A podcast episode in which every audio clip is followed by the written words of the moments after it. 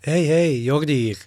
Uh, vooraleer we de Nostromo en de Covenant opgaan om Alien, Alien Covenant te bespreken, wil ik even mededelen dat namens Klokslag 12 deze aflevering opgedragen wordt aan John Hurt. John Hurt is de acteur dat het personage speelt uh, wat de eerste chestbuster in zich krijgt. En eerder dit jaar is John Hurt helaas overleden aan pancreaskanker. Daarmee dat deze aflevering ter nagedachtenis aan hem is. Veel plezier met luisteren naar deze aflevering. Ik ga jullie niet meer storen, want het is namelijk klokslag 12.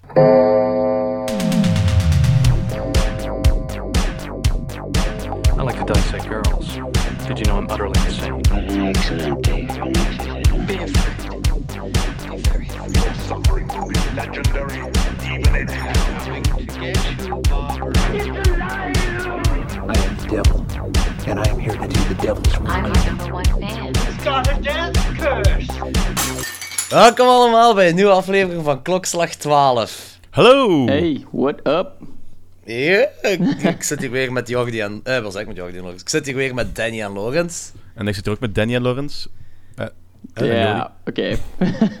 yes, en vandaag hebben we nog, een, eh, nog eens een guest host. Ja, we gaan nog eens met een guesthouse werken. Eh, Ja. ja. Lorenz, zeg maar wie hij is. Ja, nee, het is eh, Nicky Kastermans, kameraad van mij, ehm, geek extraordinaire en filmfanatic. Eh, ook een grote Alien-fan. Dus past perfect bij deze aflevering. Dus gaan we straks naar de Nostromo om hem te ontmoeten. Ja, Oh, ja ik kijk er al naar zeker. uit. Ja, zeker. Eh, maar misschien kunnen we weer eh, beginnen met onze trekhaakronde. De trekhaak.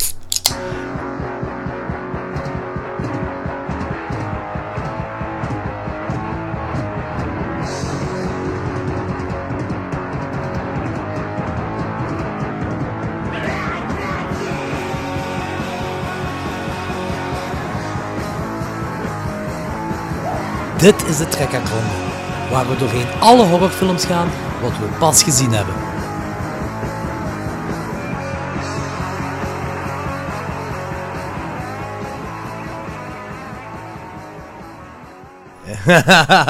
Oké, eh, Danny, wat heb je allemaal gezien? Eh, ik heb van alles gezien en van alles geprobeerd te kijken. Eh, om te beginnen, ik heb eh The Love Witch nu er doorgejaagd. Dat heb je onlangs eens aangeraden. En dat is zo die Technicolor Worship van vorig jaar of het jaar daarvoor was het? Door een feminist, ja. Door een feminist. Ja, maakt niet uit. Dat is wel voor heel een fijne film. Super. Het is niet zo de beste film van alle tijden, maar ik vond het een heel fijne film te kijken. Zo, dat, is, dat is de jaren 70 sfeertje. Hebben ze wel heel goed gerecreëerd. Dus ja, ja wel, soms langdradig wel, hè. oké. maar Het, eh, de, de director's cut zou vier uur duren. Jesus fucking Christ. En dat, dat heeft er gewoon mee te maken dat die, eh, die, die, ja, die giet, die, dat, die hoofdactrice is ook de regisseuse, denk ik. Hè? En zij heeft dat ook gemonteerd. En, en in principe heb je eigenlijk heb je een monteur apart nodig. Een kerel, eh, een kerel of een- iemand of een vrouw, maakt niet uit. Iemand die dat objectief kan bekijken en kan zeggen van kijk, dit moet eruit geknipt worden, dit kan eruit geknipt worden. Mm. Ja, Want ja. een regisseur die denkt dat alles wat hij maakt gewoon goud is. En alles erin wilt laten. En daar vind ik dat de film een beetje last van heeft. Ja, of- ik, snap, ik snap je punt hoor. Ik snap je punt, absoluut. Krijg je zo'n een shitload aan nutloze shots waarschijnlijk. Ja, Ja, shitload is nu ook wel veel gezegd, maar er zijn er een paar te veel wel. Maar gelijk Ja. Danny zegt, het is over het algemeen wel een toffe film, hè. Alright. Mhm, Ja, heel fijn. Heel, heel fijn sfeerken ook. Dus zo. Ook al sterven daar heel veel mensen. Ah, sterven er een paar man. Fijn sfeerken. Dus. We zijn een horrorfilm-podcast, we houden van die shit. Als er geen Ja, mensen doodgaan, dan... Wel... Never mind. Ja, Alright, just go. Let's oké. keep... Oké, eh, voor de rest heb ik eh, ja, American Gods verder gezien. Dat wordt echt beter met, el- met elke aflevering. Dat ziet er super goed uit, ja. Dat is supergoed, man. Super gewelddadig ook, ik moet echt dringend beginnen kijken. Ja, eh, daar, daar, zit nu een, daar zit nu een scène in. Die, eh, de gifs die daarvan gemaakt gaan worden, gaan legendarisch blijven tot het einde van bewegende beelden op het internet. Oh, yes. Wa- ja, ik, ga, ik ga niet zeggen wat er gebeurt, maar when you see it, you will know it. Maar het is heel gory. of, Jor- eh, Jordi, Jordi heeft hem al gezien. Jordi heeft hem al gezien. Je hebt die gif al naar mij doorgestuurd. Dus. Ah, ik heb die doorgestuurd. Ah ja, dan verloren ze hem ook gezien. Ik heb er gewoon een klokslag 12 doorgestuurd. eh, Ah, Oké, ah ja. mm, Not Ja, case. het oké, zag gaaf uit, het zag er gaaf uit. Eh, ik, ben, ik ben opnieuw begonnen met eh, Twin Peaks. Want, ehm, ah, yes. Ja, ehm, seizoen 3 is nu op. eh, seizoen 3 is nu zijn ze beginnen uitzenden. En Sofie heeft dat nog nooit gezien. Of ja, de eerste aflevering of zo had ze gezien. Maar ik wil dan dus, eh, we gaan dat nu vanaf nul bekijken. En tegen dat we klaar zijn, dus hopelijk seizoen 3 volledig uitgezonden, kunnen we dat binge-watchen. Ja, dat is mijn plan ook om met Machtel te doen. Ja, Ja. ik wil maar dat de, eer- de eerste reacties wat ik ervan heb gehoord, schijnbaar is het, eh, zeggen van, dit is de reden... Of, eh, David Lynch is nu terug met een eh, serie die nogmaals bewijst waarom dat, dat zo een, een belangrijke serie was in de jaren 90. Dus schijnbaar is dat al heel erg goed. Alhoewel, ik, ik heb er niks van gezien, niks van, ge- ik wil zo ver mogelijk van alle spoilers blijven. Ik hoop Ja. dat dat ook gaat lukken, want het is geen Game of Thrones. Ja, Ja, dus- ik heb er ook nog ik niks ben over... optimistisch. Ik heb er ook nog niks over Dus- gehoord. Ik ben er heel psyched over wel, omdat... Mhm. Ja, ik was een grote Twin, Twin Peaks fan. Op zich ben ik ook wel een grote Lynch fan. Maar ja, ik weet niet te goed wat ik er kan van verwachten eigenlijk. Ik hoop dat het nog zo semi-watchable wordt en niet alleen gewoon pure chaos gaat zijn. Dus ik ben benieuwd. Oh god, dan hoop ik echt dat dat niet gaat gebeuren. De- Dude, het moet ergens watchable zijn, hè. Ja, ja, inderdaad, nee, je vergelijken, vergelijken, Ah, oké, oké. Ja, ja, dat is... Want... Ik Ja, hoop echt dat, dat dat inderdaad niet gaat gebeuren, dat dat alleen maar zo... Ja, weet ik, heel, heel kunstzinnig gaat zijn. Ja, ja, dus... Ja, dat dat is wat ik wil hopen. Dat is er, eh, ik, heb het, ik heb het een beetje moeilijk met die film, eh Firewalk With Me. Ja, Ja. Ik heb, die, ik heb die al verschillende keer geprobeerd te kijken. De eerste keer halverwege... eh elke keer halverwege, denk ik al drie keer dat ik het heb geprobeerd, raak ik mijn, ehm, mijn, mijn attentiespannen verdwijnt plots. En ik zet hem af en ik zeg van, ik kijk die later wel opnieuw, als mijn batterijen gewoon recharged zijn, want het is een beetje veel. En ik kom Hm. daar nooit aan, dus ik heb Firewalk Me nog nooit volledig uitgezien. Dus eh Ah. dat, hoop ik nu, dat hoop ik nu wel te zien, want ik vind David Lynch vind dat, vind dat een coole regisseur, vind dat een coole filmmaker. Die heeft Ja. een hele coole stijl, maar is inderdaad af en toe een beetje te what the hell Ja, Uh, naar mijn goesting. Dus. Maar los van, ik ben mega psyched om nog te zien, ik ben mega psyched voor het nieuw seizoen, dus... eh, yes. Ja, ik ook heel psyched voor. Voor de rest, Alien en Alien Covenant eh, nog gezien. Alien, de, de director's cut, maar daar gaan we dadelijk op eh, verder. Ja, ja. Eh, en ik heb nog twee films geprobeerd te kijken, maar ik ben halverwege in slaap gevallen. Dat heeft niks met de films te maken, want e- het stuk wat ik heb gezien was al briljant. Eerst Dark Song, dat heb jij, heb jij vorige week ook gezien, geloof ik, jou? ja, klopt, klopt, klopt. Want, en dat is, ik heb zo het eerste half uur gezien, toen ben ik, toen ben ik echt gelijk op slaap gevallen. Ah, oké. En dat zag er mega cool uit. En ik had dus ook zo'n idee dat dat eh, gemaakt is deze keer. Of dat de script, eh, screenwriter of weet ik wat allemaal. Iemand is die effectief iets van occultisme afweet. Of zich daar tenminste een beetje in heeft ingelezen. Want ik wil wel dadelijk over Kabbalah en Sephiroth en wat allemaal. En dat is iets anders dan de meeste van die films waar ze zo een niet bestaand concept in een occult hoekje proberen te duwen. Ah, het klopt dus echt met eh, hoe dat zich zo kunnen afspelen in realiteit dan. F- of, ik weet niet of dat, of dat effectief mogelijk is in de realiteit, maar eh, de kennis... eh, is de- opzoekwerk er is- naar er is gedaan, dat bedoel ik. Ja, effectief. Er is, een- er is een gigantisch body van, eh, van meer dan 2000 eh, jaar aan occulte literatuur. En ik heb zo het gevoel dat de meeste films dat nooit uitputten. Dus, en bij deze film gebeurt dat wel, volgens mij. Dus ik ben heel benieuwd naar hoe dat die, hoe dat die film verder nog gaat. eh, ook Sex Magic en Wave wordt daar zo naar boven gehaald. En dus ik ben heel benieuwd wat die film verder gaat evolueren. Ik ga dat deze week eens uitkijken. En eh, ik ben ook begonnen aan The Black Coat, The Black Coat's Daughter. Ah, ja. Ah, vet! Dat, dat, dat, weet, dat weet ik niet wat ik ervan moet denken, maar dat is eh, van de studio die onder andere The Witch en dergelijke gemaakt heeft. En zo schijnbaar ook zo een beetje dezelfde atmosfeer moeten hebben. Hoe ze dat gaan doen met een, met een moderne film, weet ik nog niet. Maar het begin zag er wel cool uit. Dus mijn- dat was een van mijn favoriete films van vorig jaar. Serieus? Black Ops. Ja, ik vond Ah, die cool. mega gaaf. Dat is, dat is, een, dat is een slow burn, hè. dat is een heel, heel felle slow burn. Hè. Ja, ik was make van compleet van begin tot einde. En dat is ehm, de, eh, de regisseur is de zoon van eh, Anthony Perkins, eh, Norman Bates, Ah, ja. Aha. Ik, ik, herinner, ik herinner het volgens mij. Ik herinner me dat ik het over heb gehad.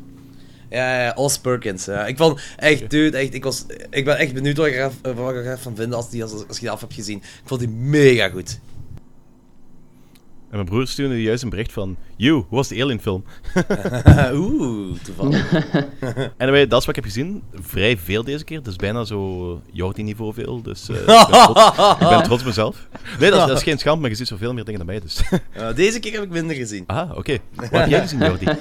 Eh, ik heb, ehm, wel, ik ben eh, eh, na Alien, eh, ja, ik, voor Alien Covenant te zien, dat is een sequel op Prometheus, en ik had Prometheus had ik nog nooit gezien. Dus, die heb Amai. ik, ja, dus die heb ik nu vorige week voor de allereerste keer gekeken. En, ehm, wel, hij is enjoyable, en die is vooral heel mooi, het is een prachtige film. Ja. Een prachtige film om te kijken. Maar ik, ai, Ridley Scott zou zo het, het Space Jockey verhaal zou hem dan helemaal uitleggen, maar dat had hem dan helemaal niet helemaal uitgelegd. En daar had ik al zo wat problemen mee. Zo, dus die, die film had echt wel een sequel nodig. Ja. En Ik weet ook die zo niet- film kan niet op zijn eigen staan. Daar heb ik zo'n beetje een probleem mee. Ja, Ja, maar dat is ook het plan niet. Het plan was oorspronkelijk om ehm, ehm, te beginnen met een prequel van Alien en vervolgens weg te gaan van het Alien-universum. Uiteindelijk, omdat hem Ridley, Ja. Scott, Ridley Scott van als de fans. Dus uiteindelijk heeft hij zo besloten om toch maar terug het Alien-pad op te gaan. En eh, ervoor te zorgen dat dat rechtstreeks aansluit met de, e- met de oorspronkelijke Alien. Ja, en je Dus- merkt wel dat daar problemen mee zo wel zijn in die film. Zo.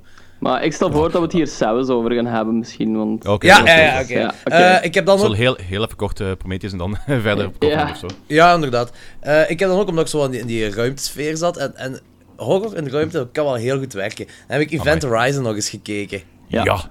Wow, ik dat is zo'n vette film. Met eh, Sam Neill. Ah, is- Sam Neill dat een topprestatie weergeeft en zo. Ik vond het echt mega goed. Dat is een super coole film. En eigenlijk ook een beetje ondergewaardeerd, want je hoort er zo niet al Ja, te veel over. Inderdaad. Ik zie nu ook pas dat hij geregisseerd is door Paul eh, Anderson, en dat wist ik ook niet. Ja, inderdaad. Ja, ja, klopt, klopt, klopt. Huh. Ja, ik vond ja, een super goede film. Dus eh, echt, moest iemand hem nog niet gezien hebben, zeker gaan kijken. Ja, Dat is een mega cool film. Ik heb zo'n hele mooie special edition daarvan liggen met zo'n eh plastieke doosje met zo heel veel uitgecarved en dergelijke. Dus, dat is wel een van mijn prized possessions. eh. Ah, cool, vet. Heel graag. Ja. Ja. ja, dat was het wat ik gezien heb. Alleen Ah, die cool. twee dingen. Ja. Alright. Eh Logans. Ik heb effectief nog eens een film gezien. En van het horrorgenre dan nog wel zelfs. Dus, eh, ja, ik had nog eens tijd gevonden. Dus ik heb ongeveer de kortste film die ik bekeken eh, die ik kon vinden op Netflix. En dat was Creep. Eh, ik denk dat jullie die ook al eens hadden gezien. Ja. ik heb die aangeraden toen met... ja, eh, ja. Inderdaad. Daar had ik het. Eh, ik had hem gezien, ik vond hem heel cool. Eh, het is zo'n beetje, ja, het duurt een uur en een kwartier, dat is op zich heel kort. Ehm, Het is nog altijd wel een beetje een slow burn, I guess. Maar hij bouwt heel goed op en zo, ja, wat is. ehm, de climax is heel atypisch en heel goed eigenlijk gewoon. Mhm. Ja, Dus klopt. ja, vooral, hem ook- vooral zo, what the fuck, en een slag in de gezicht eigenlijk. hè. Ja, ja, Ja, inderdaad. inderdaad. Ik kan hem ook zeker en vast aanraden. Eh, Het is moeilijk om erover Denk te praten zonder spoilers te geven natuurlijk, maar het is... Het is, ja, het is ook een found footage film. Op zich ben ik vrij snel sceptisch over found footage films, maar het werkt in dit, eh, in dit geval heel goed. Ehm, dus ja, ik zou hem zeker checken. Een uur Ja. en Het is ook wel een kwartier, goed dat dat- kan het is ook wel goed dat het maar een uur en een kwartier duurt, want als, Ja. ze hem, als hem lang hadden gemaakt, was het wel een drag. Het ging Ja. wel een drag worden. Kan ik Ja, dat is wel ben ik waar, wel- ben ik wel heel blij om. Maar er komt ook al hebben een Creep, eh, een Creep 2 had ik gezien. Zo vervolg op, dus Ah, ik had echt? ook zo'n beetje Ja, een- dat moet van mij nu niet. Ja, ik, ik bedoel, ja, met die laatste scène en zo, ge- dat was wel een beetje te verwachten, I guess. Ja, Ja. inderdaad. Maar- Maar, ik wist echt niet dat ze het zouden doen. Ja. Cool. Ja, cool wel, denk ik. Niet? Ja, die zit al in postproductie blijkbaar. Want, Holy shit, dat is snel. Ja, maar Creep 1 is van 2014 ook. Maar misschien dat dat vrij lang duurt Ah, ja, voordat hij oké. een release... Ah, een, eh, Ja, eh, die zal, ook zeggen in nee, 2014 een filmfestivals zijn geweest. Ja, en dan ja, 2015 overal uitgekomen en zo. Ja, het zal zoiets zijn, ja. En ja, 2017, dit jaar komt er Creep 2 uit blijkbaar. Ah, oké. Ja, Curieus. alright. Ja, ik ben benieuwd wat ze daarvan gaan maken. Want, want er gaat, ofwel gaat dat, gaan ze zo dezelfde premisse opnieuw proberen te nemen. En dan is dat kut bij voorbaat. Ofwel gaan ze er iets in- een interessante twist aan kunnen geven. En dan ben ik Ja. wel benieuwd. Ja, het is, ik dezelfde, het is dezelfde regisseur ook, dus ik Mhm. ben wel benieuwd. Ja, oké. Alle lauwer. cool. Ja, dat was het. Dat was het. Oké, amai, het is een korte trekhaakronde wat we deze keer hebben. Ja, het is goed weer, hè, dus... eh, ja, dat is waar. Dan wordt er minder gekeken, natuurlijk. Ja. Ja, behalve, behalve ik om een of andere reden. Het is meer gekeken dan anders. Eh, The people come out and Danny stays in, hè, ja. Nee, eigenlijk, eigenlijk niet. Ik hou wel van dat weer. Dus, eh, Ah, oké. Gaat- je wacht gewoon op je smartphone aan kijken dan. ja, abso- absoluut. Ter- Terwijl dat ik Pokémon Go aan het spelen was. Vet. Heel cool. Oké, cool. Eh, ik wil eigenlijk zo nog eens uh, verleden naar de Alien-films gaan. Zo. Eh, wat is jullie, eh, hoe moet ik dat zeggen, Eh, hoe bekend staan jullie met ruimte-horrorfilms? Want ik heb daar buiten Alien en de, de bekendere films, zoals Event Horizon en zo, heb ik daar zo vrij weinig kennis in. En hebben jullie daar meer kennis in? Ja, Eh, ik, weet, ik weet dat door, door de jaren heb ik die er wel redelijk wat gezien, maar als... Op het moment, ik kan er geen vijf opzommen, denk ik. Maar ik heb wel redelijk wat gezien. Ik vind dat, ik vind dat wel heel cool. ja, ik heb, ik heb er een paar... ik- ja, ik ook, maar ik, ik, ik ben er eigenlijk nooit in verder gegaan. Ik jammer. Ik heb er een paar... eh, ik heb wel research gedaan, ik heb er een paar gevonden. En misschien dat jullie mij daar meer over kunnen vertellen. Ehm Dark Star uit 1974. Dark Nee. Star. Zegt me wel iets al sinds. Ja, het is geregisseerd door John Carpenter. Dat is nog Ja. pre-Halloween. En geschreven door Dan O'Bannon van, eh, van Alien. Is het Carpenter's een debuut misschien? Dat weet ik, dat, dat, dat zou ik niet kunnen zeggen. En, Doe de eh, IMDb. Ja, ik ben ja, en even aan het opzoeken blijkbaar, wa- momenteel. blijkbaar was hem toen op dat moment niet zo goed ontvangen. Maar Hm. ik heb hem nooit gezien. En ja, het zijn toch al twee heel grote namen wat eraan ge- gelinkt zijn. Dus. Ja, inderdaad.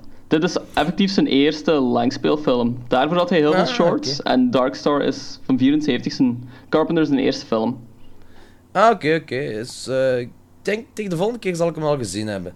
Ja, vertellen. ja ik heb Ja, heel veel zin om zo meer Carpenter te, te kijken dus de laatste tijd. Dus ik ga ook zeker de allereerste eens checken. En ja, Dark Star Ja, is een goeie om te beginnen dan. Ik heb Escape from New York nu ook in de week eens ge- gescoord, dus ik ga die ook eens... eh, Zo vet! Want er zijn heel veel dingen die ik nog niet heb gezien en die, die echt wel legendarisch zijn. Ja, Ja, Escape from ik New ook York wel is... Die ik ook wel mee wil hebben. Ja, die, dat is echt de moeite. Escape from LA is dan weer een piece of shit. ja dat is maar Esca- Escape from New York is super goed. Ja, vind ik ook heel vet. Eh, een andere eh, film dat ik gevonden heb waar ook veel over geluld werd, is de Apollo 18. Eh, die Ja. found footage, die vond ik wel heel cool. Ja, Ja, die heb is ik die ook goed? gezien. Eh, volgens mij hebben we het hier al eens over gehad. Ergens in een Ja, ik denk podcast. tijdens, tijdens de found footage aflevering. Tijdens Dus, de eh, stand voor de aflevering, inderdaad. Oké. Eh, Dus ik aan vond te hem cool. Ja, ik vond hem cool. ja. niet, het niet het beste ooit, maar een heel fijn film. Ja, heel Dus- enjoyable. En heel, ja, spanning werd goed opgebouwd, herinner ik mij. Eh, de reveal is ook heel tof, dus... Ah, oké, gaaf. Ik had er ook... Plus, eh, pl- plus The Dark Side of the Moon, dat is zo een van die... ehm, zelfs als je over ruimte hebt en de plaatsen waar dat de mens al is geweest, de maan en dergelijke. Dus de Dark Side of the Moon, dat is een beetje gelijk zo Deep of the Ocean. Dat is zo van... Nog een beetje scarier dan zo de rest. Dus Ja, de ja. maan, ik heb zo Dark Side van de maan. ik vind het wel een heel Oké. goed concept. Ja, best wel saai om dat te kijken eigenlijk. Eh, The Last Days on Mars. nee, Nee. dat zegt me niks. Dat Ja, oké. En eh, Pandorum uit 2009. Die heb ik gezien. Eh, Nee, niks. die heb ik gezien. veel over ik weet niet meer, hoe- ik weet niet meer hoe dat hem ging. Ja, A Pair of wacht, wacht, Met, met, zo, iets, iets met, zo, met zo crewmembers die zo muteren en dergelijke. Ja, a pair of crew members aboard a spaceship wake up with no knowledge of their mission or their identities. Dat is hetgeen eh, wat IMDb mij liet weten. Ja, die heb ik gezien. Ik weet, ik weet dat ik hem vrij cool vond. Dus eh, meer kan ik er niet over zeggen. Ik vond hem vrij Ah, cool. En eh, hoe is jullie eh, bekendheid met horror franchises dat plots naar de ruimte gaan? Daar ga ik liever niet mee om. Maar, eh, ik heb, boy. Er zijn er zo'n paar, hè. Ik heb de enigste dat ik ervan... Nee, er zijn er twee van die, ik- die ik gezien heb. En die twee vond ik effectief ook wel heel cool. Eén daarvan is Jason X. Ja. En die, die, die, die film is cheesy tot en met, maar die heeft wel een van de graafste kills in heel die Friday 13 franchise. En die, die film werkt. Die werkt compleet. Dat is een perfecte film om eh, wat puntjes te openen en, en, en gewoon, ik weet niet, daar te kijken. Dan is echt super cool. hebben jullie die al gezien? Ik heb hem nog nooit eh, gezien. nee, ik heb, ik, heb hem nog nooit gezien. Ik denk, ik denk Ja. dat ik niet verder, ga- ik ben, denk, ben niet verder geraakt dan de derde of de vierde, denk ik. Ook omwille van de heel veel slechte reviews, zo ik me herinner. Ja, maar die is echt, al, dat is echt de moeite. Jason X is super de moeite. Early 2000 filmpje zeker? Ja. Eh, Ja, ja, ja, ik denk het wel. 2000 Ja. 2001 of zo misschien. Ah, ik weet niet juist, maar inderdaad, begin jaren 2000 wel, ja. En dus, ja, die film is gewoon gemaakt zodat ze de, de rechten van de franchise konden behouden, hè. Ja. Dat, Oh. eh, dat, dat ze dan Freddy vs. Jason zouden kunnen maken. ja. Daarom is die film gemaakt. En ook beter dan een paar latere sequels van Friday 13 Oké. Ehm andere wat ik heb gezien, en die zullen jullie misschien ook wel bekend mee zijn. Hellraiser Bloodline, de vierde. Ja, ja, Ah, wel, ja. ik, ik heb de hele Hellraiser collectie heb ik hier liggen. Ik heb, zo, ik heb die mooie box en dergelijke, maar ik herinner mij die niet. Ja, dat, dat, is, dat is een period piece. Dat speelt zich eh, goh, eh, zoveel jaar geleden af. Ik, eh, niet de middeleeuwen, maar het zal er niet ver vanaf zijn, denk ik. En eh, dan gaat dat plots halverwege gaan ze de ruimte in. Dat is zo een twee tijdsperiodes dat het zich afspeelt. Maar die steekt echt wel heel goed in elkaar.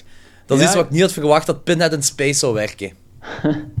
Ik heb nog gehoord awesome. dat, eh, dat Hellraiser 4, ja, het is toch de vierde zeker, hè? Ja, ja, klopt. Die ja, ook ja, zo'n cult ja. following gekregen heeft. En ja, dat die best wel oké is. Maar ik heb hem ook nog nooit gezien.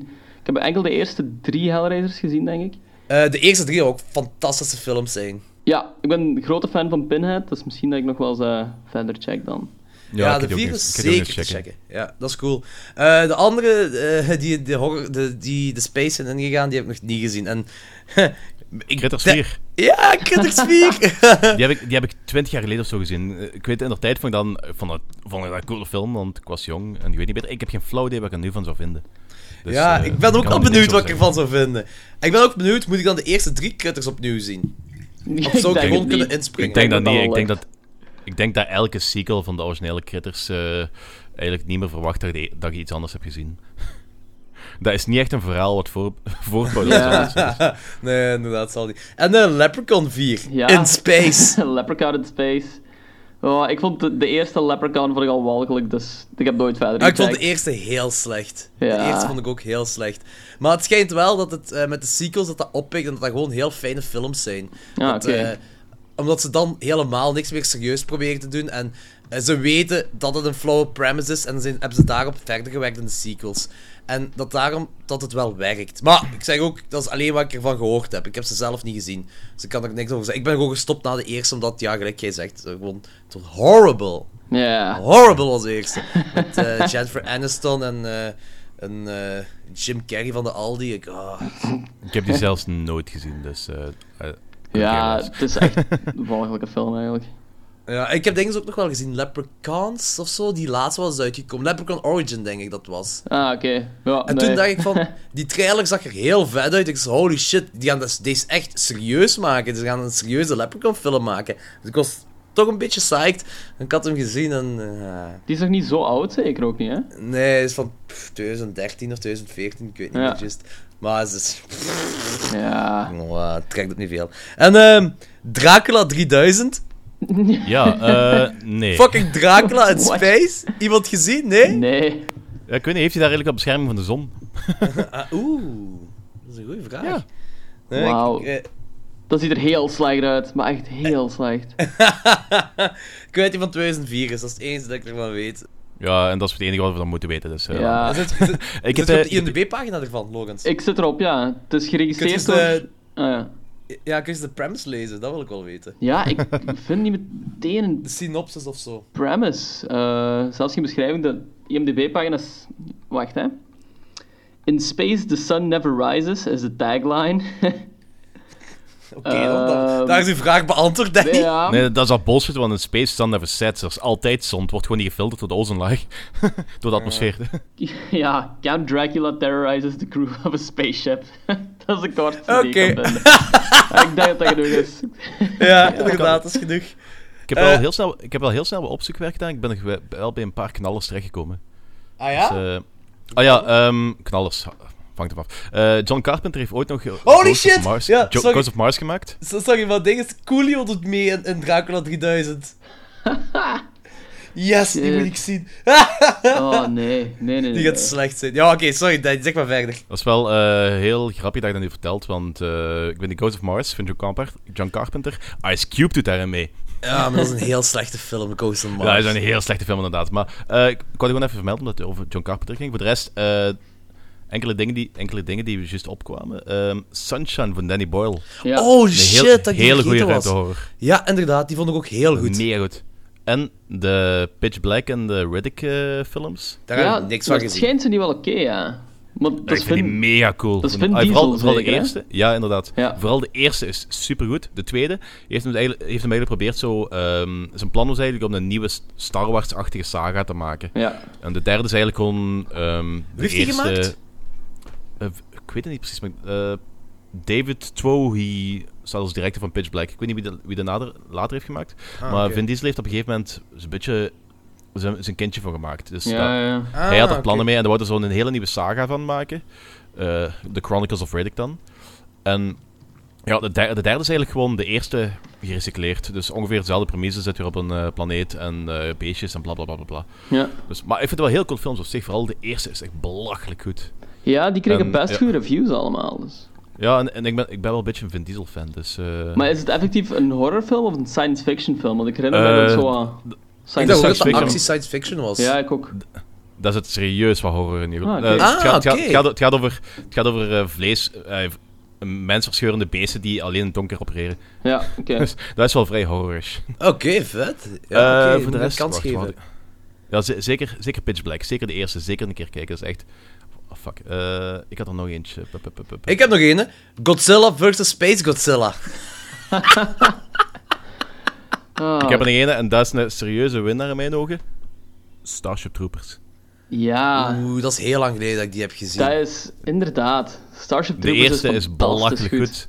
De tweede en de derde, dat is kak. Ja, dat is daar zitten, zitten, leuke, dat is- zitten leuke stukken in, maar dat is zelfs niet... meer- Dat is, de eerste kon je ook niet per se zeggen dat dat goed geacteerd was en dergelijke. Dat was gewoon een hele coole, hele awesome film. Adrenaline, hele coole, eh, hele coole bugs. Ja. Ja. Maar dat is toch helemaal geen horror, tweede, die film? is gewoon laat Nee, maar. ik, die ga ik ook niet onder horror zetten, denk ik. Dat is sci-fi voor mij puur. Ja, dus Eh, inderdaad. ja, oké, oké. Maar er zitten wel serieus wat, zitten wel serieus wat gore horrorstukken in. Ja, in mijn zeker. dat ogen. zou kunnen, dat ben ik al dat Maar het is gewoon hoofdzaak, inderdaad hoofdzakelijk een science fiction film. Ik Inderdaad. vond hem echt wel... Ja, hij is echt wel fantastisch eigenlijk. Gewoon... Dat is ook zo'n film die je ja. zo altijd opnieuw kunt blijven kijken, omdat die actie gewoon zo fijn is. Is Ja, door Paul Verhoeven gemaakt, hè? Ja, Eh, ik geloof het wel, ja. ja. ja. Ja. Oké, ja. En Predators, als we toch over Alien bezig zijn. Oh man, echt. Ah, als voilà. nu Predators, eh Martel die had eh, Predators pas gekocht voor mij, die, die remake dan. En holy shit, ik was omvergeblazen door. Ik vond die graaf. Die is echt Ja, ik had-. Predator, Ja, Predators, die laatste. de derde. Ja, Eh, is dat de Ja. derde? Ik weet niet welke Dat is de derde, ja. dat is de derde. Maar dat is toch een remake, hè? Niet? Nee, Eh, nee. nee, dat is, dat is geen remake. Dat is, dat is, ei- in principe is dat bijna hetzelfde verhaal als de eerste. Maar ze hebben dat zo eh, naar, de, een- naar de 21e eeuw gebracht. En ik vind dat echt wel een hele coole film. Ah, dat dat dat is ook echt wel een nieuwe- sequel. Ja, een sequel, maar dat is niet gerelateerd. wel. Maar dat is niet gerelateerd aan de rest, eigenlijk. Ah, ik vond hem vet, zo. ik vond hem heel cool. Erik Ja. van eh That 70 Show dat daar een beetje de lul speelt. Zeker, zeker. Ja, juist. En eh, ben ik, eh, ik weet niet precies wanneer, maar ik denk eind dit jaar of begin volgend jaar komt de nieuwe Predator uit. 2018, ja, klopt. 2018, Ja, inderdaad. Met, met, met zo'n eh, met zo'n Predator van 3 meter en een Predator van tanken, weet ik wat allemaal gaat ze erin stoppen. En dat, dat gaat weer in een, een urban setting plaatsvinden. Dus dat vind ik wel cool van de tweede Predator. Ik Ja. vond dat heel cool dat hij gewoon in een of andere achterbuurt in de Bronx of weet ik wat. Ja, Nee, ja, niet de Bronx, inderdaad. maar je weet wel, die setting. Dat is Ja, mega cool. Dat was in L.A. zeker, toch? Mhm. Eh, ja, Ik denk het, ik denk, ik denk het, ja. Ik vond ook heel Dat is ook En- dat weet ik niet meer. Ja, de nieuwe Predator wordt ook geregisseerd door Shane Black. En die, die speelde mee in de eerste Predator ook, denk ik. Ja, dat is, dat is een, van die, een van die militairen in de eerste Predator, hè. Ja, van die ja. huurlingen. Ja, ja, ja, zo kunnen. Ik weet wel dat die nieuwe Predator dat die eh, een direct vervolg gaat zijn op de eerste. Dus dat zich dan eigenlijk tussen de eerste en de tweede afspelen. Ah, oké. Ja. Ah, Oké, cool. Ja. Ja. Sure. Ja, ik ben psyched voor die Predator-films. Ja, Ja, ik, ik- dacht, ja. ik vond het jammer dat ik vet. die, die laatste zo, zo eh, helemaal geskipt en niet in de cinema ben gaan zien, want die was echt heel gaaf. Ja, ik, ja, heb, ik, heb, hem- ik heb hem in de cinema gezien, dat was echt de max. Hè. ja, inderdaad, ik ook. Super, ai, heel mooie beelden ook gewoon. Ik herinner me, ja, dat is constant in dat bos zeker ook. Dat is super Ja, ja, ja, ja, inderdaad. Ja, ja. En in die tweede Predator komt ook eh, de alienskullen voor, hè? Zo, als trofee ergens, zo ziet je dat, die alienskullen. Ja, inderdaad. En- Dus dat, dat is wel heel interessant, want ik heb er eh, onlangs een stuk over gelezen. En iedereen denkt van, oh ja, dus eh, Alien vs Predator, dat is, eh, dat is, eh, dat is eh, prophesized, dat is canon. Maar Ridley Scott heeft zelf gezegd, die dingen hebben niks met elkaar te maken. Dat is gewoon een hele leuke easter egg van de makers van Predator. Van Predator 2, maar die heeft, de universum hebben niks met elkaar te maken volgens Ridley Scott. Ah, oké. Ja, oké. Dus Heeft, dat iemand is eigenlijk de, ergens wel een beetje jammer. heeft iemand eigenlijk de Alien vs Predator films gezien? Ik heb ze gezien. Ik vind ze heel enjoyable. Niet goed, maar heel enjoyable. Ik heb ze nooit Ja. gezien. Want blijkbaar, ik ook niet. Ik, ik, ik ben er, nu, nu heb ik er wel interesse in om dit te zien. Want blijkbaar komt eh, Bishop uit Aliens. eh komt inderdaad, daarin voor in een van inderdaad. die Alien vs Predator Ja, die, films. die, speelt, eh, die speelt Wayland in de eerste Predator-film. Eh, de eerste Alien vs Predator-film speelt hem Wayland. Ja, eigenlijk, ik vind dat hele coole films. Als je ze binnen canon bekijkt, is, is dat ja, verwaarloosbaar, maar op zich zijn dat heel coole films. Zeker de tweede. Aliens Ja? in een Requiem- klein stadje. Requiem of zo, hè? Ja, Aliens in een klein stadje in Amerika. Echt zo in, een- in zo'n zo'n bosstadje in Amerika. Dat is super cool gewoon. Om gewoon die beesten in zo'n zo'n setting eh, actief te zien. Dat is de max gewoon echt. Alright, cool. Kijk Want- dat. Oké, cool, want ik, ik heb er eigenlijk ook altijd vermeden, die films. En nu heb ik zoiets van, misschien toch wel eens een kans geven. Dus het Kijk, zou moet- nog wel eens leuke films kunnen zijn. Bekijk ze op zich. Je moet dat, moet dat niet beschouwen als kanon. Je moet dat niet beschouwen als supergoeie vernieuwende films. Maar ik vind dat heel fijne films. Ah, oké, oké, dus, heel eh. psyched voor. Oké. Eh, had je nog iets van eh ruimtetalk? Ja, n- nee, eigenlijk niet onmiddellijk. Ik was me voornamelijk aan het nadenken dat ik van eigenlijk niet zo goede films naar... Ik ben mega psyched over Alien vs Predator ben geraakt. op, op drie minuten tijd. Ja, het is warm, het is warm. Ja, inderdaad. Oh, heeft iemand eh, trouwens het nieuws gehoord van de nieuwe Halloween? Nee. Ik heb nieuws gaat- gehoord van een nieuwe Halloween. Dat ze dat gaan rebooten of remaken. Of, eh, Nee, nee, nee, nee, nee geen riem. Er gaat eh, eh, een nieuwe Halloween-film komen en die gaat zich eh, na de tweede, John Carpenter's tweede Halloween afspelen. Dus eigenlijk Ah. de Ah. echte Halloween 3, zal ik maar Ja, zeggen. ja, ja. En eh, weet je wie het gaat regis- regisseren? Wie? Danny McBride. Ah, zalig. Die van Alien Covenant en ja, die comedian en zo. Dat is, oh, ik ben, ik ben echt curieus naar, want hij zei zelf van, die, dat hij wil echt terug een... Die, er zijn heel veel sequels van die Halloween-films die echt gewoon kut zijn, heel slecht zijn. En hij wil echt teruggaan naar de roots, hij wil terug eng maken, gory en, en heel vicious maken. En hij wil daar uit respect voor de eerste twee films, wil hem dan die derde maken. Ah, geniaal. Alright, nu ben ik heel psyched ervoor. Want Ja. ben, eh, Is het, met, de blessing van Carpenter zelf? Of, eh, Dat weet ik niet, maar dat zou mij ook helemaal niet boeien, want Carpenter is een oude zurende lul geworden. ja, inderdaad. dat is wel waar. En Ja, Danny dus- Bride is awesome, dus. Ja, inderdaad, ik ben er ook fan van. Ja, dus, Kenny eh, Powers is hilarisch en ja. Dus ik ben echt wel benieuwd wat hij ermee gaat doen. Ja, zeker. Eh, ah, en Danny, er is een andere legendarische franchise, wat normaal gezien pas in 2018 zou komen, maar er is pas nu nieuws gekomen dat hem, ik denk, met, ja, deze oktober in ieder geval gaat hem uitkomen. Letterface. Oh ja, ja inderdaad. Ben, dat, dat, is, trouwens- dat is op de- opnieuw heel interessant, omdat op eh eh, Bloody Discussing stond, dat in verband met die eh, Halloween-film, een artikel van iemand die had geschreven van, staan we nu op de voorhand van de nieuwe heropleving van franchises, gelijk dat we in de jaren 2000 hebben, 2000, rond 2007 hebben we dat even gehad, met zo'n paar van die horror movie franchises die zo opnieuw dingen zijn beginnen uitspuwen. Ja, ja, En, ja, vraag- ja, en ja. en vroeg af van, gaan we dat nu opnieuw hebben? En eigenlijk is het al opnieuw bezig, want er komt, Leatherface komt eraan, die nieuwe Halloween komt eraan, er zullen waarschijnlijk nog wel een paar Er is een nieuwe. Alien-film Ja. uitgekomen. Ja, Friday 13 zijn ze ook opnieuw mee bezig met. Ja, inderdaad, Dus, ja, ja, ja. Ik ben psyched daarvoor. Zo. Dus, die, eh, die Letterface is dan eh, de tienerjaren van, ja, van Letterface dan zo zich afspelen. Echt zo'n origin Mhm. story, hè. En het speelt zich ook af dan, ja, voor 1974, veronderstel ik. Ja, ik heb geen flauw idee, dus... Zou ik zo van moeten uitgaan. Ik ben in ieder geval wel psyched voor een origin story van Letterface te zien. Ja, sowieso. in eh, space. Holy shit, als ze daar dus niet naartoe zijn gegaan met, met Texas Chainsaw Massacre. Ja, daar ben ik heel blij om. Eh, weet je, ik denk dat het nu tijd is om, eh, om naar de Nostromo te gaan. Nee? Kunnen we even bij het tankstation stoppen voor een pintje ondertussen? Ja, zeker. We gaan wat pintjes halen en dan gaan we naar de Nostromo, want ik denk dat Nicky op ons aan het wachten is. Yes. Oké, vet. Alright.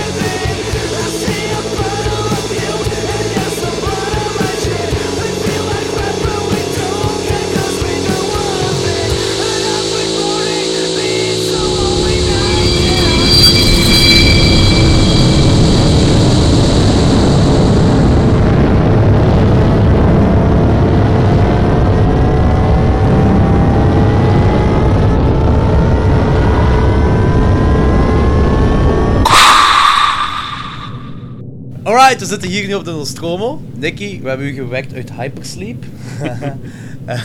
Eh, goedemorgen. Goedemorgen.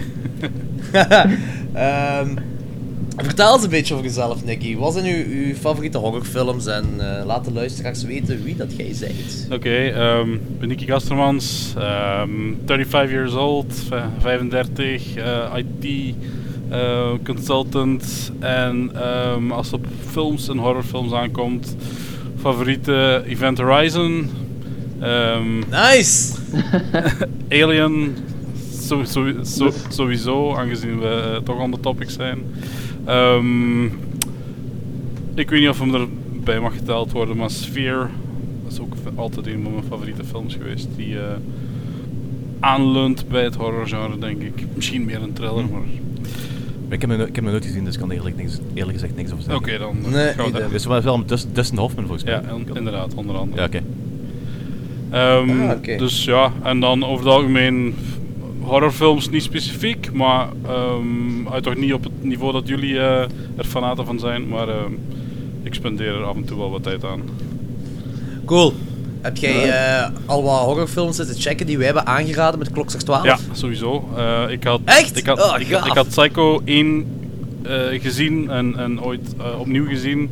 Maar ik was dus eigenlijk helemaal niet op de hoogte van het feit dat er een hele reeks van bestond. Dus eh, op aanraden van, of ja, bij het luisteren van Klokslag 12 heb ik dus elke keer op pauze gezet om eh, de volgende, de volgende Yes. film in de reeks te kijken.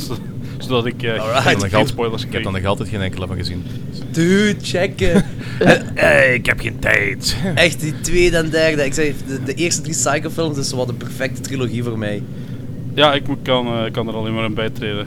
2 en 3 Vet. zijn, zijn echt vet. En ik moet eerlijk zijn, 4 stoorde me zelfs niet. Eh, Oh, oké. Ja, dat is eigenlijk- beter. Dus Dat is eigenlijk is dat een beetje gelijk Star Wars. Ehm, voor, voor, het, voor het horrorgenre misschien wel, misschien wel, ik weet het niet. De, ultieme, tri- de ultieme trilogie en de rest stoort niet. Ja. Wow, let's not push this, guys. Ja, inderdaad. Zo ver gaan we niet. Ehm zullen we gewoon overgaan naar Alien? yes, goed idee. Some of you may have figured out we're not home yet. We're only halfway there. Mother's interrupted the course of our journey. Why? She's programmed to do that should certain conditions arise. They have. Like what? Seems she has intercepted a transmission of unknown origin. She got us up to check it out. What kind of a transmission? Acoustical beacon that uh, repeats at intervals of 12 seconds. SOS. I don't know. Human.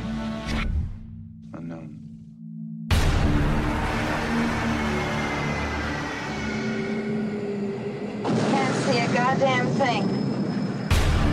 Ash, can you see this? I've never seen anything like it.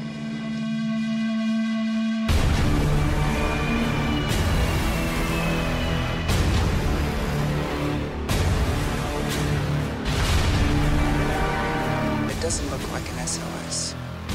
It looks like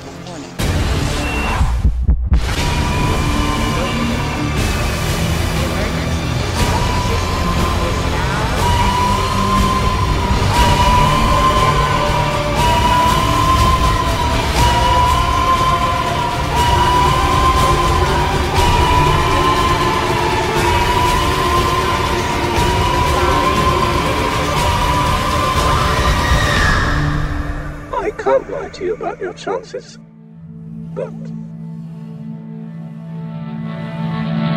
You have my sympathies. Oké, Alien uit 1979. Geregisseerd door Ridley Scott. Ehm, de originele naam voor deze film zou eigenlijk Starbeast zijn. Maar eh, nadat Dan O'Bann zijn script opnieuw had gelezen, realiseerde zich dat het woord Alien heel vaak het script eh, passeerde. Dus vond hij het meer dan obvious om die titel te veranderen naar Alien. Wat was de ook blij originele om- naam? Starbeast. Starbeast. Gee, ah, Starbeast. My Ja. god. Dat klinkt heel Ja, cheesy. Ja, inderdaad. Ik ben heel blij dat ze het gewoon Alien hebben genoemd. Trouwens, ook een van de meest geniale taglines aller tijden. In space, no one can hear you scream. Ja, het is echt de perfecte tagline. Ja, Geparodieerd, geparodieerd door eh, verschillende pornofilms. No, in space, no one can hear you creep. of eh, Killer Clowns from Outer Space. In space, no one can eat ice cream. Alright. Eh, Ridley Scott heeft zo, al- zo alle handheld camerawerk heeft Ridley Scott zelf gedaan in deze film. Wat heel gaaf is. Ja, ja inderdaad. Ehm, en eh Ridley Scott heeft de film gekregen van Fox eh, omdat hij heel fel, omdat Fox was heel fel onder de indruk van zijn film The Duelists uit 1977. Heeft iemand die al gezien? Nee, Nee. ik heb The hem, eh, Duelist, nee. Ik heb hem al gezocht, maar ik heb hem nog niet gevonden zelfs. Dus, eh. Ah, oké. Ja, ik Ja. stel nu twee cowboys voor eigenlijk. Dus. Ik, ik heb echt geen idee waar het over zou kunnen Ik gaan. geloof dat Harvey Keitel erin meespeelt. Oh, gaaf. Dus ik heb hem nog niet gevonden. Dus. Dat zou nog cool kunnen zijn. Eh, de schrijver, Dan O'Bannon, die we straks al vermeld hebben. En eh, die, is, die staat ook vooral bekend voor Return of the Living Dead en Total Recall. Ook awesome films allebei. Ja, origineel, origineel of de remake? Van Ja, de Total originele, Recall? originele. Ah, oké, oké. Eh. Eh, in de cast hebben Tom Skerritt als Dallas, En eh, die had eerst de rol geweigerd, maar nadat hij het screenplay had gelezen, wou hij niks te maken hebben met Alien. Hij was niet onder de indruk van de kwaliteit van de schrijvers en omdat het low budget was. Want eh, het budget is ook een paar keer verhoogd geweest tijdens eh, het maken van de film zelfs. En toen screenplay herwerkt was en het budget verdubbeld, zei Scarrett, hebben ze Scarrett opnieuw gevraagd. En die heeft onmiddellijk toegezegd. En eh, halverwege het film heeft hij zelfs aan de, ex eh, aan de producer gevraagd van... Kijk, kunt je mijn salaris skippen en kan ik gewoon een half percentage in royalties krijgen voor deze film. Heel Ja, slim smart. Amai. Nice. Eh, Zegt, ook... Ja, natuurlijk, want ik denk toch niet dat dat zoveel gaat opbrengen. well, well, that happened. En eh, dit is ook Sigourney Weaver. Ah ja, Sigourney Weaver dus oh, uiteraard als Ripley. En dat is haar filmdebuut. Die heeft ervoor nooit in een film gespeeld. Wat? Glenn Danzig of wat? Eh, die, dat mopje snap ik precies niet. Nee, ik ook niet. Dude, check, check, check gewoon eens eh, foto's van Glenn Danzig dat er tegenwoordig uitziet. Dat is echt gewoon, dat is gewoon Sigourney Weaver. Echt? heb, je, heb je nooit die fotocollage op eh, internet zien van eh, Glenn of Sigourney? En dat is zo om de, om, de, oh, om de beurt gewoon een foto van Glenn Danzig en Sigourney Weaver. En je, je ziet daar verschil de helft van de tijd gewoon niet. Holy shit! Ik voelde daar heel awkward bij, want Sigourney Weaver is kei mooi en Danzig is, wel Danzig, dus... Ja, Danzig niet- is een mooie vrouw. Hoe moet ik me dat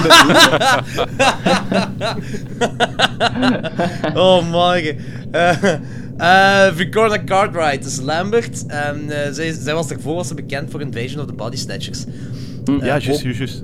Ook een ruimtefilm, of toch ja, met ruimtewezens te maken en zo. Ja, Ja, maar Eh, zo'n beetje zo'n heel huilerige, heel huilerig Ja, ja, ja, inderdaad, inderdaad. Ja, Zo klopt. Echt roodvervelend gewoon. Ja, wij haten huilige personages. ja, uiteraard. Eh, Man up, even if you're a woman. Eh, Harry Dean Stanton als Brad. John Hurt eh, als Kane. Eh, ja, uiteraard kennen we die van de Hellboy films en Elephant Man. Rest in peace. Ja, inderdaad. Die was deze jaar is gestorven. Hem. Ja, een paar weken terug. Dus vrij recent nog. Ehm, Ian Holm als Ash. Eh, Job Het Kotto als Parker. En Bolaiji Badeo als de Alien, de kerel in de Alien. En dat was eigenlijk dat was een graphic designer dat ontdekt werd door de casting directors in een pub. En eh, die, die casting directors die, zagen die kerel daar zo wat eh, in de pub drinken. Die, die, die vonden dat die dude er zo vreemd uitzag. Dat zei van. We hebben u nodig om een alien kostuum te spelen. dat die kerel heel dun is, die heeft heel dunne lange armen en zo. En die was, dat was zo'n perfecte persoon zijn om dat kostuum te passen. Eh, en na deze film is hij zo in de anonimiteit verdwenen. Ja, ik weet want- wel dat hij gestorven is in 1992, maar... Ja, inderdaad. Dus Alien is het enige wat hij gedaan heeft, zeker. Ja, ja, inderdaad. Ja. Hij heeft ongeveer vier maanden gewerkt in deze film en de Xenomorph heeft eigenlijk maar vier minuten screentime gehad. Zo. Hopelijk goed Ja, voor betaald, eh, toch? Ja, ik hoop voor hem van wel in ieder geval. Ja, zo'n kostuum aan hebben de hele tijd, dat is niet evident, denk ik. Zo, hè. Ja, amai. Ja, ik heb je foto's opgezocht van die dude met eh, dat masker af. En ja, Ja. het is wel, dat is wel een redelijk kostuum, hè. Ja, ja. Eh, hij vond het erg eigenlijk dat eh, na Alien dat niemand hem herkende als de Alien. Wat ja, vrij normaal is, Ja, maar... wat wilt je? Ja, maar hij, hij dacht dat hem zo, zo wat de, de eh, horror-icoon zou zijn. Zoals je Boris Karloff hebt, dat, dat eh, het monster is van Frankenstein. Of Christopher Lee, dat het monster is van Frankenstein of zo. Wat hij En- Alien zijn, ja. Ja, hij wou zo de kerel zijn dat Alien is. En ja, je hebt... Ja, Ted White is Jason, Kane Hodder is Jason, Robert Englund is Freddy. Je hebt zo allemaal de Doc Bradley, whatever. Je hebt zo allemaal die acteurs die dat allemaal hebben. Nee, dan ja, niet. Dat vond hem jammer. Ja, ja, snap ik. Die dude, is, die dude is trouwens maar 39 geworden, hè. Is echt heel jong gestorven. Maar aan was hij gestorven, weet je dat? Ik weet niet, is dat eh eh, December 22, 1992, age 39, Nigeria. Kanker of zo, dacht ik. Nee, ik, weet, Ik heb geen flauw echt idee. niet zeker. Ehm, Ridley Scott die zorgde er ook voor dat hij eh, niet samen met de rest van de cast mocht poseren. Zodat eh, de angst bij de cast nog groter zou zijn. Eh Logan, geef eens een synopsis. Yes. Uh, after a space merchant vessel perce- uh, perceives an unknown transmission of, as, a distress, as a distress call, its landing on the source moon finds one of the crew attacked by a mysterious life form, and they soon realize that its life cycle has merely begun. Yes! Eh, ah ja, Nicky, jij weet wel waarschijnlijk hoe we het doen. Eerst doen we spoilerloos en dan Ja, spoilers. hè? ja, ja, ja, ja, ja. Oké.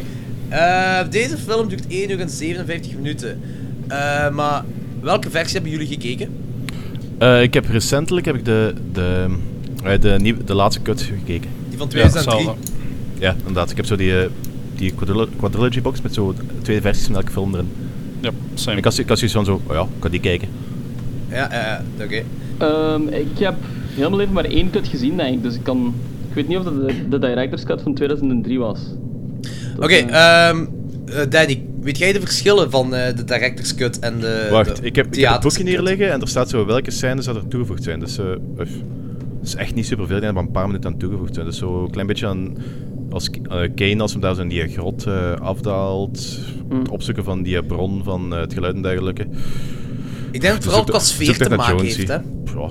Kijk, Zijn het zijn, niet zo... ehm, bij Aliens zijn er hele stukken, toe, zijn er hele stukken, coole stukken toegevoegd. Gelijk op het begin, dat gezin dat op zoek gaat naar die bron.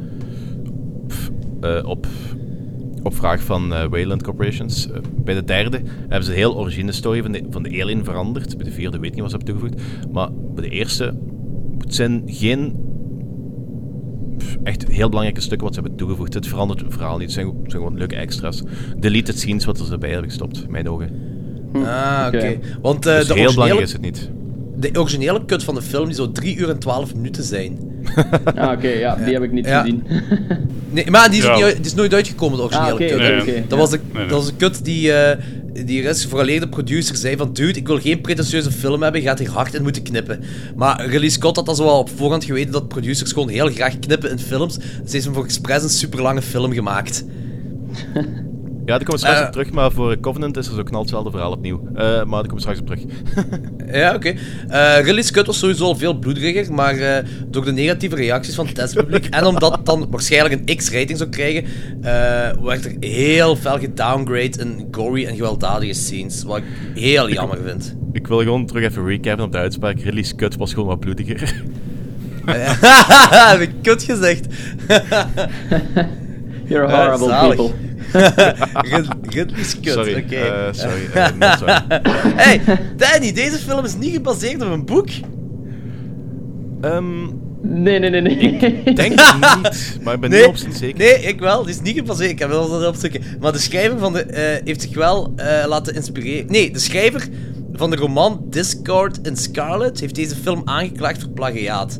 Dus daarmee dat ik het vroeg, heb jij die toevallig gelezen en kunt je Nee, aanklagen? nee, nee, Misschien nee, of ik heb dat... het niet gelezen. Nee, oké.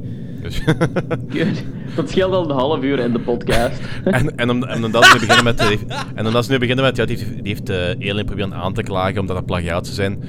Ga ik dat helemaal niet lezen, want van die plagiaatzaken... 95 tot 90 procent van de zaken is gewoon compleet bullshit.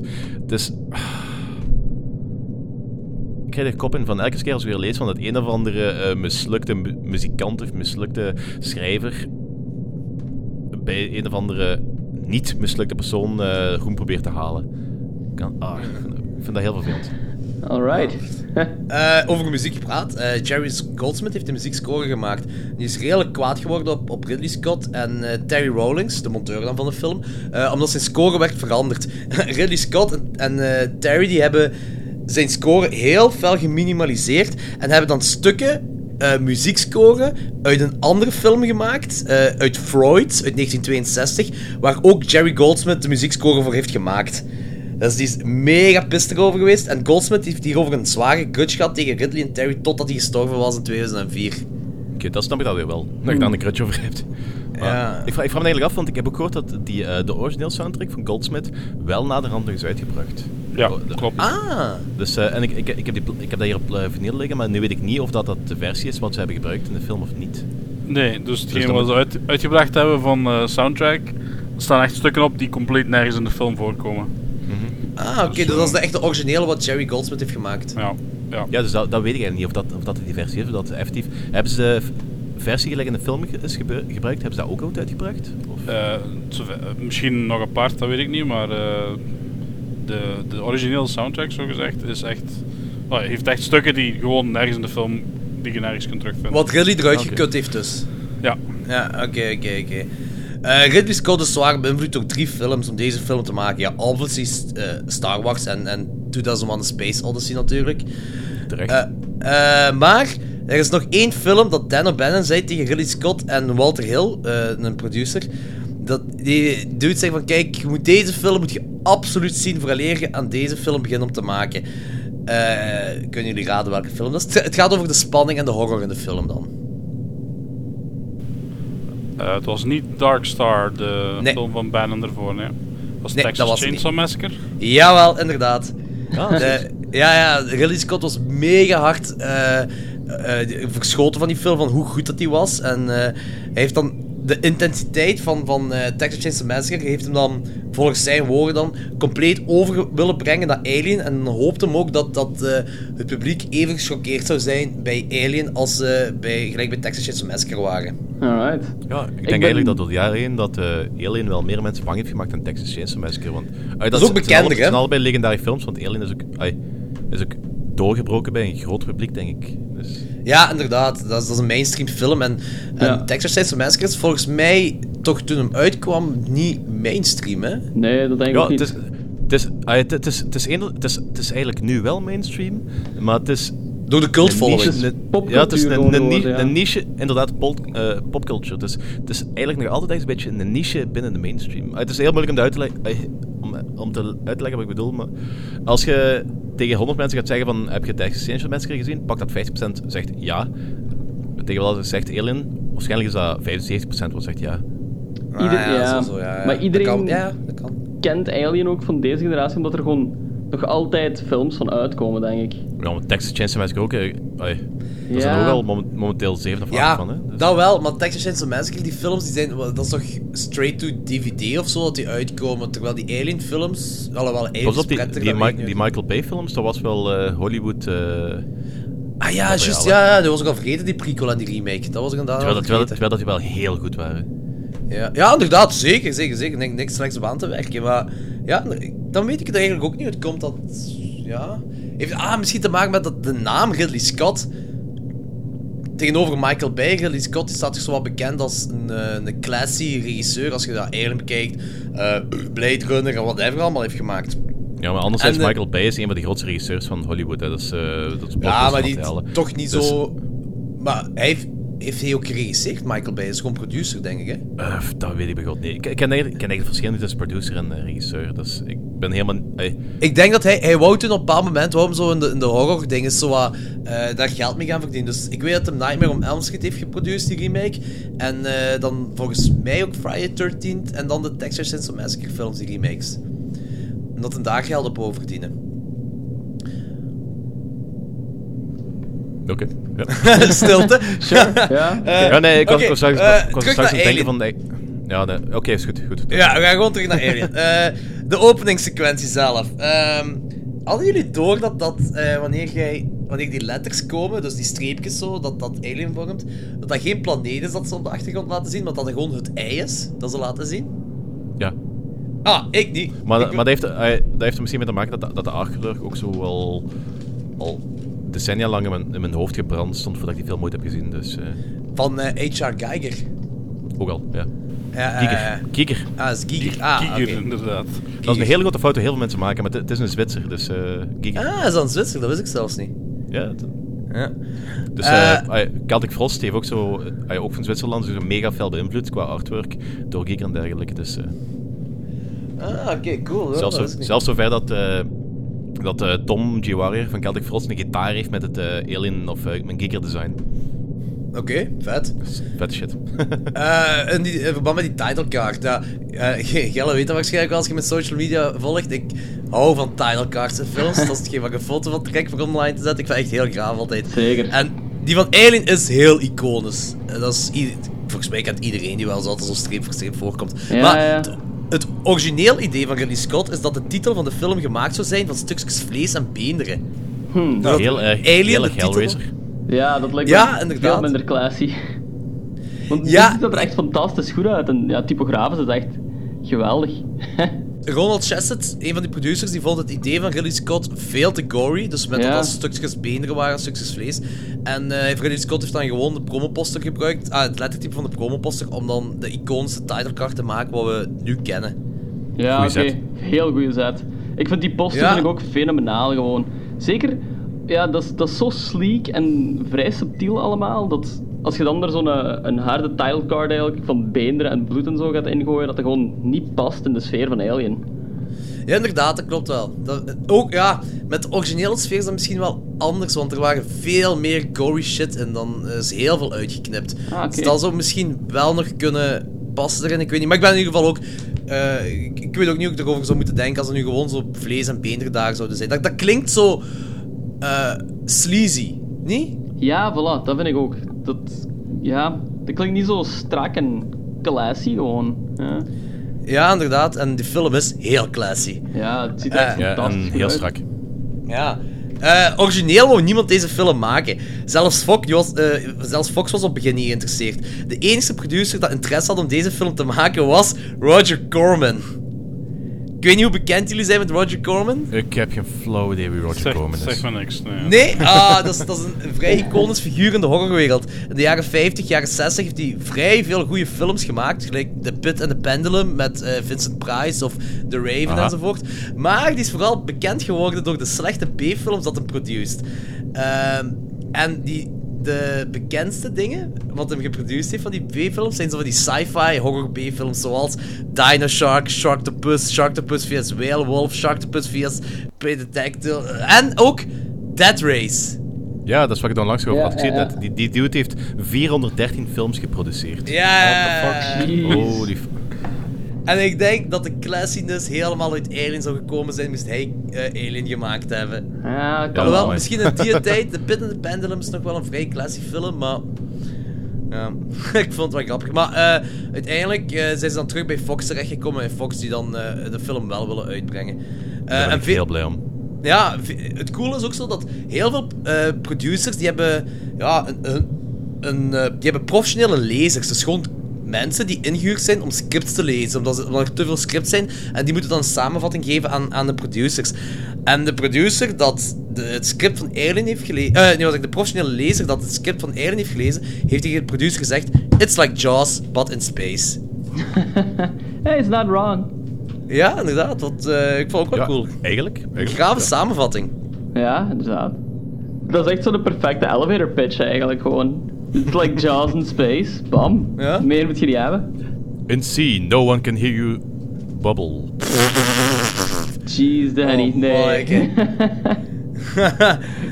Ehm Ridley Scott die gaf heel weinig op zijn acteurs. Maar vooral aan de sets. Die gaf heel veel aandacht aan de sets van de film.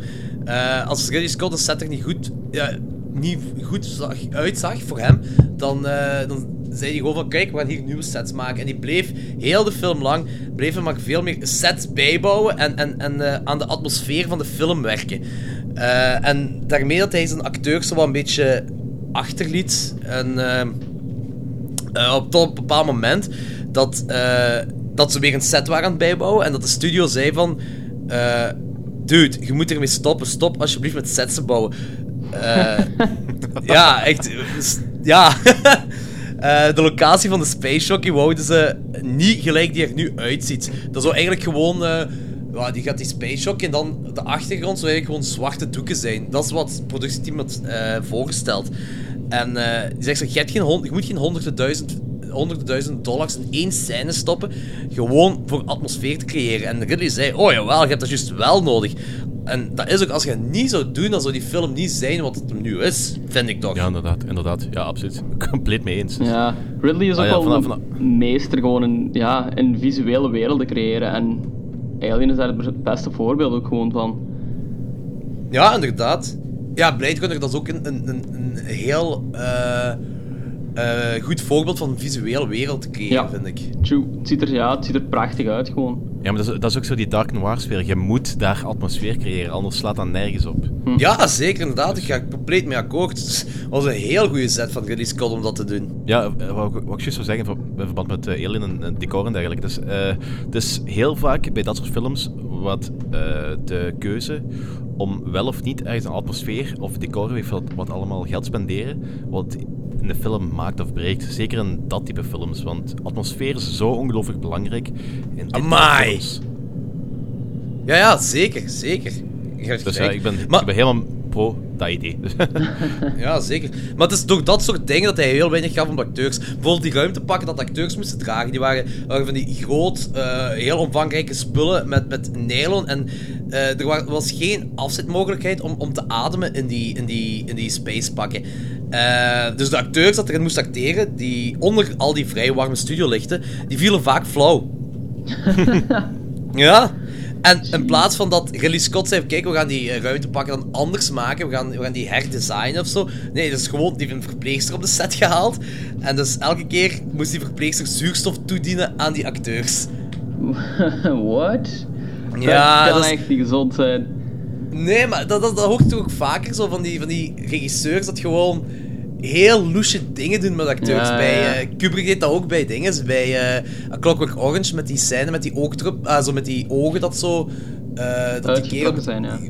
Ja, inderdaad. Dat was ook een verpleegster. waren, ja. Dat was ook een verpleegster of een verpleger langs dat eh oogdruppers toediende omdat hij een heel grote kans had om blind te worden anders. Ja, inderdaad. Ja, het is zo vaak van die regisseurs van die shit doen. En eh, hier in- met die ruimtepak, het is pas... Ridley Scott heeft eh, in die, die space jockey scene... eh, dat zijn de kinderen van Ridley Scott die erin zitten. Ah. Eh, in die ruimtepak, om zo een, een grotere set te creëren. En toen de kinderen waren flauwgevallen, toen pas heeft hem iets gehad van... Oké, ik ga die spacesuits ga ik herdesignen. Wow, Ridley Scott is kind of an asshole. ja, maar, hij, maar hij, geeft wel, hij geeft wel om zijn kinderen. Ja, wow. Ja, dat wel, oké. ja. Kind of, Maar eigenlijk, eigenlijk, eigenlijk, is dat, eigenlijk is dat een beetje dezelfde techniek wat ze hebben gedaan met uh, the Rings, met die hobbits, om zo dingen groter en kleiner te laten lijken.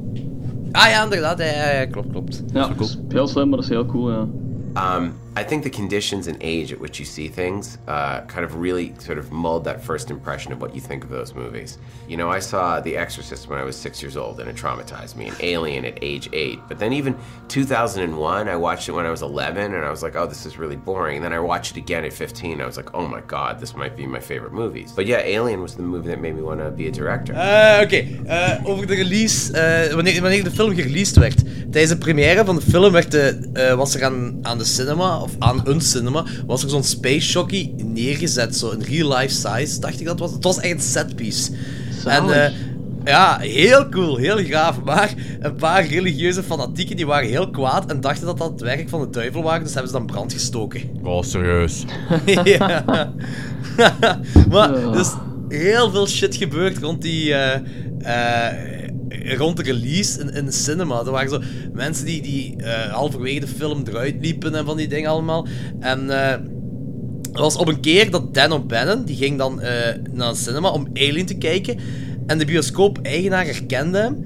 En hij zei van, uw film heeft heel veel problemen gezorgd. Onze toiletten zagen er gewoon helemaal niet uit. Zo bleek dat iedereen in de cinema zelfs daar alles begon onder te spouwen en de toiletten niet meer haalde. En dat al, al die toiletten waren vol met spouw. What? En eh, ja, inderdaad. De vloer, de muren, alles gewoon. En Wat? het is heel raar om dat nu te denken, hè. Puur van de spanning gewoon, of wat?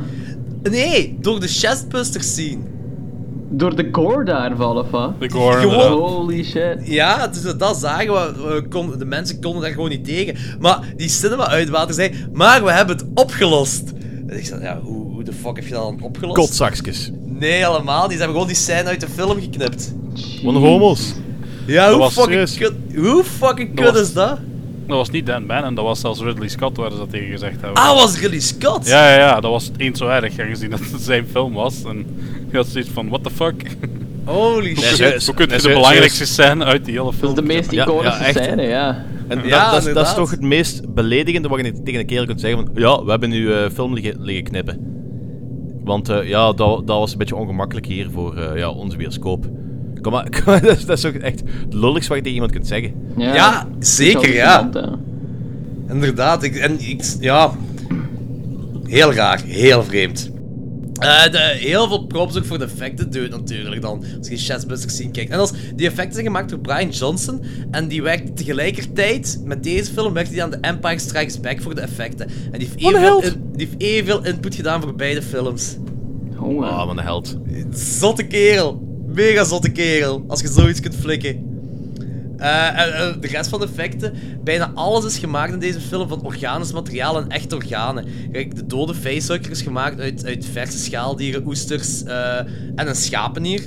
En eh, de, de tube van die ei, ja, de ei dus, eh, eh, de, zo die ei-tube van de facehugger, die is gemaakt van schapen ingewanden. En het vooraanzicht van de alien is gemaakt uit een echte menselijke schedel. Dat is zotte shit, hè.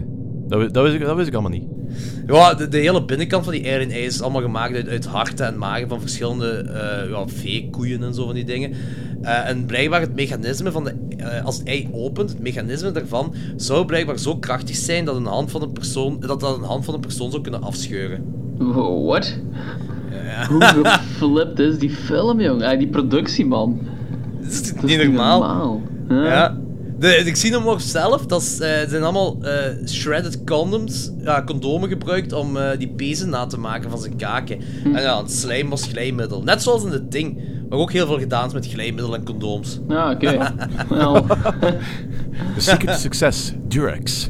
Ja, oké, en het design van de alien zelf is, gelijk we al eerder hebben aangekaart, gebaseerd op eh, het, het werk van H.R. Guy- eh, Giger, sorry. Ja. Eh, en dat noemt het Necronom 4. Dus, dus eh, alien, eh, wat zeg ik? Eh, alien. Eh, Danny, kunt jij de Lovecraft-input in deze film eens een beetje weergeven? Ja, kosmische horror, hè. Opnieuw, dat hele concept van kosmische horror, wat we tijdje geleden hebben be- eh, eh, besproken. Het, dat, het, feit, het feit dat wij als mensen ons zelf zo ongelooflijk goed achter, maar in de, de gr- greater scale of things eigenlijk niks betekent. Dat we geen flauw idee hebben van wat voor gruwelijke dingen in het universum liggen te wachten. Ah, oké. eh, cool. Eh, het is ook zo'n heel fijne insteek geweest in de film. Ik weet niet of, dat, of jullie dat gezien hebben, maar eh, op een bepaald moment heb je op een deur in de Nostromo, is er een, ja, zoals je hier ziet, op die deur hier in de Nostromo, ziet je het mannen? Ja, ja, ja. Ziet je die deur? ziet je de sticker op die deur? Dat is zo'n een schaakbordsticker, zo, zo eh, vierkantjes zo.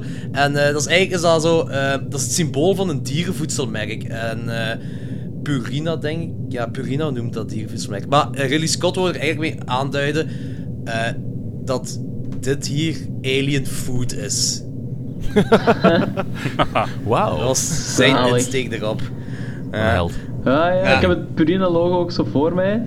Het- Ja, dat is praktisch hetzelfde. Gewoon. Ay, eh, in Alien zijn het zo meer afgeronde hoeken.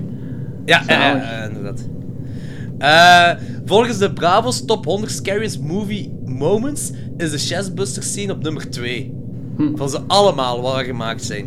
Ja, was, er, wa- was het er op één? Denk, ik zal anders de top 5 zeggen. Oh, ja. Eh, op 5 heb je Texas Chainsaw Massacre met eh eh, Letterface, dat eh, die kerel zijn hoofd inslaat met een hamer. Ja, bij, die, Eh, bij die open deur. Ja, Psycho heb je de shower scene en de, de, de stairs ook, de, de trappenscène daar. Ah, oké. Eh, ja. De Exorcist is wanneer eh, Reagan's head eh, begint te draaien. Mhm. En dan heb je nummer 2 Alien, de chestbuster scene. En eh, nummer 1 staat Jaws met the very, few min the very first minutes where the woman is eaten by the unseen shark. Hetgeen wat, Ja. wat Jaws eigenlijk zo spannend maakt dus. Oké, zo. Dat Ik denk, Ja, dat, ik ik- denk, ik ik denk- denk dat wel een vrij accurate lijst is als je alles binnen een tijdsbesef eh bekijkt. Ja, zeker. Al die vijf, film, al die vijf filmmomenten mochten bij mij op nummer 1 staan. Zo. Ik vond, echt, ja... Ik, ik snap het, ik vind die lijst goed ingesteld. Ja, maar kijk, van een gegeven moment, gegeven moment moet je gewoon moet je in de voorkeur moet je er ergens een volgorde aan geven, anders kun je inderdaad kun je veel dingen op nummer 1 gaan zetten. Want Ja, dat is- ik doe dat heb meestal wel gelijk met het punt dat die, ding- dat die dingen... Het zijn heel goede scènes. Waar, waar leg je de grens? Of waar, Ja. En voor iemand anders is eng, ja, dat is ook zoiets persoonlijk. Gelijk we in zaal 4 hebben verteld. Mhm, inderdaad, ja. Oké, eh, Alien. Het is het jaar 2122. En het ruimteschip Nostromo met zeven crewleden, zeven crewleden en een kat genaamd Jones is terug op, eh, op weg naar aarde. Omdat ze eh, fossiele brandstof aan het zoeken waren ergens op een andere planeet.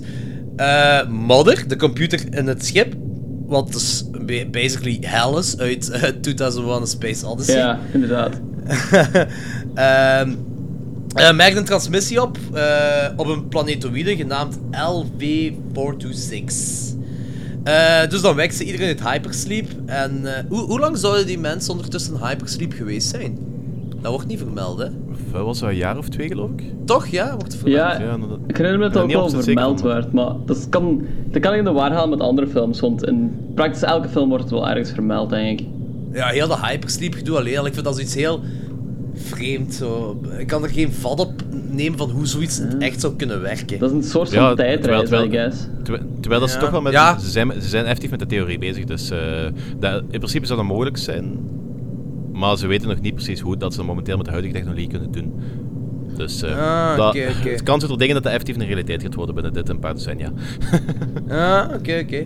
Maar eh, right of the moment daar eh, zijn ze eigenlijk al gewaarschuwd dat als ze nu gewoon naar één iemand hadden geluisterd, dan was al die bullshit niet geweest. Want Parker die zegt daar van, kijk, we zijn geen reddingsschip, wij moeten zo'n een, een vage transmissie dat we hier krijgen, moeten wij nu niet gaan, gaan onderzoeken, wij worden daar helemaal niet voor betaald. Als ze toen gewoon naar hem hadden geluisterd, was dat allemaal niet gebeurd. Ja, maar ze geven er ook wel aan dat ze contractueel verbonden zijn om eh, dingen die wij kunnen wijzen op buitenaards leven, dat ze dat moeten onderzoeken. Ah, ja, dat contractueel ja. verbonden staat omdat ze anders gewoon hun geld gewoon niet krijgen. Ja, ja, Dat, ze- ze- ja, dat ze ja. kunnen zeggen van, ja, we doen dat niet, maar dan hebben ze jaren weggesmeden en dan krijgen ze er geen geld voor. En mogelijk zelfs eh, ontslag of eh, een aanklacht voor insubordinatie, vind ik het allemaal. Dus eh, ze zijn verplicht, contractueel, om dat effectief te doen. Dus ze doen dat. Ja, ja, ja nee, inderdaad, het klopt. Dat is heel goed geschreven dat ze, waarom ze naar die planeet gaan. Veel beter dan een Alien Covenant, maar daar wil ik straks wel verder op terugkomen. Eh, maar inderdaad, ze moeten dus blijkbaar dat doen. Eh, dat is het bedrijfsbeleid dan.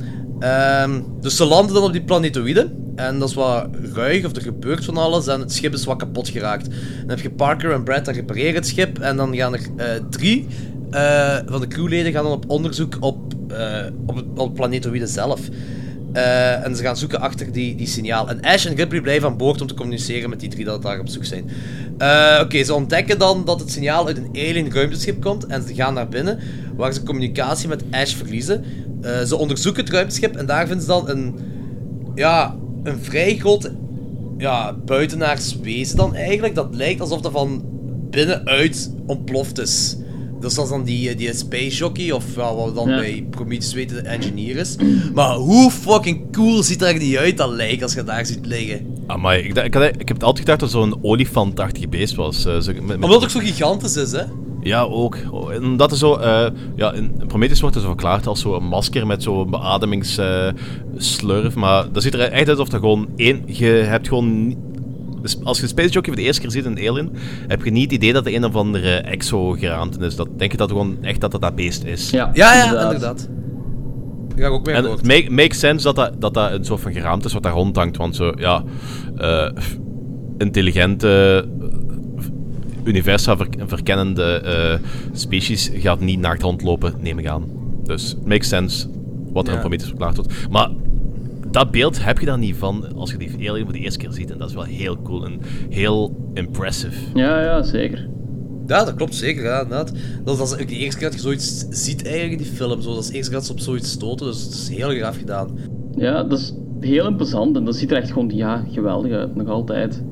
Ja, dat, dat, dat, dat gaat zeker met de, met de tijd mee. Zeker. Ja, ja, ja. Die, die Space Jockey is trouwens eh, volledig door eh Giger zelf gemaakt. Op de set. Ja, die Giger heeft heel veel dingen gemaakt. De eieren ook en zo. Hè. En de Xenomorph zelf ook volgens mij. Hij heeft hem ook eh, aangewerkt. Ja. Eh, ondertussen denkt Ripley dat het signaal wordt, eh, waarschijnlijk een waarschuwing is en geen noodoproep. En, en Kane die komt in een kamer terecht met een hele hoop eieren. En er zijn er 130 om exact te zijn. Ze hebben 130 van die eieren gemaakt om die kamer te vullen. En is daar een reden voor waarom er 130 zijn? Of is dat gewoon een nummer? Dat is, nee, het gaat niet om een nummer. Het gaat volgens mij gewoon om hoeveelheid. Ze wouden aantonen dat er heel veel eieren zijn. Dat, dat is het gewoon, denk ik. Dus heeft Eh, zijn best gedaan. Eh, ja, inderdaad. Eh, en nu komen voor mij toch de eerste intense scène van de film. Als eh Kane daar dat, dat, eh, dat ei wil onderzoeken. Dus hij zoekt... Ja, hij wil er één onderzoeken en er springt zo'n creature uit dat ei, maar zo zalig gedaan. Het is mega zot hoe die spanning is opgebouwd. Want je moet denken, als je die film... Ja, nu weet je dat daar zoiets gaat uitspringen, maar op het begin, als je de eerste keer die film ziet en je weet niks van Eiland, je weet van niks af, hè, dus... Ja, dat is de allereerste facehug, zeker. Ja, ja, inderdaad. Dat is de allereerste facehug. Ja, dat is legendarisch. Dat is een iconisch ding geweest, gewoon in filmgeschiedenis. En ja, wij, wij ja, als wij nu zo'n facehugger zien, dan denken we automatisch gewoon terug aan die scène van, dat ei, ja, van het ei dat open gaat en de hugger die eruit springt. Maar ja, als dat de allereerste keer is dat je dat ziet, dan kun je dat al moeilijker plaatsen. Dan snap ik wel dat mensen daar dan eh, beginnen overgeven eigenlijk. Ja, het is hier nog niet dat ze aan het overgeven waren. Dat was bij Ja, ja, dat was bij de. Ja, oké. Ja, maar ik denk wel dat veel mensen hier aan het schreeuwen waren. Omdat dat Ja. gewoon, dat, Ja, dat ze- is een zeker. intense scène. Ja. Zeker in die tijd. Ja, ja zeker. ja, ja. Eh, Oké, ja, dus die facehugger die klampt zich vast aan, eh aan Keins gezicht en begint aan Keins gezicht oraal te bevredigen. En, eh, Mooi. en eh, juist hiervoor eh, al toont aan dat Alien een enorm slim creature is. Eh, want in ei-vorm heeft het al een verdedigingsmechanisme. De blauwe mist rondom het ei, dat zou dienen als een soort van alarmsysteem. Dat eh, als er een potential host in de buurt komt, dat het ei dan te weten komt. Ah, oké. Dat, dat is echt kan openstellen en klaarmaken voor naar de host te gaan. Dan. Ja, en dan wordt op een bepaald ja. moment, eh, juist ervoor zegt Kane ook, dat de eieren reageren door het aanraken van de blauwe mist. Ah, ja. Dus Ik wil zeggen, ik wil zeggen denken van, eh, ik vroeg me eigenlijk af, van, is dat eh, door iemand verklaard of is dat... Ridley Scott heeft dat gezegd. Ah, oké, oké, oké, oké. Ja, wat makes sense dus eigenlijk ook wel. Ehm Dan O'Bannon en Reynold Justice wisten niet hoe de alien in script zou... eh, hoe de alien in het, het schip zou geraken. En eh, toen, dus toen ze aan het schrijven ze het script aan het schrijven waren. En toen zei Justice gewoon van... The alien fucks one of them. En zo is de facehugger ontstaan. Wauw. Ja, de reden van deze reproductie was eh, om beroep te doen op eh, mannelijke verkrachting. Dus die facehugger helemaal. De schrijvers wouden dat het eerste slachtoffer een man zou zijn. Ja. En, eh, en eerst en vooral, oh, vooral om het horrorcliché te vermijden. Dat, eh, dat een vrouw, het horrorcliché dat een vrouw een eerste makkelijk slachtoffer zou zijn. En ten tweede ook omdat een vrouwelijk slachtoffer voor symbolische verkrachting ongepast zou zijn, volgens hun dan. En eh, dan nog een derde betekenis ook, om de mannelijke kijkers oncomfortabeler te laten voelen met deze omkering van het genregebruik. Ja, ik heb, ik heb daar zo eens... ehm, ik heb er een jaar, een paar geleden inderdaad zo'n heel stuk artikel over gelezen. Over dat ze effectief daar... eh, echt effectief die mannelijke verkrachting daarvoor hebben geduwd als de reden waarom dat op die manier gebeurt. Omdat in principe wordt inderdaad dus eh, Kane daar oraal verkracht door een buitenaards wezen. Ja, bezwangerd dat- ook. Ja, inder- inderdaad. En dat, Ah, dat is, ja. dat, is, dat is heel, dat is heel cool. Zo heb ik dat eigenlijk helemaal nog niet bekeken, maar ja. Dus dat is echt wel, dat is echt wel heel, cool- heel cool om, en heel ongemakkelijk om over na te denken eigenlijk. Ja, en ook al zo, zo, eh, zo, zo, zo lang geleden dat mensen daar zo al over nadenken. Dat is van 1979, dus pak dat in 78 gemaakt zou zijn, die film of zo. Dat ze toen al zo erover nadachten. Schaaf. Ja, maar ik denk, ik denk dat mensen altijd fucked up zijn geweest. Dus, Ja, Oké, dat kan wel goed zijn. Ja. Eh, Dallas en Lambert die dragen de busseloze Kane terug naar Nostromo. En eh, Ripley weigert hun dan binnen te laten. Dat is dan al de tweede keer in de film dat ze zo eh, een waarschuwing eigenlijk krijgen van als ze nu hadden geluisterd naar die persoon, dan was er ook niks gebeurd. Maar Ripley die wil hem niet meer binnenlaten op dat moment. Ja, ja. Maar Ash negeert Ripley en laat hem wel binnen. Maar Daar komen we dan later op terug. eh, wat, eh, heel het gedoe rond Ash. Maar dit is een vrij menselijke beslissing wat Ash nu onderneemt. En een heel. ja, een, een, hoe moet ik zeggen, harteloze keuze wat, Ripley maakt. Dat, om hier aan te tonen zo, dat, dat Ripley eigenlijk de. Normaal gezien, een- zeker in films, zeker in die tijd, waren vrouwen toch altijd de emotionele wezens in film. En hier is het andersom. Hier heb je eh, Ash Ja. dat, dat zo de, de, de keuze maakt van nee, we laten die wel binnen. Dat is de menselijke keuze om te maken. En Ripley doet het helemaal niet. Ripley zegt van nee, nee, jij blijft buiten. Ja, ja. Ja, ja, en, inderdaad. en de menselijke keuze is heel vaak heel stom. En hier wordt dat opnieuw, aange, hier wordt dat opnieuw aangetoond. Zeker in horrorfilms. Eh, Oké, eh, dus Ash negeert Rip- Ripley, die laat hij binnen. En eh, de crew probeert dan de facehugger te verwijderen. Dat is dan die scène. Eh, van, van Kane's gezicht. Ehm, maar die ontdekken dat het bloed van facehugger een soort van zuur is. En heel fel zuur ook, want die gaat toch, was dat drie, drie etages of zo, gaat dat zuur Ja, naar zo, beneden? zoiets, zoiets voordat het stopt. Drie etages, denk ik. Ja, mega zot zuur. Wat eigenlijk de perfecte eh, verdedigingsmechanisme is voor, voor een, een, een, een creature, niet? Ja. Ja, inderdaad, inderdaad, want je probeert eraf te krijgen en eh, ja, je, eh, als je eraf probeert te krijgen, gaat je sowieso eh, dat beest moeten snijden. En dan verwond je de host eigenlijk al, dus daar, waardoor de mensen al wat meer geneigd zijn om dat dan niet eraf te halen. Dat, Ja. is, dat, is, per- dat is perfect. Maar dat is ook weer zo, in het script is ook weer zo geschreven dat eh Dan O'Bannon die kon geen reden vinden waarom eh, de crew van de Nostromo de alien gewoon niet kapot zou kunnen schieten. Waarop dan eh, een van die conceptartiesten zei, Ron Cobb denk ik, zei zei gewoon zo, make it bleed acid man. Die was sowieso op Woodstock geweest. die, die bedoelde een andere acid. maar eh, dus eh, dan even later maakt de facehugger zich vanzelf los en eh, dan sterft hij. Ehm oké, Did you just assume its gender? Ah, oké, dan sterft het. Sorry. Eh, maar ik wil wel even hebben over de verschillende levensvormen van de aliens zelf. En eh, oké, verbeter mij gewoon waar nodig. Hè. Dus je- het begint met de ei. Hè? De, wat ook wel de ovomorf genoemd wordt. En dat is dus een levend organisme dat potentiële gastheren kan detecteren met zijn blauwe mist. Ja. En in het ei leeft dan de facehugger. Ja, dat is de parasiet zo gezegd dan. Ja, inderdaad. Ja, inderdaad, en dan- ja. als je dat in mensvorm bekijkt, dan is eh, het ei is dan de man en de facehugger is het zaad. Ja, inderdaad. Ah, Want de facehugger schiet eruit gelijk het zaad uit een man schiet. Ja, Ehm, ik, ik zou het ja, eigenlijk zo zoiets. eerder bekijken als zo... ehm De facehugger is de penis. huh. Alright, ik had... Ja, voordat ik de theorie allemaal wist, beschouwde ik het ei eerder als zo de draagmoeder, zo gezegd, van de parasiet. Ja, dat kan ook wel kloppen, maar het zit zo met dat, de, hoe, dat die alien dat die meer ah, zo andere levensvormen heeft, dat is ook zo ehm, het geslacht, en als je dat vertaalt naar mensvorm, ook constant verandert. Ah, oké. Dus ja, Als je vrouwelijke en mannelijke aliens hebt. Nee, nee. Nee, nee, niet zo. Maar eh, hoe mannen en vrouwen ehm, ja, reproductie, aan reproductie doen, zo bij elke levensvorm verandert dat ook zo van, van keer zo. Bij de alien dan. Ik ben even Maar helemaal ik zal, er la- ja, ik zal er later op terugkomen. Zo, Ehm, ja. Oké, dan, dus de tweede is dan de facehugger. De facehugger zoekt een host om eh, eh, de chestbuster embryo in te planten dan. Mhm. En eh, eenmaal dat dat gebeurt, dan sterft de facehugger gewoon. Inderdaad. Ah, ja. Dus op dit moment hebben we dan, als ik het goed heb, hebben we dan al twee keer een levensvorm gehad dat sterft om voor te gaan. Ja. Dus het ei gaat ook kapot, denk ik. Dat weet ik eigenlijk niet zeker. Ja, de, ja, het is nutteloos ei- wel op dat moment. Het ei, doet niks, het ei doet niks meer, want je ziet heel vaak, dan, heel vaak wordt verwezen naar eh, openstaande eieren waar niks Ja, aan ja, gebeurt. ja. Ja, Oké, Dus op ah ja. bepaalde oké. mate kun je bekijken als gewoon zo'n soort kippenei wat eh, een embryo eh, doet eh, broeden. En op een gegeven moment is dat gewoon... De schaal breekt en maakt niet meer uit wat met eh, dat ei gebeurt.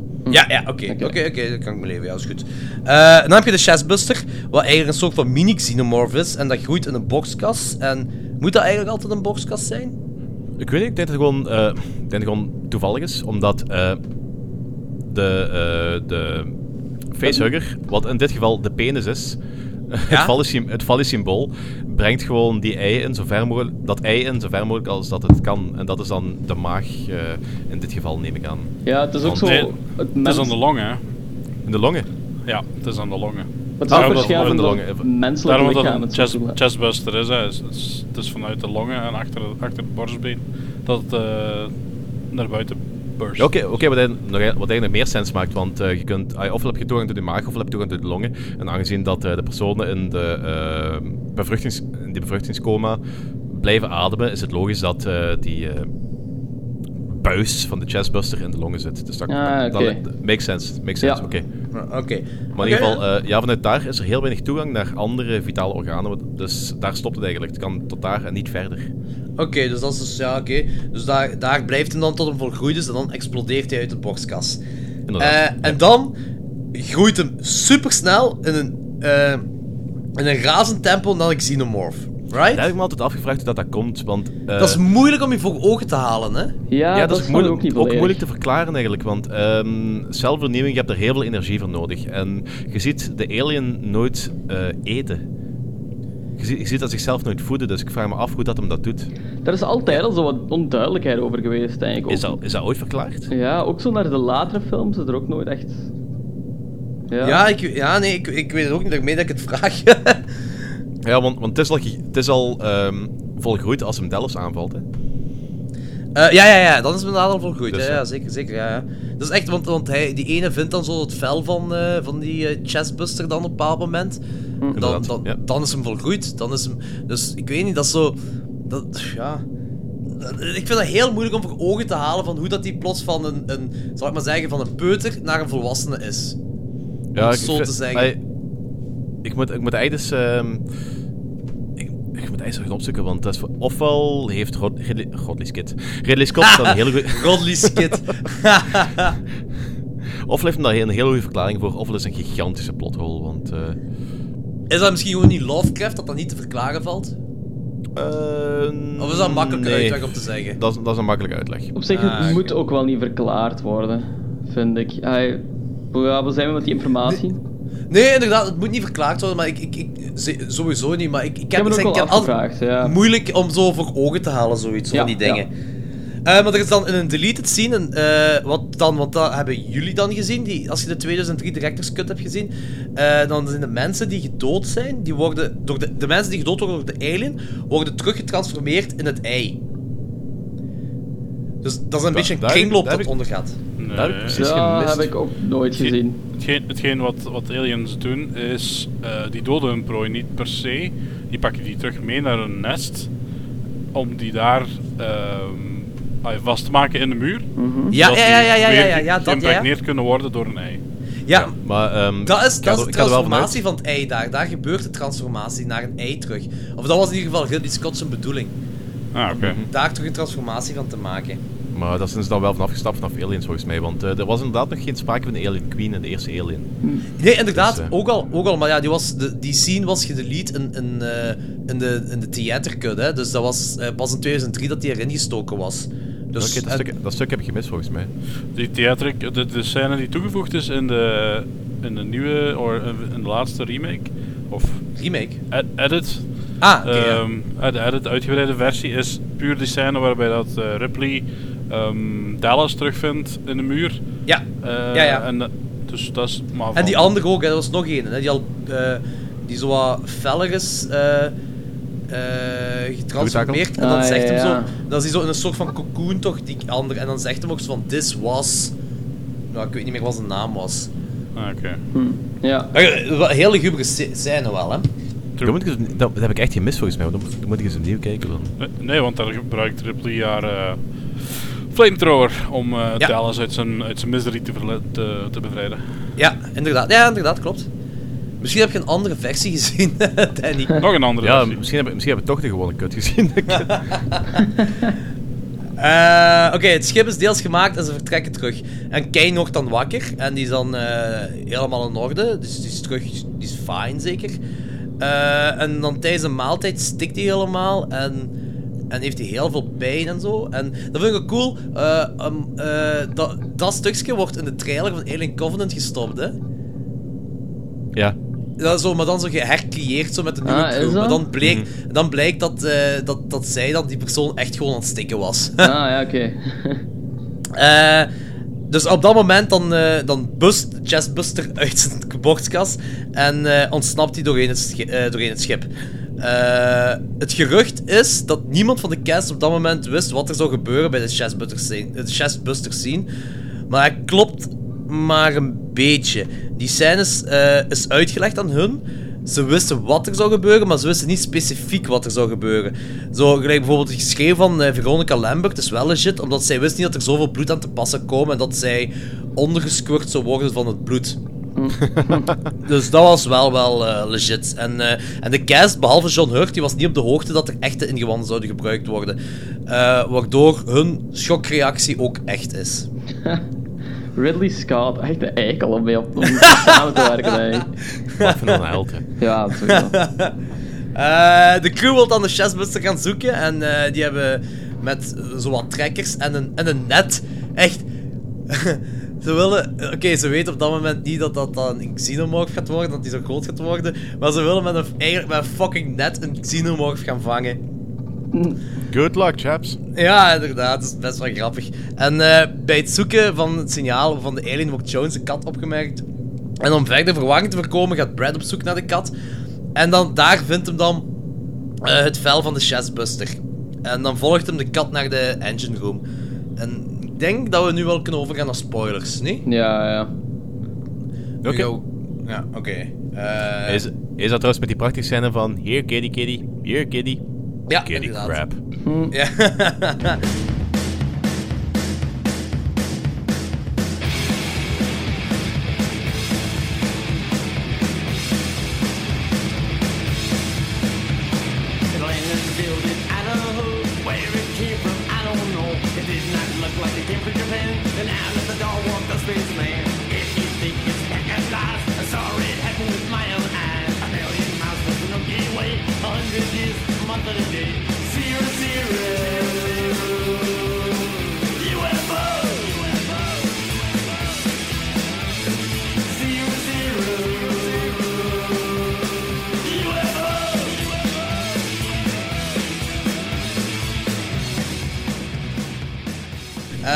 ja, dus Brad probeert de kat te vangen. En eh, ja, die reactie trouwens van de kat, wat je dan hebt. Dan hebben ze een close van een kat en die kat die blaast zo wat. Dat hebben ze daar gecreëerd omdat er een, een- ze hebben een Duitse herder daar gezet, maar ze hebben die achter een scherm gezet. En als ze de reactie van de kat nodig hadden, hadden ze die, die, die, dat scherm weggehaald. Jesus. Loodzakken opnieuw. Wel Eh, efficiënt. Wel efficiënt. Ja, ja, het, heeft gewerkt. Dus eh Brad probeert de kat te vangen, maar dan zien we voor de eerste keer de full-grown xenomorph. Wat er fucking vet uitziet. Amai. Dus, Ja, en ook, ai, die, die hangt er dan. En de eerste keer dat je die eigenlijk in beeld ziet, heb je dat zelfs nog niet, helemaal niet door dat je, Ja, dat, je die- dat, eh, dat je hem gezien hebt. Ik heb dat pas deze, deze keer, deze rewatch, heb ik dat pas voor de eerste keer opgemerkt. Dat Ja. hij daar al aan zijn, aan zijn ketting hangt. Dat je hem Ja. gewoon, dat beweegt niet. Dat kan even goed, weet ik veel, welk stuk apparatuur van, van eh, Nostromo zijn. Ja, ja, inderdaad. En dat gebeurt twee keer in de film, herinner ik mij. Op het einde heb ik eh, nog zo'n gevoel gehad. Als de alien zo in, eh, in een cabin zit, zo wat meer. Helemaal, Ja. heel, op het, helemaal op het laatste, Ja, als, ik- ja, denk dat een, als ik denk dat een, een buis is. Ja, ja, In, de ja. escape, in die escape pod. Inderdaad. Yes, Ja, yes, yes. Yep. Maar, dat, dat, maar dat, is- dat heeft ook te maken met geekers in design. Dat, dat beest ziet er zo half eh, organisch, half Chrome mechanisch uit, uit. ja. Dus- hij, noemt, hij noemt ze biomechanoids ook. Dus. Inderdaad. Ah, oké. Dat, is ook, dat, dat is ook direct een, een lijn met zijn hele... die kerel heeft, ik weet niet veel, eh, artwork gemaakt met die hele biomechanische... ehm, ding, die hele biomechanische sfeer gemengd met eh phallische symbolen en weet ik wat allemaal. En de meest twisted seks wat je kunt voorstellen. Hm. Dat is echt... ai, heel Alien is eigenlijk gewoon een fallisch symbool, hè, dus... Ja, ja, nee, zeker, zeker. Ja. Daar, wil ik straks ook wel eens op terugkomen, over alle seksuele referenties in de film. Wat er Well, do you, have veel an, zijn. do you have an hour? Eh, maar inderdaad, eh, da- daar ook, die zien, da- daar, daar onmiddellijk al wordt aangetoond hoe fucking machtig dat dat monster is. Gewoon een introductie dat dat monster gewoon krijgt in die film. Dat is mega gaaf. Maar in ieder geval, hij valt daar, eh, hij valt Brad aan en dan verdwijnt hem in de luchtkoker. Waar we dan onmiddellijk die- liet denken aan Alien Isolation. Toen ook aangevallen werd door de alien in de luchtkoker. Heeft iemand van jullie dat spel gespeeld, Alien Isolation? ik heb dat uitgespeeld. Ik heb nog nooit zoveel schrik bij een spel gehad als dat. Dude, heb- echt. Ges- gespeeld, maar ik heb het nooit, nog nooit niet uitgespeeld. Dus. Ik ook niet, ik ben terug opnieuw begonnen nu. Ah, Zij- Zijt je dan de alien geraakt? Eh, ik zit nu zit ik eh juist terug aan de alien, ja. Ja, onze gast, onze gast. Zijt jij dan de alien? Ah, Nicky, Nicky. Nicky. Nicky, ja. Eh, ik, eh, ik herinner me het eigenlijk niet meer. Het is al even geleden dat ik nog gespeeld heb. Ah, Dus dan ah, wel. is, is die game niet van 2004 of zo? Of? Nee, nee, nee, nee, nee, nee, nee, zijn- Er zijn een heel deel spellen uitgekomen. Je hebt zo die Alien, Alien vs Predator gehad. Dat was effectief eh, 2000, ik denk begin jaar 2000. Je hebt ge, daar is nog een, een tweede of een remake van gekomen, Alien vs Predator. Je hebt Alien Colonial Marines gehad. En nu, eh, een jaar of twee geleden, is er Ah, Alien 2006. Isolation uitgekomen. En dat is compleet de atmosfeer van de Alien film. Dat is het meest fucking enge spel dat ik in mijn hele leven gespeeld heb. En ik, hou, en ik speel bijna niks anders dan horror games. Dus eh, Ja, ik geef gelijk, ik geef Danny 100% gelijk. Je speelt ook, eh, het personage waarmee je speelt is de dochter van Ripley. Ah, oké. ja. En En Manda je speelt, Ripley. en je speelt in principe een, eh, een groot deel van het spel speelt zich af in een, in een ruimteschip wat, het- wat in principe een ander het model van een Nostromo is, maar gewoon een ander schip. Eh, nee, Dus ik heb inderdaad echt- al gespeeld, maar het is te lang. Het is ja, Speel, hè. drie jaar geleden, maar...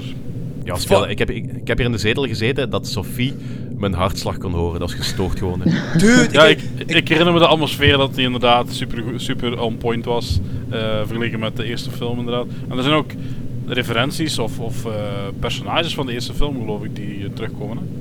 Personages ben ik Eh, nog niet tegengekomen. Misschien later in het spel wel, maar ik zal het Nee. niet tegenkomen. Niet, niet per se personages, maar er worden wel af en toe... ehm, Soundbites. van- Soundbites, inderdaad. Die dingen die komen Ja, wel terug. En ook, ook van, ik denk Alan Ripley komen er een paar soundbites van terug, volgens mij en dergelijke. en er wordt wel verwezen naar... De gebeurtenissen van de Alien-films zijn heel belangrijk in het spel. Dus Maar ik heb zo fucking eng spel. Ik heb de eerste keer dat ik dat gespeeld je kunt zo in lockers verstoppen. En de eerste keer dat ik hem gespeeld heb, heb ik me dan in een locker verstopt en durfde ik niet meer uit te komen. En elke keer als ik dat spel terug aandeed, zat ik in die locker. Ik zei, ja, misschien nu toch. En dan, je hebt zo'n tracker dat je kunt kijken of die alien komt. Maar die alien hoort de tracker ook. Dus, ah, is zo fucking eng spel. Ik durfde ook niet alleen te spelen, dat is fucked up gewoon. Dus- Ja, ik denk, ik denk effectief als ze een timer hadden eh, geplaatst van hoeveel tijd je in de locker hebt gespendeerd, ten opzichte van hoeveel tijd dat je dat spel hebt uitgespeeld. de, de, helft, de helft van de tijd heb je in die fucking lockers gezeten. Hè. dat geloof ik, dat geloof ik. Ja, dat, is, dat is gewoon, je zit in die lockers en je, je, je moet gewoon drie, vier keer wachten tot dat beest voorbij is gelopen. En dat duurt soms vijf à tien minuten. Om gewoon Ja. dat, pat- om dat patroon een beetje door te krijgen in de hoop dat het dan juist is. Want dat is, dat is niet gelijk spelletjes van vroeger dat je een vast patroon hebben. Nee, dat heeft ongeveer dat patroon. Maar dat kan ervan afwijken en je weet niet wanneer dat ervan afwijkt. dus dan denk je van, oké, nu is het moment. En op een gegeven moment eh, vliegt er zo'n eh, staart door je borstkas heen. En ja, Ja, ik ben mijn personage al vaak gepenetreerd door de aliens, hè. Amai. Oké, we gaan terug gaan naar de film. Ehm, de crew denkt dan dat de alien in de luchtkoker zit en eh, het plan is dan om eh, de alien naar de airlock te drijven en eh van daaruit de ruimte in te zuigen. Eén voor één begint de alien de crewleden te vermoorden.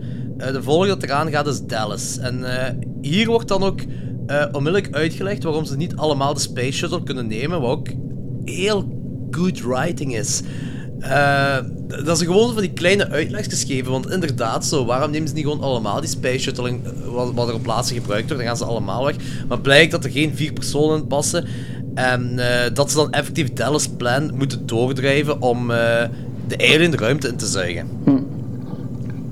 Eh Ripley krijgt access to- tot Mother en komt te weten dat Ash in het geheim bevel heeft gekregen om de alien tot de company te krijgen.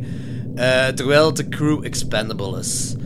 Eh, ja, hier, heb ik wel, hier is wel iets vreemd. Ik denk een continuïteitsfout of zo. Nog voordat Ripley en, en Ash beginnen te, te vechten met elkaar, heeft Ripley al een bloedneus. Of wordt dat verklaard of zo? Want. Ik weet niet of jullie dat is opgevallen. Nee, dat is mij nog nooit opgevallen zelfs. Ja, dat ik is me moet, inderdaad ook niet opgevallen. Dus. dus je moet dat zien zo. Ripley confronteert Ash en die heeft daar al een bloedneus, maar ze hebben nog niet gevochten met elkaar. Dus ik vond het zo wel, wow, ik weet niet. Dat is iets bizar. Eh, op dat moment probeert Ash eh, Ripley te stikken, maar Parker komt ertussenin en, en klopt het hoofd van Ash af. ja, fucking geniaal. En daar wordt revealed dat Ash een, eh, een android is, of een cyborg. Is, dat, is daar een verschil tussen? Een cyborg, is ja. eigenlijk een, een cyborg is een mens die eh, is geüpdate met technologie. Een android is effectief een synthetische mens. Oké. Eh, en was deze, was Ash? Een, Een android. android. android, ja. Want Ah, dat, is, toch een dat, is, dat is geen ja. mens. Dat is geen mens. Het is effectief een uh, synthet... eh, ze verwijzen ook naar als een synthetic human eh, being, denk ik. Eh, ja, dat zou kunnen, dat weet ik niet meer, maar het zou perfect kunnen, ja. Over de effecten terug van... eh, dus Ash, Ash zijn kop is eraf geslaan en eh, de, het hoofd van Ash, eh, wat ze daar hebben gebruikt, wat ik ook wel weer cool vind, is eh, zit vol met spaghetti, goedkope caviar en ajuinringen. Ja, zalig. Ja, ik vind het gewoon cool hoe ze die effecten, hoe ze dat vroeger allemaal gedaan Dat is hebben. Zo. Dat is, fenomenaal, ja, hoe ze daarbij komen nog allemaal. ja, dat is zo'n ook zo... ambacht, Het werkt. Het werkt. Ja, inderdaad. Bij Texas Chainsaw Massacre ook hebben ze ook gewoon al gewoon... Ah ja, we moeten ingewanden hebben. Wat lijkt er op ingewanden? Ah ja, ingewanden. Dus zijn ze gewoon heel veel ingewanden gaan halen bij de slager. Ja. Hebben ze dat gebruikt. Gewoon zo simpel soms, maar zo gaaf. Ik weet zelfs niet of ze dat tegenwoordig ook zo doen.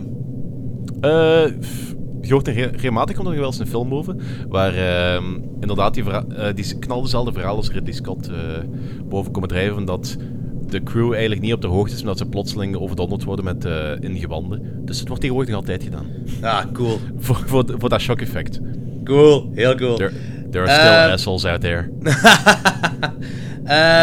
Eh, Parker reanimeert Ash en eh, dan vertelt Ash eigenlijk hoe de vork aan de steel zit. Dus ja, dat hij dan ingehuurd is ook de company en zo.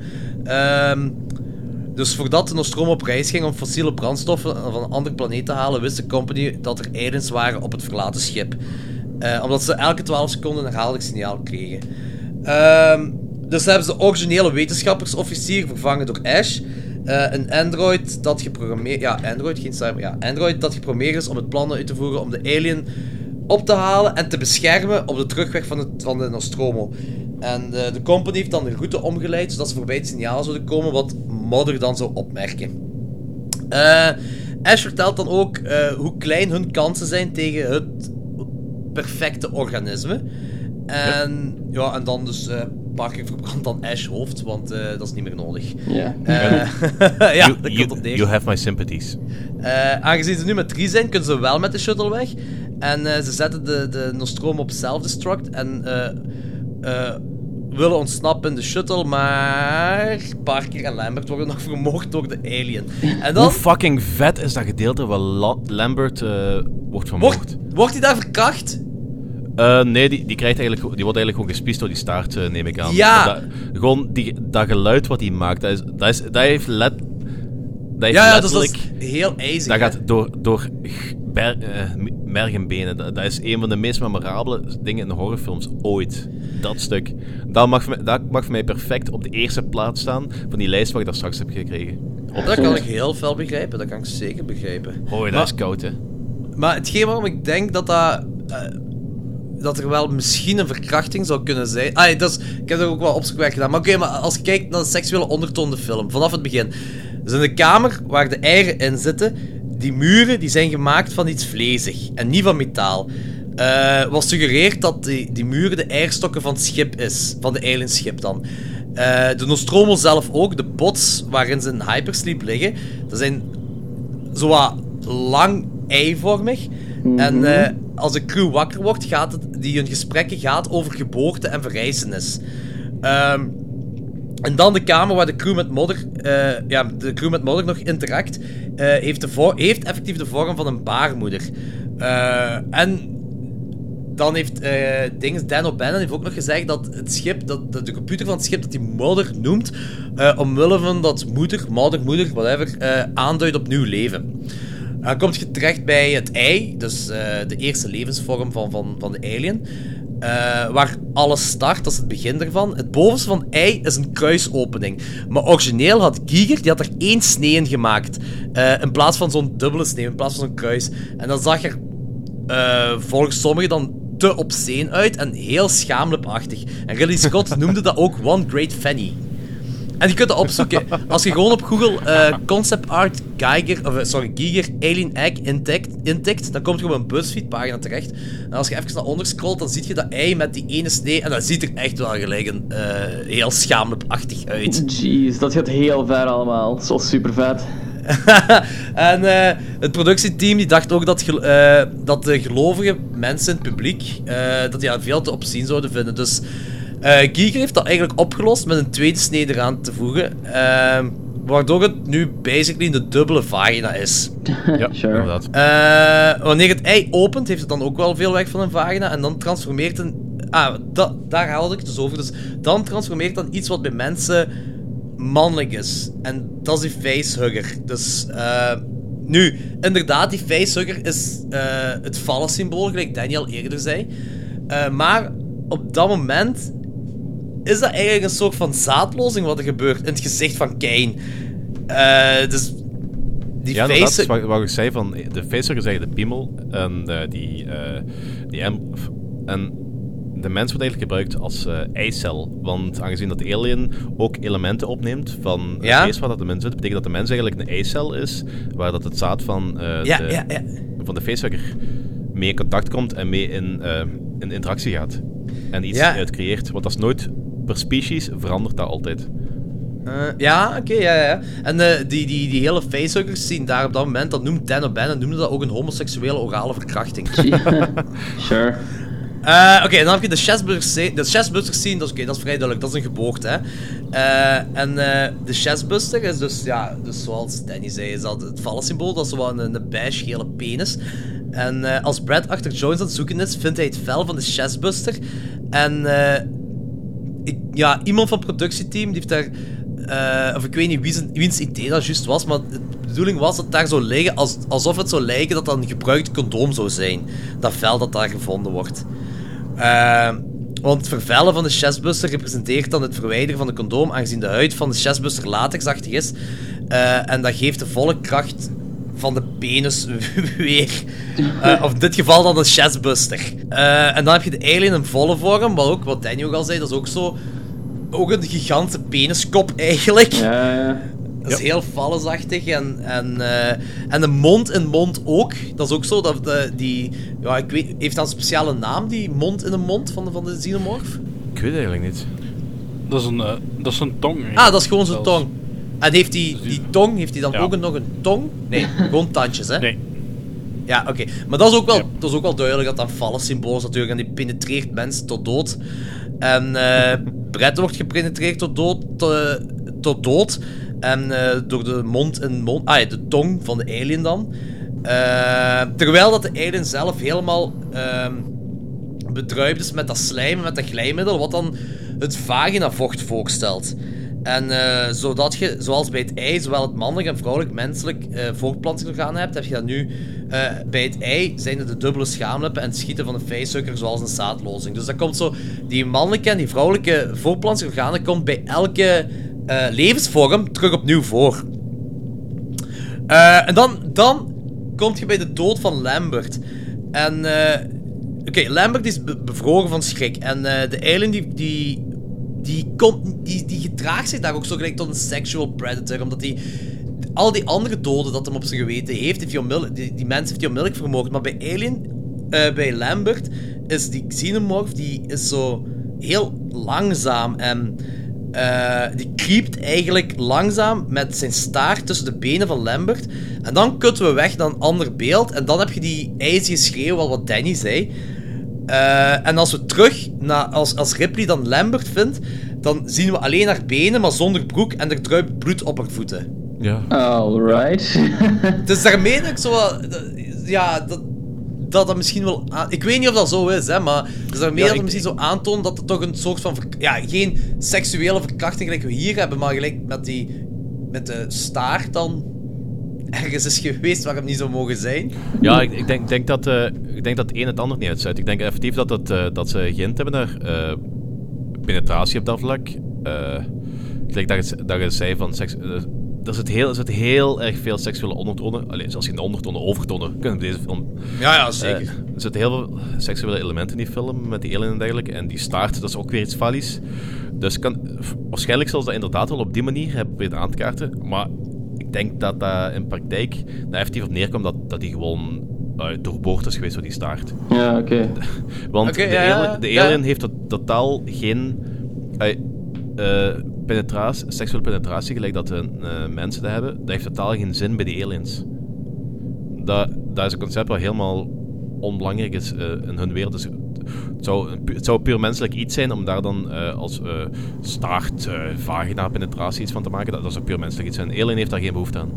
Maar als we nu even verder denken, dus de bedoeling, er was nooit de bedoeling om hier een sequel op te maken. Dus alle Ja, info over de xenomorphs, wat we nu weten, met, vooral door aliens eigenlijk, hè, dat, dat, dat kunnen we nu niet gebruiken voor deze film. Maar hoe zou dan de alien, de xenomorph, zich voortplanten?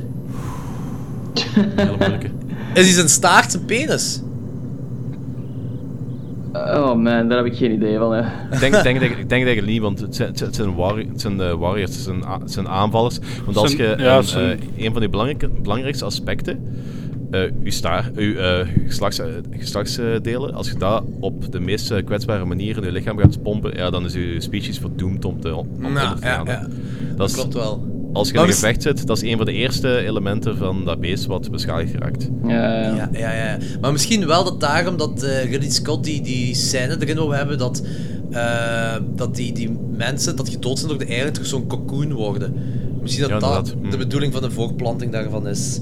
Dus, dus, eigenlijk, dus eigenlijk mogen we ervan uitgaan dat die, eh, die eieren wat ze hebben gevonden, Ja. dat er eigenlijk allemaal mensen zijn geweest. Die Mogen we daarvan ze- uitgaan? Ja, ik, ik weet niet, gelijk dat je zegt, gelijk dat, wat, jij, wat jij zegt van eh, dat eh, ze de eieren in een kalkoen eh, terechtkomen, dat ze dan eh, daar terug eieren van maken. Of- Ja, ik, ik kun er misschien van uit, uitgaan. Maar dat, dat, dat, dat reist dan, ah, dan heb je weer zoveel vragen erbij wat er weer bij komen dan. Ja, als we ervan moeten uitgaan dat dat allemaal mensen zijn. Wat was er het eerste? Dat is echt zo'n heel chicken of egg scenario. Ja, ik wou het ook juist zeggen. Of, men- of, eerst? of mensen, misschien waren dat zelfs geen, eh, nee, geen mensen, geen mensen. Dat dat... dat, dat ehm, Engineers waren. Kan dat? Ja, even, eventueel. Misschien dat- zoiets. ja, eventueel. Dat, dat is wel heel, heel inter- interessant uitgangspunt. Ik ben er eigenlijk altijd van uitgegaan dat, eh, dat gelijk dat een aliens wordt uitgelegd, dat dat effectief ook zo is. Ja, omdat, ja.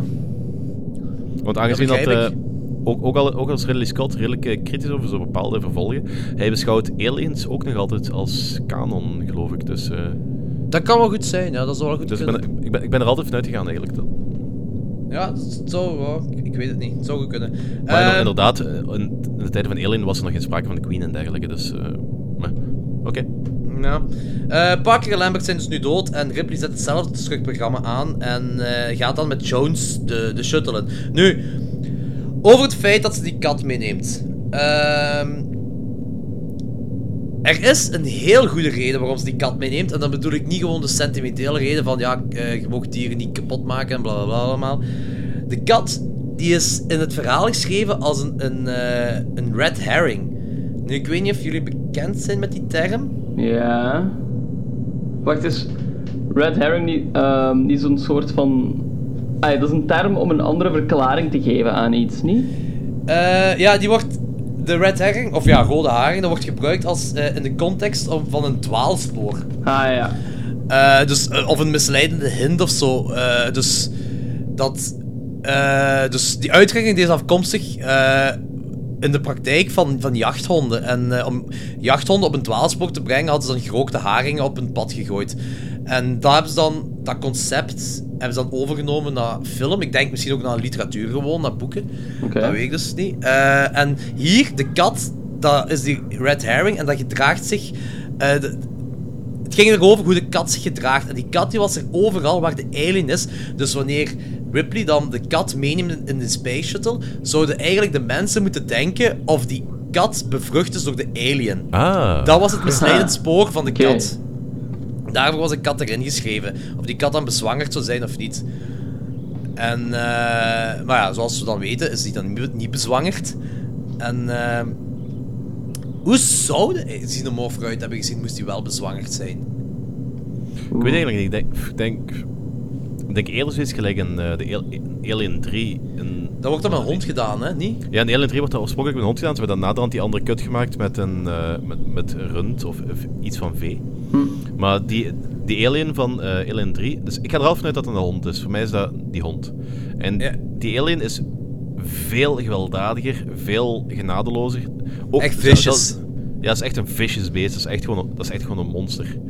Terwijl, de- Ah. ook als je, kunt de aliens van, eh, van de eerste twee films zijn duizend keer menselijker dan dat beest van de derde. En Ja, dat ik denk als je van een kat dat je wel een beetje op hetzelfde niveau zou zitten, want eh, daar zou dan ook een... ai, het neemt elementen van de host over, dus het zou dan ook, ook veel leniger, veel sneller, veel genadelozer zijn. Ko- Ja, koppig. Zo, Ja. alles, zo, zo alles, alles van de kast smijten. Ja. Eh, Oké, ehm Ripley kleedt zichzelf dan uit, which is nice, eh, om in hypersleep te gaan.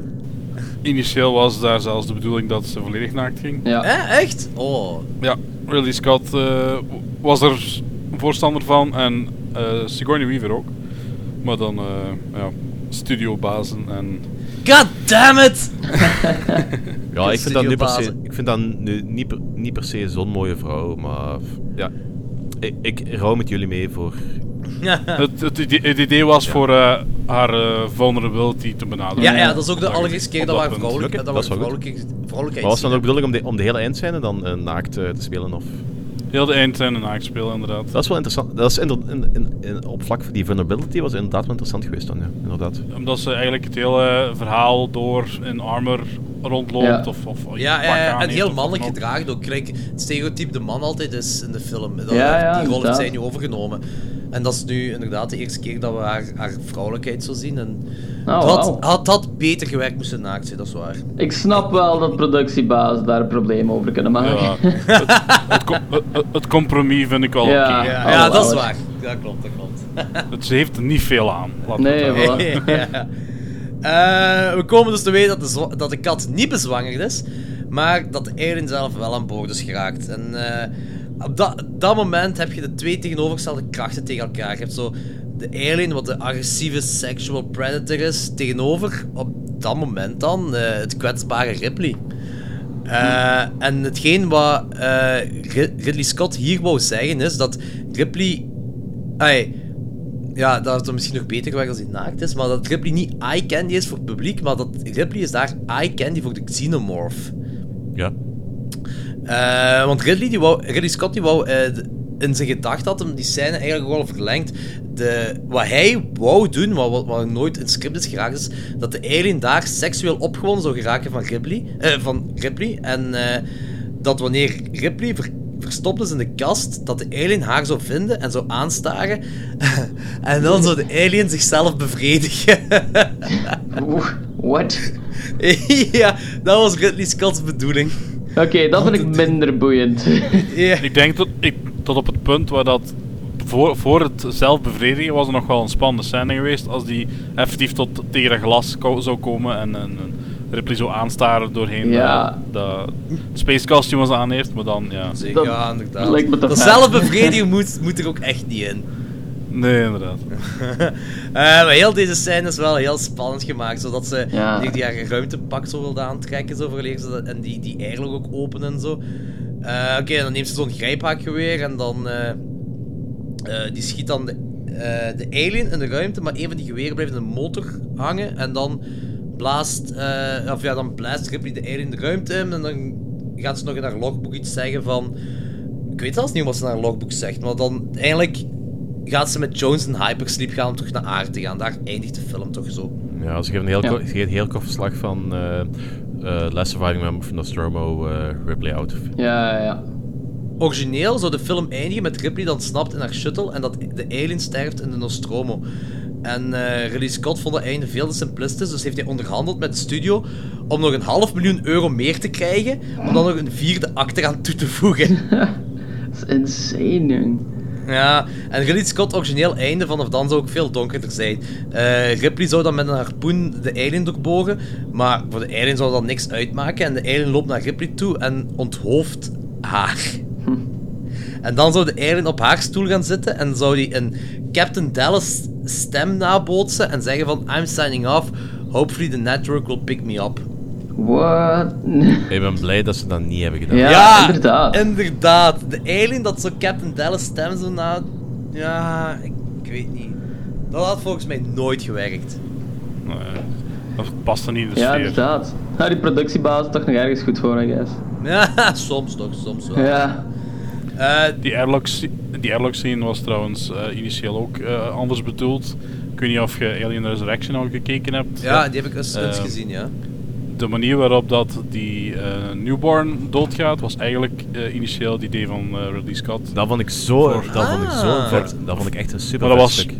Maar dat was toen op dat moment gewoon te moeilijk om eh ai, praktisch in beeld te brengen. Ah, Ja, oké. snap Tijdsgebonden dus. Allee, ja, dat Ja, de ja. tijd gewoon nog niet ging. Oké. Ehm, Dan O'Bannon en Ronald eh Shusett die zeiden dat eh, alle personages zowel mannelijk als vrouwelijk zouden kunnen zijn, omdat ze wouden vermijden, dat, wat op dat moment al een cliché was, en dat is de, dat de vrouw eh, in gevaar de enigste overlevende is om dan face-to-face te staan met de killer in de climax van de film. En wat dan uiteindelijk ook wel gebeurd is. Want Ripley is de final girl in deze film. Hè? Eh, het verhaal van de Space Jockey. Volgens Ron Cobb, ehm, dat, eh, dat, dat, de concept artist wou ook de Space Jockey hielp ontwer- ontwerpen. Dus, zijn, dus dat is nog eh, voor Prometheus en Aliens en whatever allemaal. Dit was het verhaal van de Space Jockey, hoe dat bedoeld zou zijn, maar wat nooit in film te weten komen. Dat is dus op een bepaald moment veroorzaakt een natuurramp de uitroeiing van de volwassenen in dit unieke ras. Eh, de xenomorph, alienras dan, eh, waardoor er niemand is om de kleintjes op te voeden. Eh, maar in het onderste donkere kamer van de breeding temple ligt er een groot aantal eieren al slapend te wachten op iets warms. Jaren later komt Space Jockey ras naar hier om een missie voor exploratie en archeologie en zijn gefascineerd door de tempel en de onbekende cultuur. Eén van die Space Jockeys vindt een ei, krijgt zo'n knuffel in zijn gezicht en, eh, en wordt dan gered, maar eh, ze nemen hem terug mee het schip op en eh, onderzoeken de planeet verder. Tot op het moment dat er zo een chestbuster uit die kerel, zijn- of ja, uit die engineer of space jockey dan waarschijnlijk nog uit zijn lichaam komt.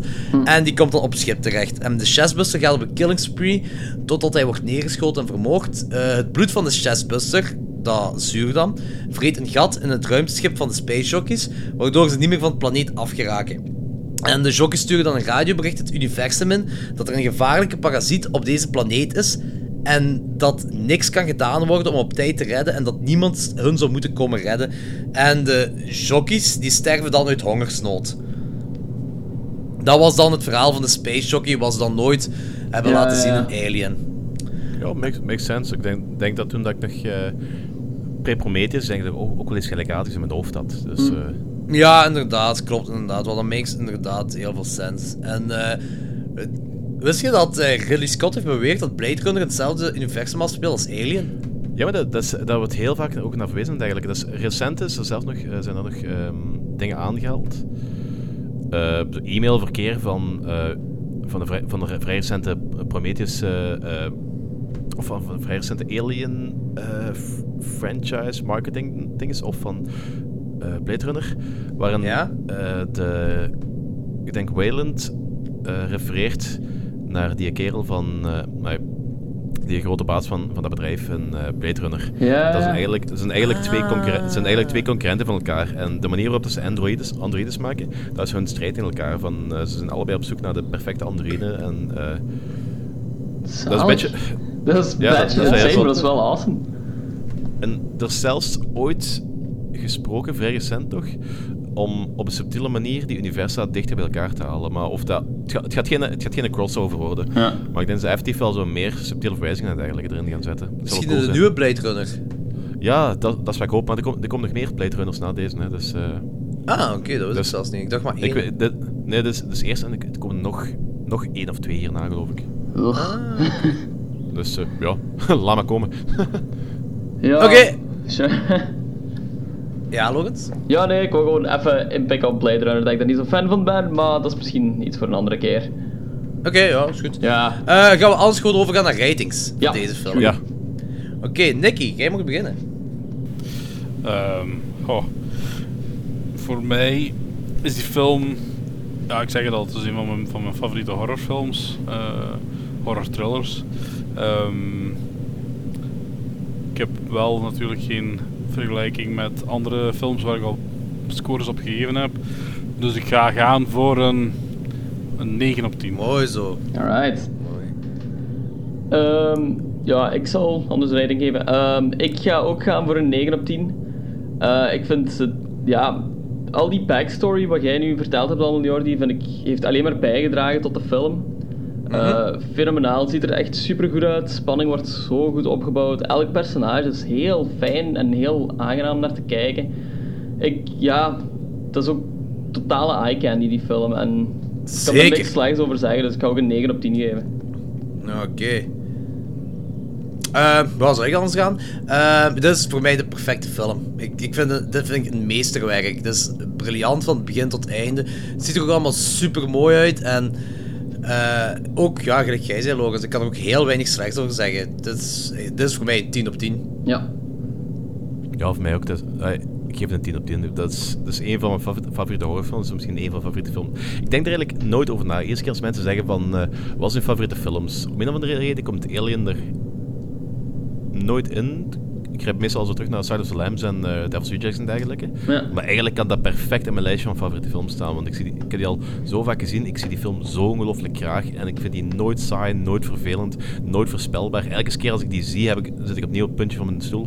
En hoe meer dat dat universum uitbreidt, ook met van die dingen wat mensen kut vinden, gelijk, eh, heel, dat is heel veel kritiek op Prometheus en zelfs op Alien Covenant en dergelijke. Dat blijft gewoon zo'n ongelooflijk goede film en dat universum is zo ongelooflijk interessant. Ja, Dus ik kan, er I echt- agree. ik kan, er, ik, kan er, ik kan er heel eerlijk gezegd niks slechts over zeggen.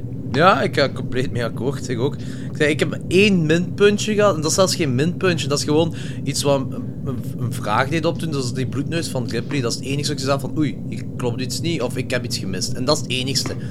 Dus dat is eigenlijk vrijwel een perfecte film eigenlijk. Ja. Yes. Maar dat, is me, dat is me zelfs niet opgevallen. Dus, eh, Eh, Oké, dus eh, zoals jullie luisteraars nu wel horen, wij raden deze film heel hard aan, moest je die nog niet gezien hebben. gemiddeld 9,5 op 10. Ja, Niet slecht. voilà. ja, helemaal niet slecht, nee. Oké, dan gaan we nu over naar Alien Covenant. You've all sacrificed so much to be here and be a part of this thing we're doing. This crew is made up of couples. It's the first ever large scale colonization mission. And everyone back on Earth is Really grateful for your hard work. and your courage. We're making history here. This is wheat. What are the odds of finding human vegetation this far from Earth? Who planted it?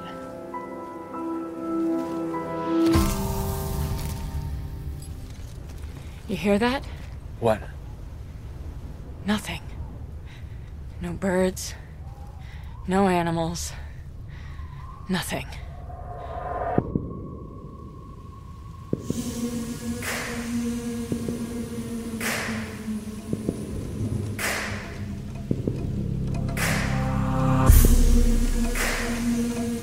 What happened here?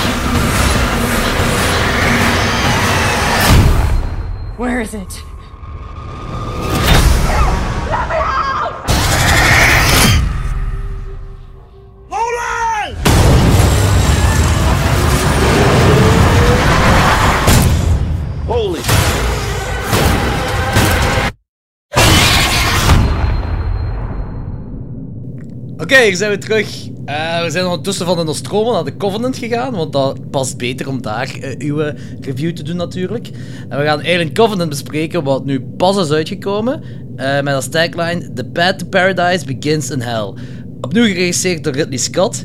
En geschreven door Jack Paglen. Eh, dat is de schrijver van... Ah, dat is, dat is een kerel die ook Godzilla vs. Kong gaat schrijven, wat in 2020 zou gereleased worden. Ah, nice. Ja. Impressive. Oké. Eh, nog een schrijver is eh, Michael Green, en dat is de schrijver van Logan, eh, The Green Lantern en American Gods. Mhm. En screenplay is... Ook heel chapeau. Ja, een kerel heeft wel op zijn naam staan. Ja, maar... en eh, eh, de screenplay is eh, geschreven door John Logan, dat is de schrijver van Gladiator, Rango en Sweeney Todd. En ook Dante Harper, en dat is vooral een monteur, en dat is zijn allereerste screenplay ooit. Eh, de cast. Michael Fassbender als David. Michael Fassbender als Walter. Catherine Watterson als Daniels. eh, Billy Crudup als Oram. Danny McBride als Tennessee. eh, en die hebben we er straks ook eigenlijk even besproken, omdat hij een nieuwe Halloween gaat maken, waar ik mega psyched voor ben. Yes. Eh, dan spelen er nog wat random mensen in, maar ook James Franco. Ja, inderdaad. Dat was zo'n random cameo. ja, inderdaad. Ja, dus hij, die spe- speelde hij voornamelijk in die... ehm die Trailer, tro- die Troloog. eh, Yep, in proloog die zo niet in de film... Ja, dat. Weet, die, die tweede prolog wat release is, dat was eigenlijk een trailer van hebben gemaakt. Daar, Ja, daar heeft ja. ons wel de, de hoofdrol zo gedacht. Ik had pas door dat, eh, dat, dat hij dat was die daar verbrand werd toen, toen, eh, toen ze dat op dat scherm op die eh, iPad of zo wat Ja, ja, ik ook. Ah, ik, had hem, was. ik had hem dadelijk herkend in de tube en ik had de Ja, prolog nog niet gezien. Dus, eh. Ah, oké. Ik had Ja. hem helemaal niet herkend. Ik denk... Eh, Logan. Ja. Eh, zeg maar, wat wil je zeggen? Eh, nee, ik had gewoon James Franco ook niet herkend, omdat ik die gewoon niet verwachtte in die film ineens. Omdat dat zo de grote naam is, die eigenlijk gewoon nergens gepublished is, omdat dat zo'n random cameo is. Ja, inderdaad, ja, klopt. Maar, Ja, maar het is, Eh, wel, het is wel, die kerel die heeft wel eh, de neiging om zo heel veel van die eh, indie en kleine... het is nu niet klein, maar het is zo van die onverwachte rollen te spelen. Dat is wel cool, dat zijn- is heel cool. Dat is wel zijn ding. Dat is waar. Dat is heel gaaf. Eh, een synopsis. Alright. The crew of a colony ship bound for a remote planet discover an uncharted paradise with a threat beyond their imagination and must attempt a harrowing escape. Jawohl! Dat is een heel Eh, vage synopsis, but sure. Ja, maar ik, ik begrijp het volledig. Ja. Vrij volledig generic, maar... Eh, dit is dus een sequel op Prometheus. Eh, en Prometheus speelt zich 30 jaar af voor Alien. Eh, En dit ja. speelt zich tien jaar na Prometheus af, zeker? Ja, inderdaad. Ja. Ja, ja, Of 10 of 12 jaar. Ja, in ieder geval Ja, 12 zoiets, jaar ja. dacht ik. Ik dacht dat David eh, zei dat hem 12 jaar op die planeet zat. Oké. Ah, oké. oh, ja. is dat een spoiler? Is dat een spoiler? Nee, dat is geen spoiler, want iedereen weet dat David eh, daar zit. Weet iedereen dat, ja? Ja, dat is een, dat is een van de basispromises. Dat, eh, dat weet je ook op het einde van Prometheus, eh, dat hij daar vertrekt. En, ehm, in de Ja, dat- komt, komt David ook heel va- vaakvuldig voor. Het enige verwarrende is dat er zo die David en Walter is. Dat Het is enige verwarrend dat hij geen blond haar meer heeft. Ja. Ja. ja. Oké, eh, we gaan een beetje over Prometheus hebben, maar we, we- we kunnen niet anders natuurlijk. Ehm, ja, vertel eens, wat zijn nu uw gedachten over Prometheus, voordat we hierin gaan in Alien Covenant? Eh, Eh. Prometheus is in mijn ogen een film die vol met plotholes zit, maar ik vind hem geweldig. Oké, kort Ja. en bondig. Ik kan er ook volledig in komen. Ik vond, de eerste keer dat ik Prometheus zag, vond ik hem super vet. Ehm, daarna hoor je zoveel critics van zeggen dat ja, hij inderdaad gewoon een plothole zit en dat de personages gewoon heel onrealistische eh, beslissingen maken. Kan ik volledig inkomen, maar ja, dat heb ik me niet zoveel aangetrokken. Ik vind hem ook nog altijd keigoed eigenlijk. En Nicky? Ja, voor mij, eh, toen ik Prometheus in de cinema zag, had ik zoiets van, dit was een coole film, maar ik heb zoveel gemist van de symboliek die gebruikt wordt waarschijnlijk, dat ik Ja. echt zoiets had van, oké, die, is- die is cool, maar dit is, dit is niet echt eh, in het Alien Universe, het is niet dezelfde trend. En dan heb ik daarna een eh, blogpost gelezen van iemand die echt stap voor stap alle symboliek ging, afging, elk, elk klein detail. En sinds dat ik die blog heb gelezen, is die film voor mij echt enorm gestegen in, in waarde. Omdat het echt insane is hoe ver dat Ridley Scott gaat. Yes. Het, het implementeren van zijn visie in de kleinste hoekjes en gaatjes van de film. En heel veel plotholes volgens mij worden ook gewoon gedicht als je de symboliek mee hebt. Ja, want jij Ah. hebt me die blogpost zelfs doorgestuurd back in the day, denk ik. Ehm, en ja, ik moet ook zeggen, van, dat is super boeiend om eens te lezen. Eh, we zullen die zo... Maar zijn dat, zijn dat fantheorieën of is dat echt allemaal waarheid? Dus deels fantheorie en deels dingen die door Ridley Scott zelf bevestigd zijn of die effectief eh, hier en daar bevestigd zijn door iemand anders, door iemand van de, van de crew of van de cast, dat het, of van de sch- schrijvers zelfs, dat, eh, dat het allemaal, dat die ideologie erachter zit, maar dat het inderdaad, ja, dat, dat de Ridley Scott het graag niet eh, in your face heeft, maar subtiel houdt. Zeker Ja, dat- in deze film. Ja, oké. Eh, ja, ik, ik heb Prometheus, gelijk al zei, ik heb dit pas gezien voor de eerste keer, nu een paar weken geleden. Dat een prachtige film, die, die, die ziet er visueel zo zot uit, zo gaaf, super mooi. Maar ik had er eh, ook wel heel veel problemen mee, zeker qua verhaal. En eh, in mijn ogen, Prometheus heeft Alien Covenant nodig gehad om bepaalde eh, gaten te dichten. Zo lijkt me dat toch in ieder geval. Ja, maar ehm, ik denk, denk ook... Het was sowieso al de bedoeling om daar meer films van te maken. Maar eh gelijk dat Nicky zegt van... dat hij zijn plaats niet echt heeft binnen het Alien-universum. Eigenlijk was het gewoon ook de bedoeling om Alien als stepping stone te pakken en dan een heel eigen verhaal te schrijven. Het was Ja. de bedoeling om weg Ja. te gaan van het hele Alien-universum en meer richting eh, de engineers en waar komt de mensheid vandaan en de heel creationistische... wat wel, wat wel een beetje fout is, is creationisme, Ja. bla bla bla.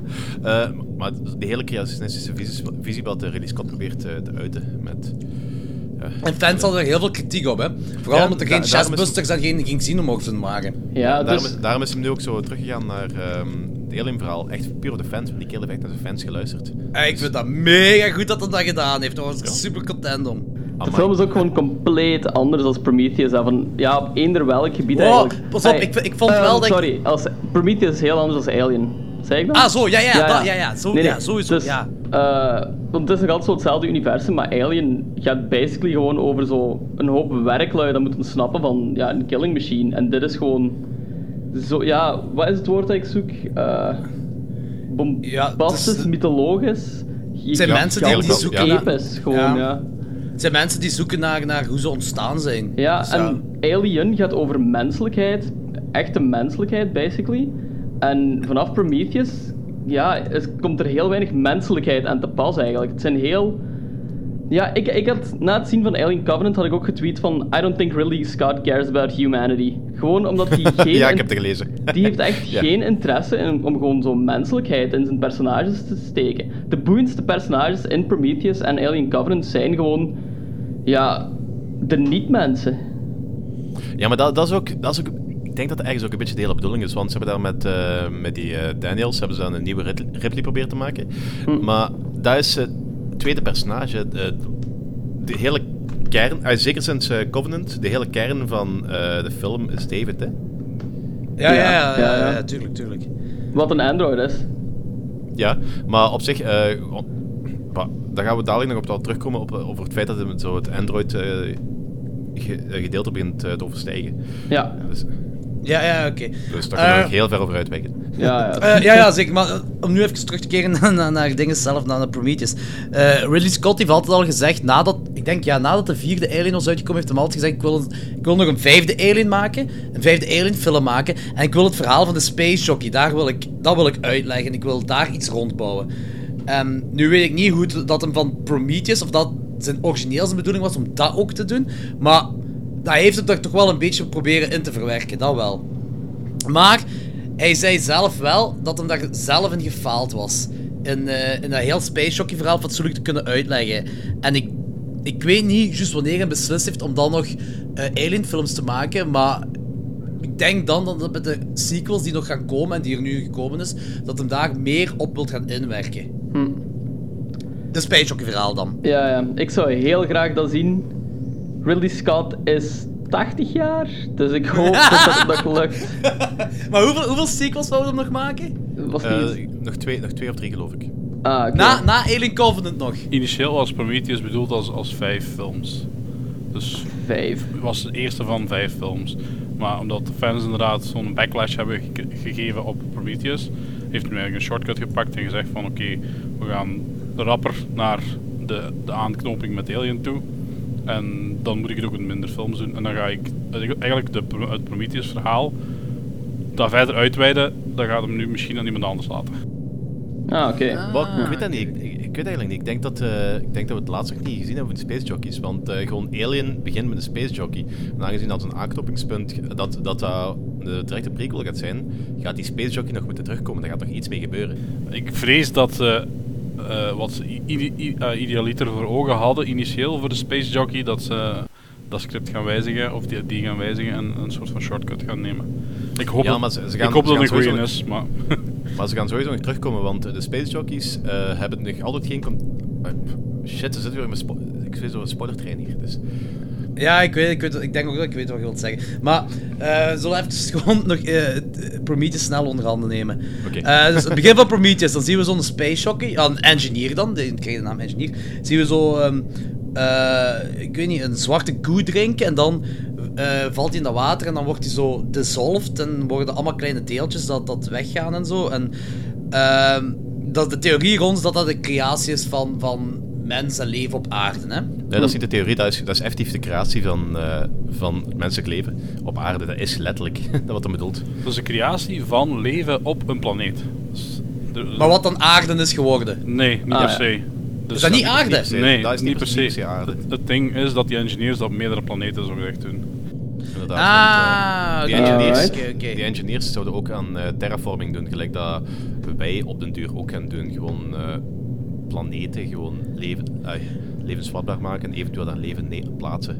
Dat doen zij dan ook, dat doen zij dan ook met een wat meer ritualistische manier. Ah, ja, oké, maar hetgeen wat we zien, dat zou dus effectief ook op aarde kunnen gebeurd zijn. Ja, inderdaad. En dat is, eh, Oké, daar, gaan ja, ze ja. van, daar gaan ze vanuit dat dat ook op aarde gebeurd is, maar die scène is niet per se op aarde eh Nee, nee, oké, oké. Eh, oké. Eh, dan het gigantische schip landt op... eh, eh, dat is al niet onze planeet dan. Dus die, die kerel die wordt daar gewoon gedropt. Eh, die lichamelijke structuur wordt afgebroken. En, en, en je ziet het allemaal zo gebeuren. Ehm, die... Ja, ik, ik, er zijn zo'n paar van die kleine dingen dat ik zo vreemd vind. Gelijk, als die, die, die kerel, die, of die engineer dat dan gedropt wordt daar, is dat zo eh, een slachtoffer? Of is dat zo... is dat zijn taak om zo kapot te gaan dan Er is- eigenlijk? En er is een, een deleted scene van waarbij dat die scène eigenlijk verder uitgebreid wordt en dat je eigenlijk een, een, een groep elders van de engineers ziet Ja, ja, die hem eigenlijk ehm, ja, die taak toebrengen. Of, ja, hij- het is een soort, soort van zelfopoffering voor de greater good of voor eh, het voortzetten van. En ehm, ik weet niet of dat het een, een verplichte taak is of eerder een, een soort van Wel, vrijwillige. Het zag eruit alsof hij pijn had. Het zag er wel uit Ja, alsof hij maar pijn Maar- eh, ja, maar de manier waarop dat hem dat inneemt, is het, is het meer zo van: ik aanvaard dit lot. Dus, Ja, maar heb je, heeft er iemand Vikings gezien? Eh, nee. Nee. Oké. eh, Viking- eh, f- oké, Alright, dat was- dat was- agressieve dat was bocht, maar oké. Ja, nee, nee, het, is onmak- het was makkelijk om het even aan te tonen, maar in, Ja. eh, vroeger in de tijd van eh, de, toen dat, toen dat de Noors-Germaanse mythologie effectief nog eh, leefde, waren er ook heel veel eh, eh, mensen die zich opofferden voor dat of dat of dat doel. En som- soms waren dat vrij eh nutteloze dingen, geloof ik, leven voor de, om de goden eh, blij te maken, zodat ehm, ze, eh, hun volk de strijd konden winnen. Ander was, want was gewoon een opoffering voor eh, weet veel welk feest. De- eh, de manier waarop dat wij momenteel met ons leven omgaan is... ons leven is heilig voor ons momenteel en eh daar moet niemand tussenkomen en weet het allemaal. En misschien hebben zij dan een heel andere visie op. Wat hij misschien... eh, hij is nu wel de eh, alvader van een hele nieuwe planeet vol met leven. En dat is een bepaalde, een bepaalde manier, met een bepaalde cultuur, ook, een- ook cultuur hier op aarde. Dus verschillende culturen doorheen de geschiedenis van de aarde hebben dat ook zo op die manier eh, beschouwd. Dat een, ehm, dat een hele eer is om je leven te kunnen geven voor eh, de maatschappij, voor, eh, voor andere dingen. En ik denk dat dat daar op dezelfde manier is. Ik denk niet dat het per se een slachtoffer is of dat het een gevangenis is. Ik denk gewoon dat dat een hele... ehm, een heel mooi iets is binnen die cultuur van, van de engineers om de bouwstenen te kunnen zijn van leven ergens anders. Nou ja, oké. I think I kinda get that. Ja, Oké, ja. ja. Eh, Oké, ehm, in Prometheus, ja, we gaan niet heel die film bespreken. Hè. Het komt er gewoon zo op neer dat je hebt daar die android, dat is David. ehm, ja, genaamd David.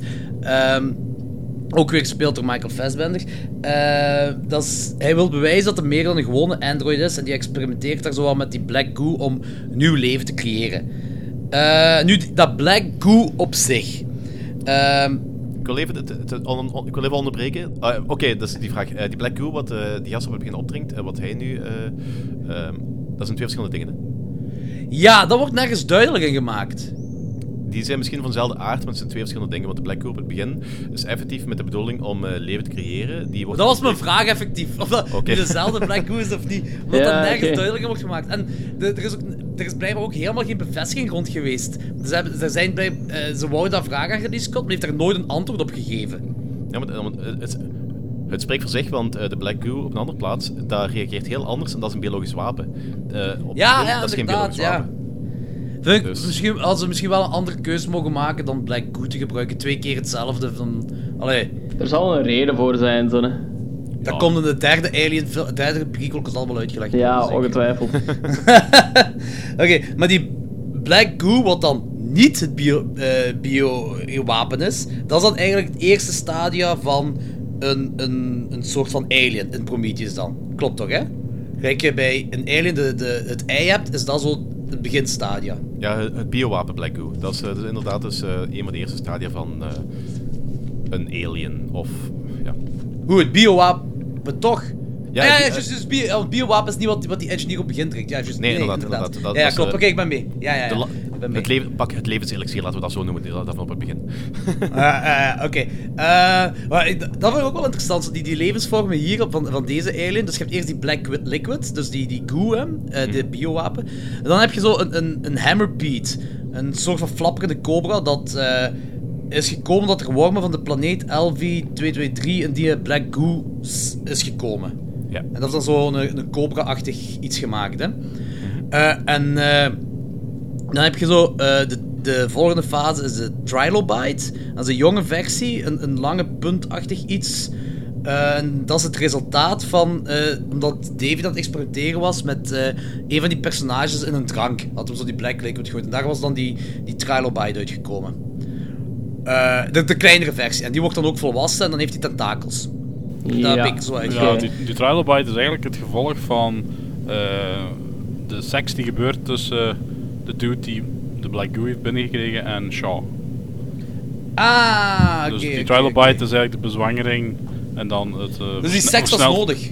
Die seks was nodig om dat ding in Shaw te krijgen. Want, Ah, oké. Ah, oké, want oké. die dude Ja, op die, zich- die dude die die goo krijgt, die gaat langzaam gewoon dood eraan.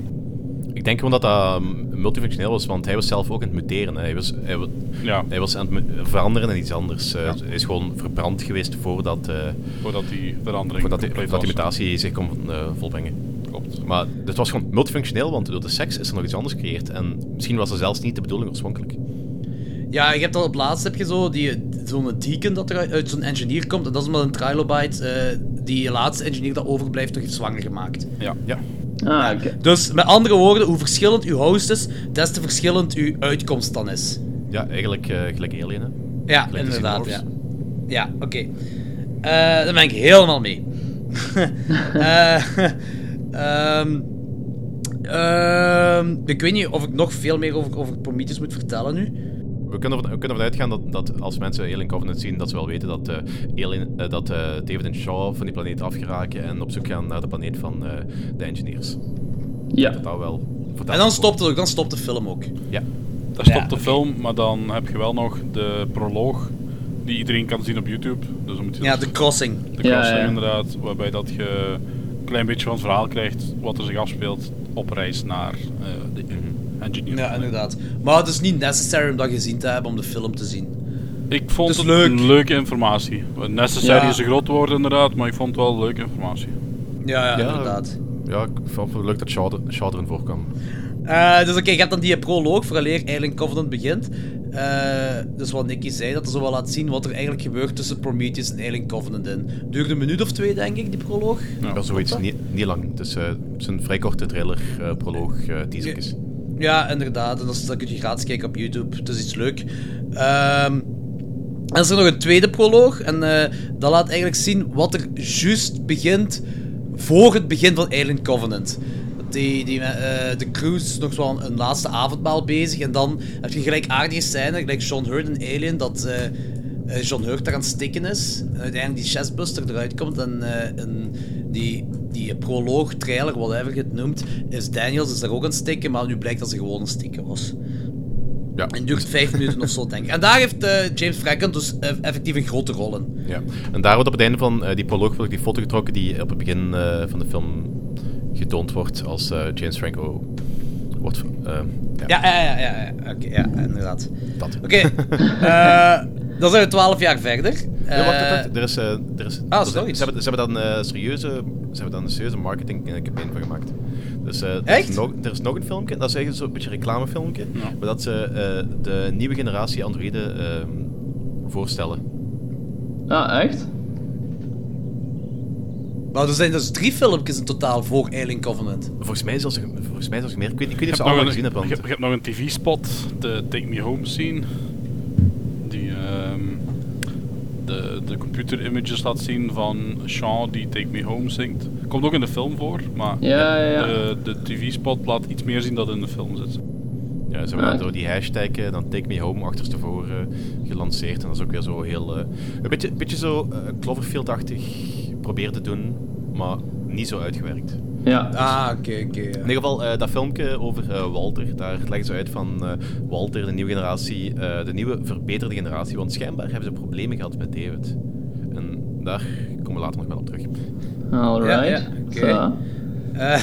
Oké. Dus dan zijn we nu 12 jaar verder en er is een ruimteschip genaamd Covenant. Waar wij nu in zitten, deze ruimteschip. It's nice, not bad. ja. Goed. en eh, er zitten 2000 kolonisten op en een duizendtal embryo's eh, op weg naar een planeet. eh, om daar de mensheid terug te redden en een, een, om, de, ja, om de mensen te redden een nieuwe kolon- kolonie te starten. Te- dat vind ik cool, hoe, hoe die scène begint. Dus tijdens, tijdens dat iedereen hypersleep is, wordt het schip bewaakt door Walter. Walter is basically de brunette versie van David uit Prometheus. Ja. En ook weer gespeeld door Michael Fassbender. Ehm, en door een, een neutrio-uitbarsting eh, aan het schip ergens in de ruimte... ehm, ja, wordt het schip beschadigd en eh, er sterven een heel hoop kolonisten. En de mensen die in hypersleep zitten, die worden eh, vrij bruut gewekt. Wat ik heel cool vind, want dat is het enige wat ik zo... Ah, niet enige, dat is hetgeen wat ik zo dacht bij Alien ook zo van... Die mensen die worden allemaal heel... ehm, relaxed wakker. Of zo bij Prometheus ook. En dan, dan moet hun lichaam zich aanpassen en waar ze zijn. En ze moeten al- allemaal wat spouwen en overgeven. Maar ze zitten in een relaxed omgeving. Wat als ze nu gewoon in een shitty omgeving zitten, dat ze geen tijd hebben om op hun gemak te komen. Gelijk we het nu dus zien. Of gelijk Alien 3. Nou, weet ik al niet meer. Die moet ik nog eens opnieuw zien. Die moet ik echt nog eens opnieuw zien. Dat is Ja, bij Alien. Alien 3, iedereen was dood buiten Ripley. En Ripley heeft daar nog een heel tijdje in eh, coma gelegen. Dus eh, dat is ook relax wakker worden op zich. Ja, ze had nog altijd een beetje ziekteverschijnsel ook, hè, dus. Ja, vind ik het gek. die, die, die had ook zo weer, ik weet niet veel eh, decennia in, de, in het heelal rondgezweefd. Dus, eh. Ja, als maar is. Ja. Eh, Oké, dan, dan heb je Walter, die beveelt het schipcomputer, dat ook Mother noemt hier, eh, om iedereen wakker te maken. Oké, ehm, dus eh, er is een pot waar James, zo'n een sleeppot, hypersleeppot, whatever, waar James Franco ligt. En eh, die raakt niet open, door een of andere reden. En eh, dan wordt hem levend verbrand daarin. En eh, James Franco is dan al dood, helemaal op het begin van de film. Ja. Ja. Want ik denk eigenlijk dat ze zo niet echt veel budget hadden om hem ook nog in de film te steken. Denk je? Ik denk dat die film wel genoeg budget had. Hè. Ja, ik denk het ook Eh, wel. Ik, ik weet het niet op zich. Ik bedoel, ze, ehm, die, dat heeft eigenlijk maar 67, 97 miljoen gekost. Hè. 97, dat is niet heel veel, I guess. Inderdaad. Het is minder Dus, dan eh, Prometheus, dus. Ja. Het heeft, ook wel iets minder gekost dan dat ze eigenlijk verwacht hadden. Maar ik, bedoel, ik weet niet of de James Franco... Ik, ik weet niet wat die mens kost.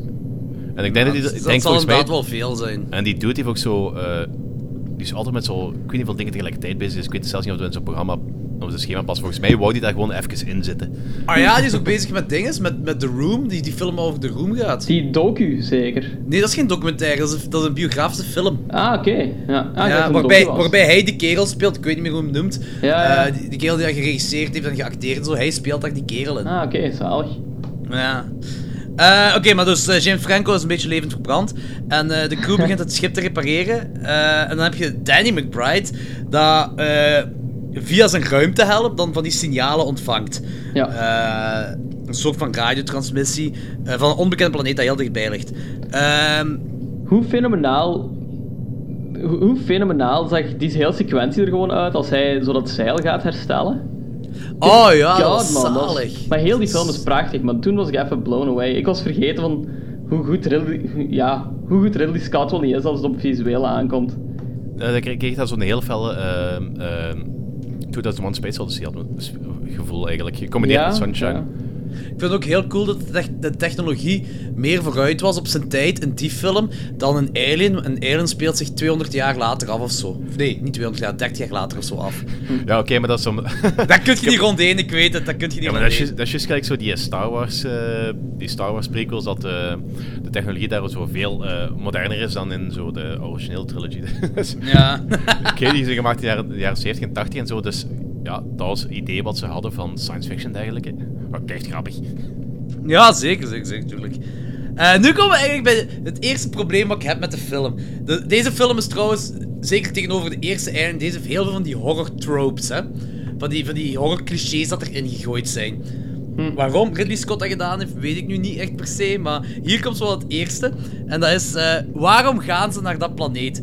In Alien hebben ze daar een, een, een perfecte uitleg voor. Echt, dat is perfect gedaan. En hier is het gewoon zo van... eh ja, ze hebben schrik om terug in hypersleep te gaan. En we zouden dat toch maar... Weet je, dat is, dat is het equivalent van... eh, we horen iets in het bos, kom, we gaan kijken wat er aan de hand is. Of we horen iets in de kelder, we gaan kijken wat er aan de hand... Ah, je weet, dat is zo... Dat is zo'n beetje de verdere zetting van zo'n Prometheus. Van zo de menselijke reacties die niet heel natuurlijk overkomen allemaal. Ja, het is- is een beetje een, een cliché ook gewoon in horrorfilms, zoiets.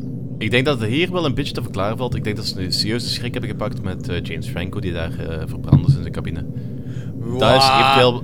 Maar je gaat geen tw- 3000 kolonisten in totaal riskeren eh, voor naar een onbekende planeet te gaan, hè? Ja, dat is wel, Terwijl- het, is, terwijl- het, is, het, is een dom, het is een domme move, maar ik denk niet dat het heel... dat het volledig... Ze hebben het geprobeerd te verklaren, zo het zo Ja, zeggen. Ze hebben het geprobeerd, ja. Ja. De, dus er is zo'n space shuttle, gaat met een deel van de crew gaan ze naar, naar die planeet toe.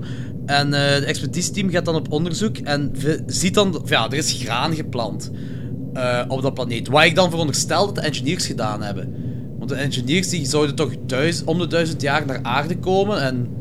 Ik weet niet, dat ze dan graan hebben meegenomen of planten hebben Ja, meegenomen ja. Van, van aarde en dan kijken of dat bij hun zo zou lukken, niet? Ja, inderdaad.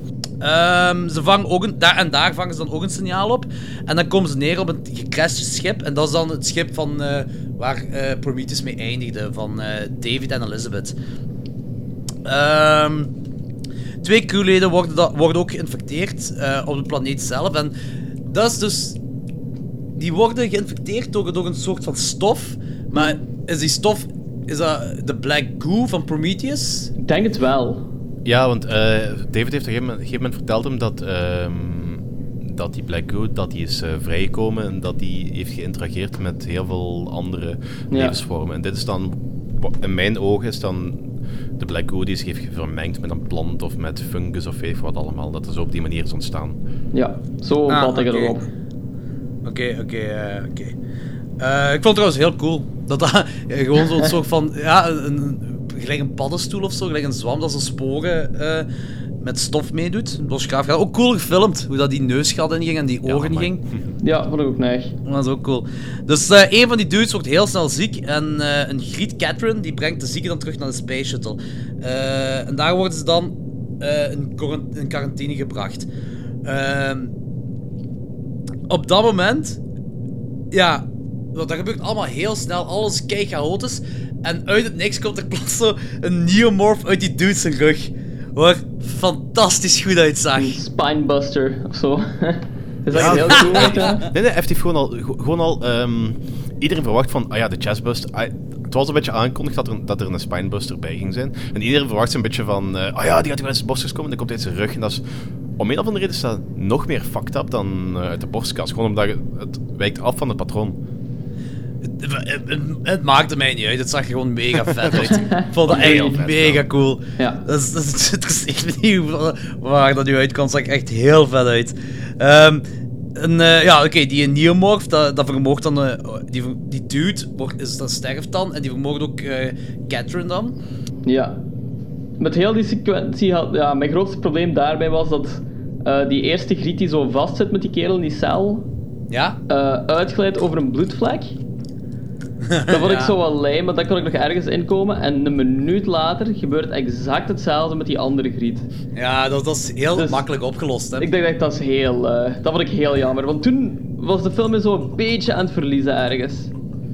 Ah, wow, ik stoor me niet zo, zo fel aan die dingen. Zo, Ja. zo- pff, het is een horrorfilm en dan...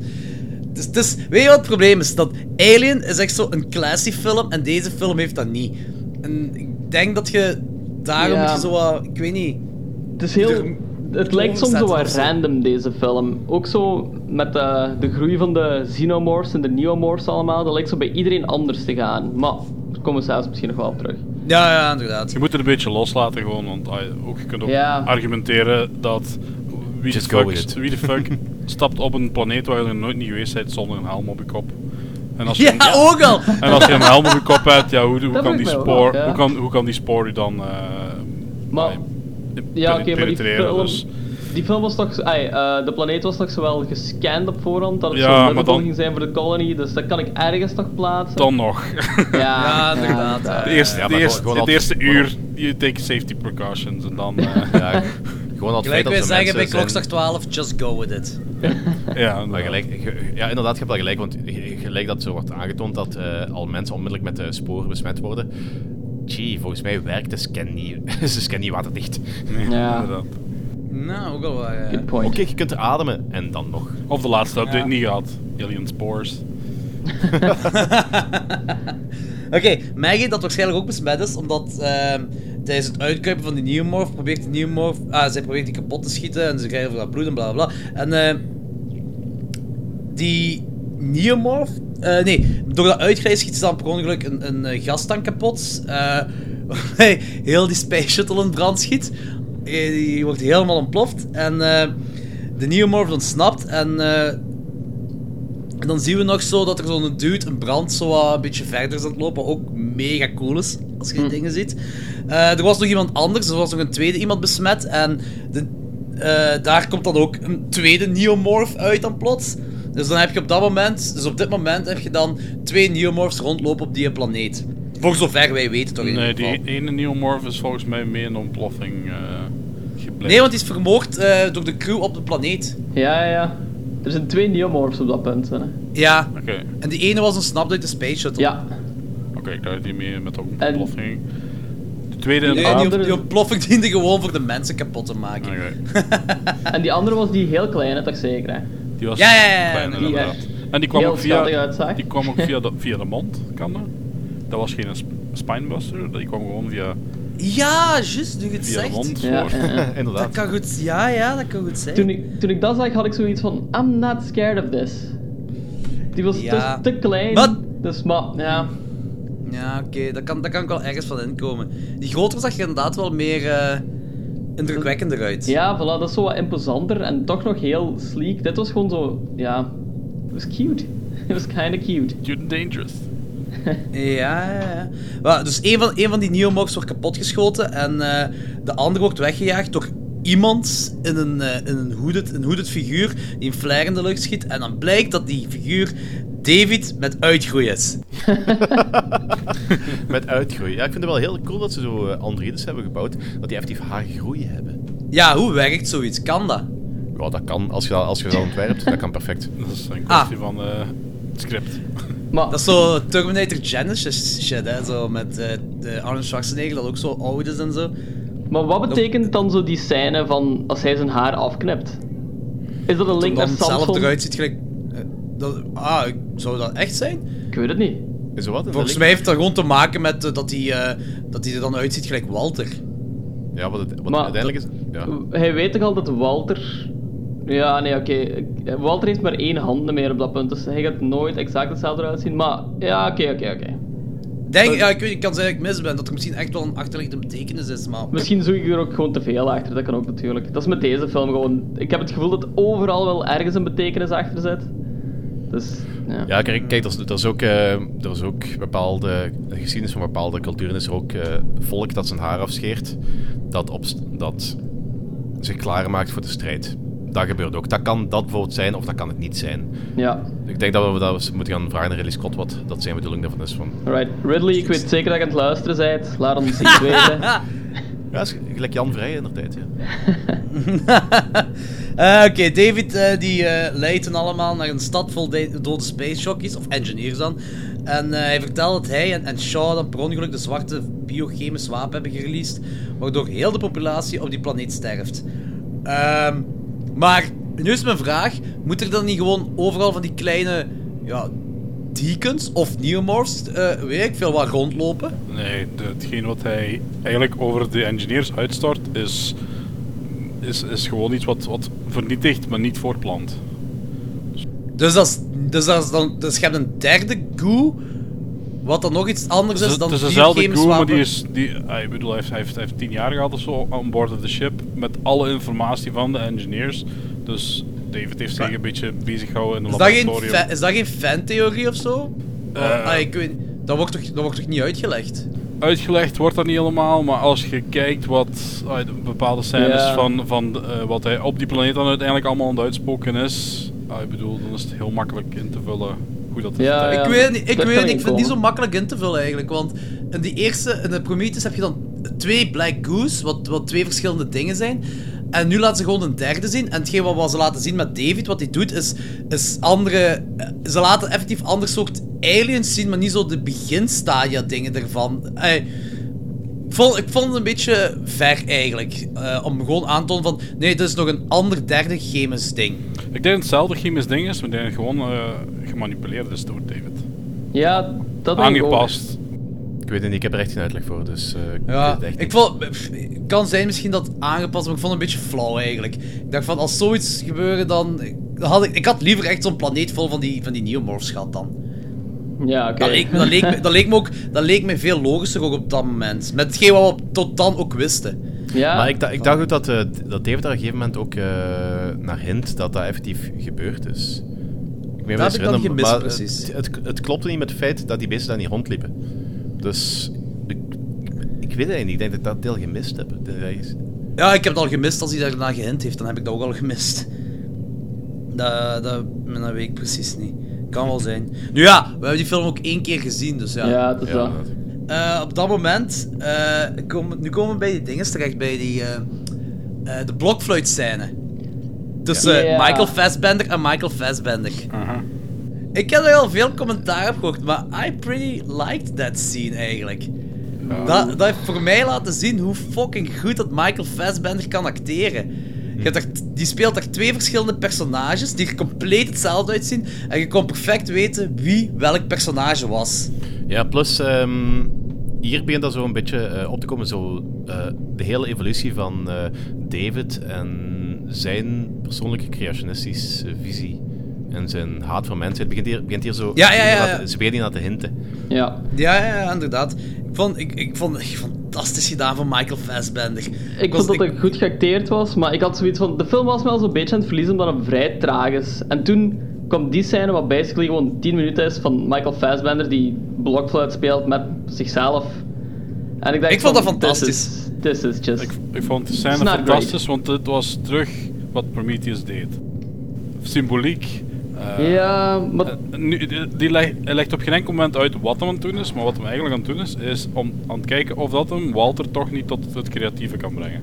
Ja, en legt, zegt hem daar ook niet dat hem eigenlijk, of kwam erop neer dat hem ook verliefd was op, op eh, Elizabeth? Ja. David dan. Ja. Ja.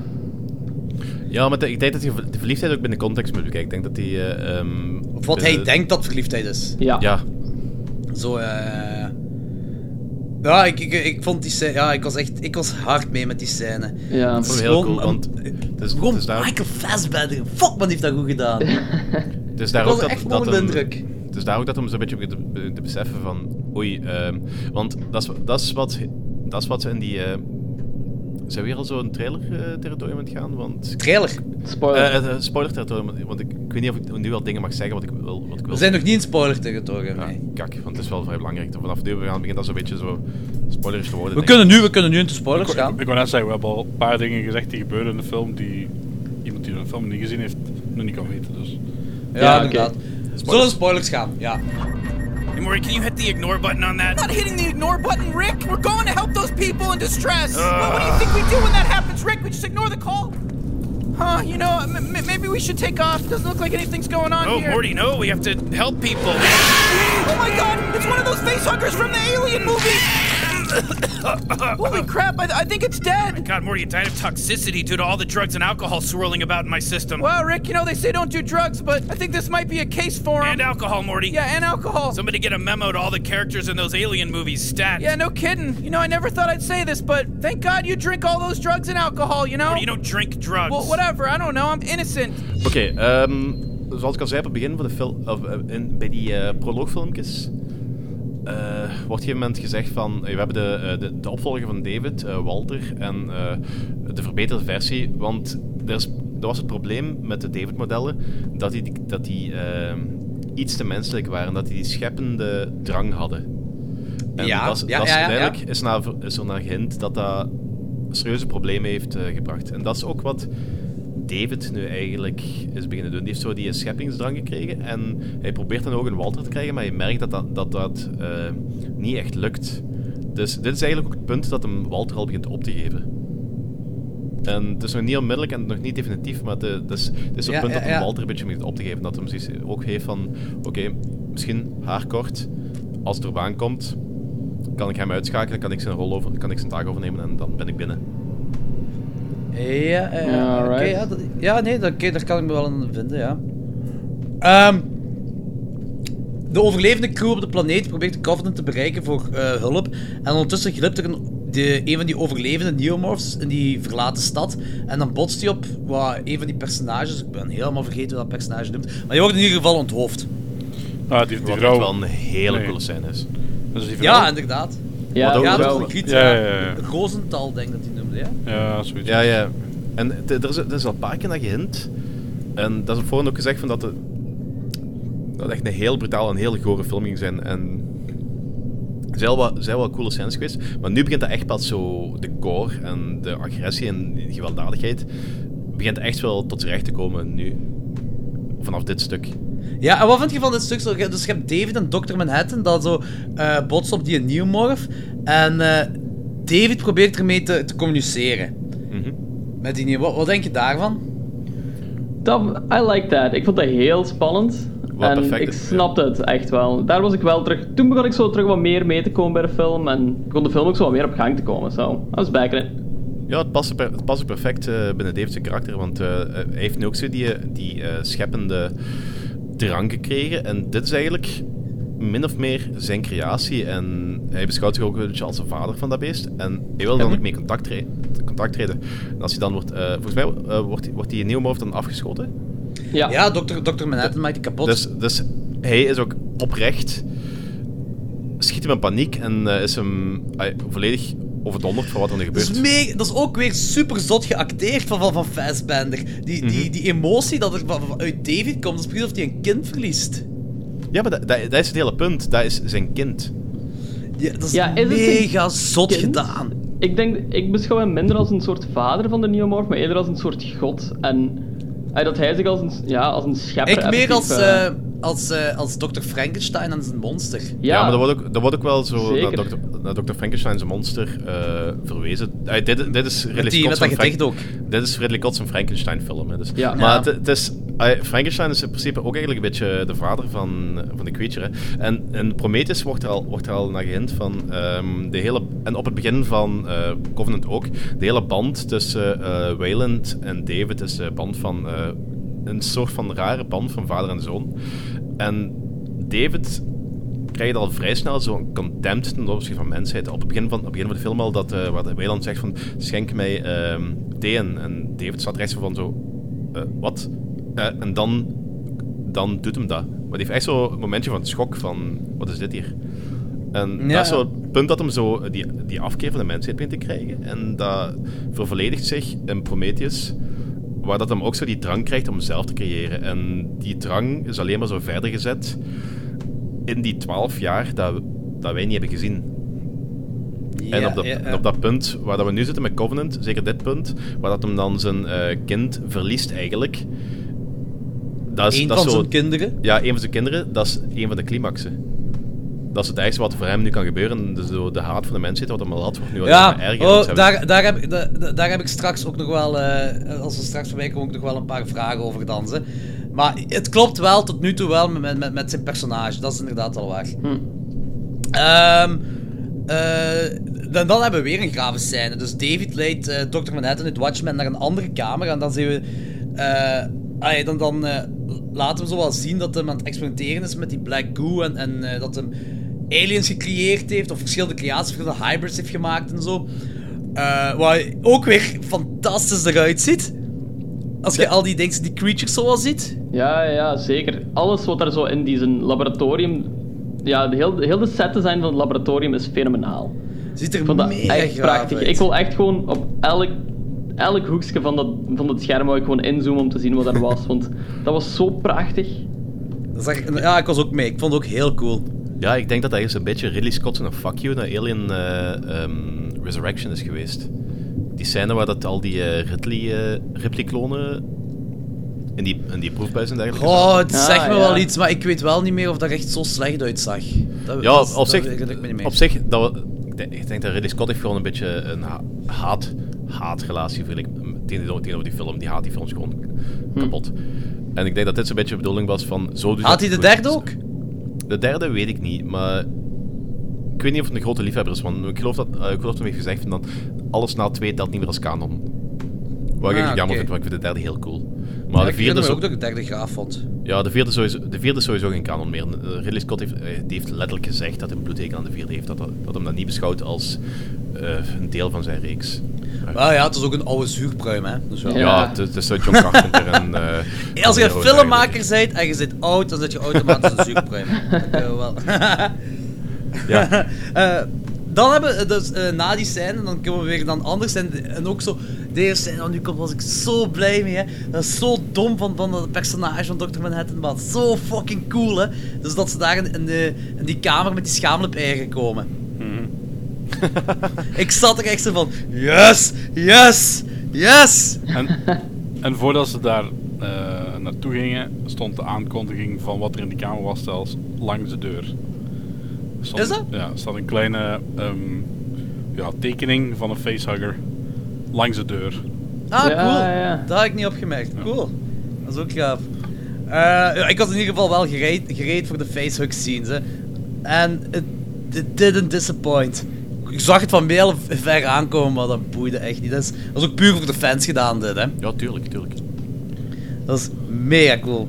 Eh, dus oké, Dr. Manhattan wordt daar een beetje oraal verkracht. En eh, dan eh, barst er een chestbuster in zijn ribbenkast. En die vond ik niet cool.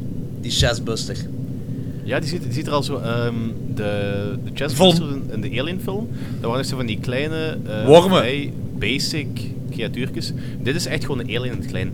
Ja. Ja, ik, en ook tussen CGI, al die CGI erbij zo. Ik was Ja, het was heel CGI. Ik was ook minder. minder Ja, ik- dat hadden ze beter mogen doen. De e- want dat is de eerste chestbuster scene dat we zien hè, in de film. Ja, ik heb de spinebust heb gehad, wat ongeveer hetzelfde is, I guess. Ja, maar dan toch, maar ik weet niet. Ik was er niet zo'n fan van. Nee, het gebeurde ook allemaal veel te snel. Ik weet dat eh, de eerste John Hurt, dat zo, die, die voelde zich beter, die kwam terug uit zijn coma of, of die was ontwaakt. En die voelde zich beter, gaat mee eten en dan pas begint het te stikken en dan pas komt die chestbust zien. En hier is dat precies onmiddellijk dat dat gebeurde. Het is zo bij Ja, maar dat is- iedereen dat is- anders hier. Dat is... Dat is het hele ding opnieuw. Dit is een eerste stap in de evolutie van, de, van die facehugger en die chestbuster. Ik denk dat, ehm, dat de volgende iteraties heb je meer tijd nodig, want uw doel is om dat ding om aan boord van een schip te krijgen. En als dat onmiddellijk uit de chest burst, dan krijg je dat niet mee aan een schip, op een schip. Dus ik denk dat het idee is dat de volgende iteraties ervan langer... Wacht, wacht. Dus de, het idee van de alien in de evolutie is dan om aan een, op een schip te geraken. Ja, dus ik denk dat het idee helemaal is van dit, dit soort van biowapen te kunnen verspreiden op zo'n manier dat, dat, Ah, er, dat ja. er wat tijd overheen gaat. Dus maar dat, 30 jaar is niet veel tijd om te evolueren aan zoiets, hè? ah, hij heeft er Of tien denk jaar, ik er weer te veel over na? hij heeft er, hij heeft er een dikke tien jaar over gedaan om eh, de Black Goo te- aan te passen om de engineers Ja, ja, uit te schakelen. zo, dus ja, ja, ja, ja. Het, is een het is een Android, hè, dus het denkt op, op, op het tempo van computers. Hè. Is niet op het tempo van menselijk. Nee, nee, nee, nee, ja, nee, nee, nee, dat bedoel ik niet. Ik bedoel, eh, als je bekijkt hoe, hoe, hoe lang dat duurt vooraleer de, wanneer de facehugger sterft en dat de eh kerel eh, bezwangerd is en dat die chestbuster komt, dat dat heel snel is hier. En een alien gebeurt dat heel langzaam en kan erbij inkomen dat hij die evolutie nodig heeft. Maar er zit maar 30 jaar tussen Alien Covenant en Alien. Dus een ja. evolutie op 30 jaar, dat is zo... Ja, gelijk nu in de jaren 80 iets zo qua Ja, evolutie dat, anders dat, zou dat is zijn. maar een kwestie, kwestie van DNA-manipulatie. Inderdaad. Ah, en de xenomorphs ja, staat er zo gewoon bekend om zich heel snel aan te passen en dergelijke. Dus ik, het klopt wel ergens, vind ik. Oké, oké. Ik ben precies niet zo hard mee met die, met die theorie, maar ja, oké. Ja, ik, ik, heb er, ik, heb er, ik heb er ook een beetje moeilijk mee, want eh, ah ja, sowieso inderdaad dan eh, John Hurt. Ik denk dat dat, dat, dat, dat minstens vier, de incubatietijd zo minstens 24 uur is geweest of zo. Dus Hm. hij heeft even een nacht overheen gegaan. En nu is dat plots heel snel. En terwijl, Ja. dat David, terwijl dat David er ook al naar refereert als zijn perfect organism. Gelijk dat, eh, een, dat Kane ook al verwijst, een alien naar de perfect organism. Ik denk dat dit ook de xenomorph is. Ik weet niet of Dit dat is, ja, maar dit is een dat hij nog veel gaat evolueren. Het organisme is perfect, maar de delivery met het nog niet. Ik denk dat, dat het daarop op aan gaat komen. Dus dat de manier waarop dat die perfect organism aan boord geraakt van een schip of, aan, of ergens gedistribueerd kan worden, hij gaat gewoon die, die, ehm, de embryo-stadium moeten vertragen. Ik denk dat, dat dat zijn idee gaat zijn. Eerlijk, ik denk gewoon dat dit gedaan is om de, om de film sneller te laten verlopen. Ja, ik denk het ook Kan eigenlijk. ook Ik zijn. denk dat dat gewoon de reden is. Dat er voor de rest veel te hard over Mogelijk, nagedacht wordt. mogelijk, Ja. Eh, in die scène wordt in ieder geval wel geveeld dat David de bad guy is en niet een, een goede, gelijk we eerst zouden denken. En eh, Walter confronteert eh, David ermee en dan laat, laten ze weten dat David eh, voor expres die black goo over alle engineers heeft laten gaan en dat dat niet een, een, een foutje was, dat dat niet per ongeluk was gebeurd allemaal. Ehm, en zijn reden daarvoor is dat mensen op het puntje staan om uit te sterven en zij verdienen het niet om eh, het universum te koloniseren. Dat had ik daar toch uit opgemaakt. Ja. Of ben ik mis daarin? Ja, dat, komt- dat, komt een, komt beetje, dat gaat een beetje voort op die eh, contempt wat eh, David heeft gekregen voor de mensheid door... De reden waarom dat hij die engineers heeft doodgemaakt, bedoelt je? of? Ja, de reden waarom hij de engineers doodmaakt is omdat hij wil aantonen dat hij met eh, de kennis van de engineers aan boord van een schip al veel verder is geraakt met die Black Goo. En om aan te tonen van, kijk, jullie waren eerst de creators van de mens, mens heeft mij gecreëerd, maar ik overstijg ondertussen jullie, want ik heb met uw kennis iets gemaakt dat u doodmaakt.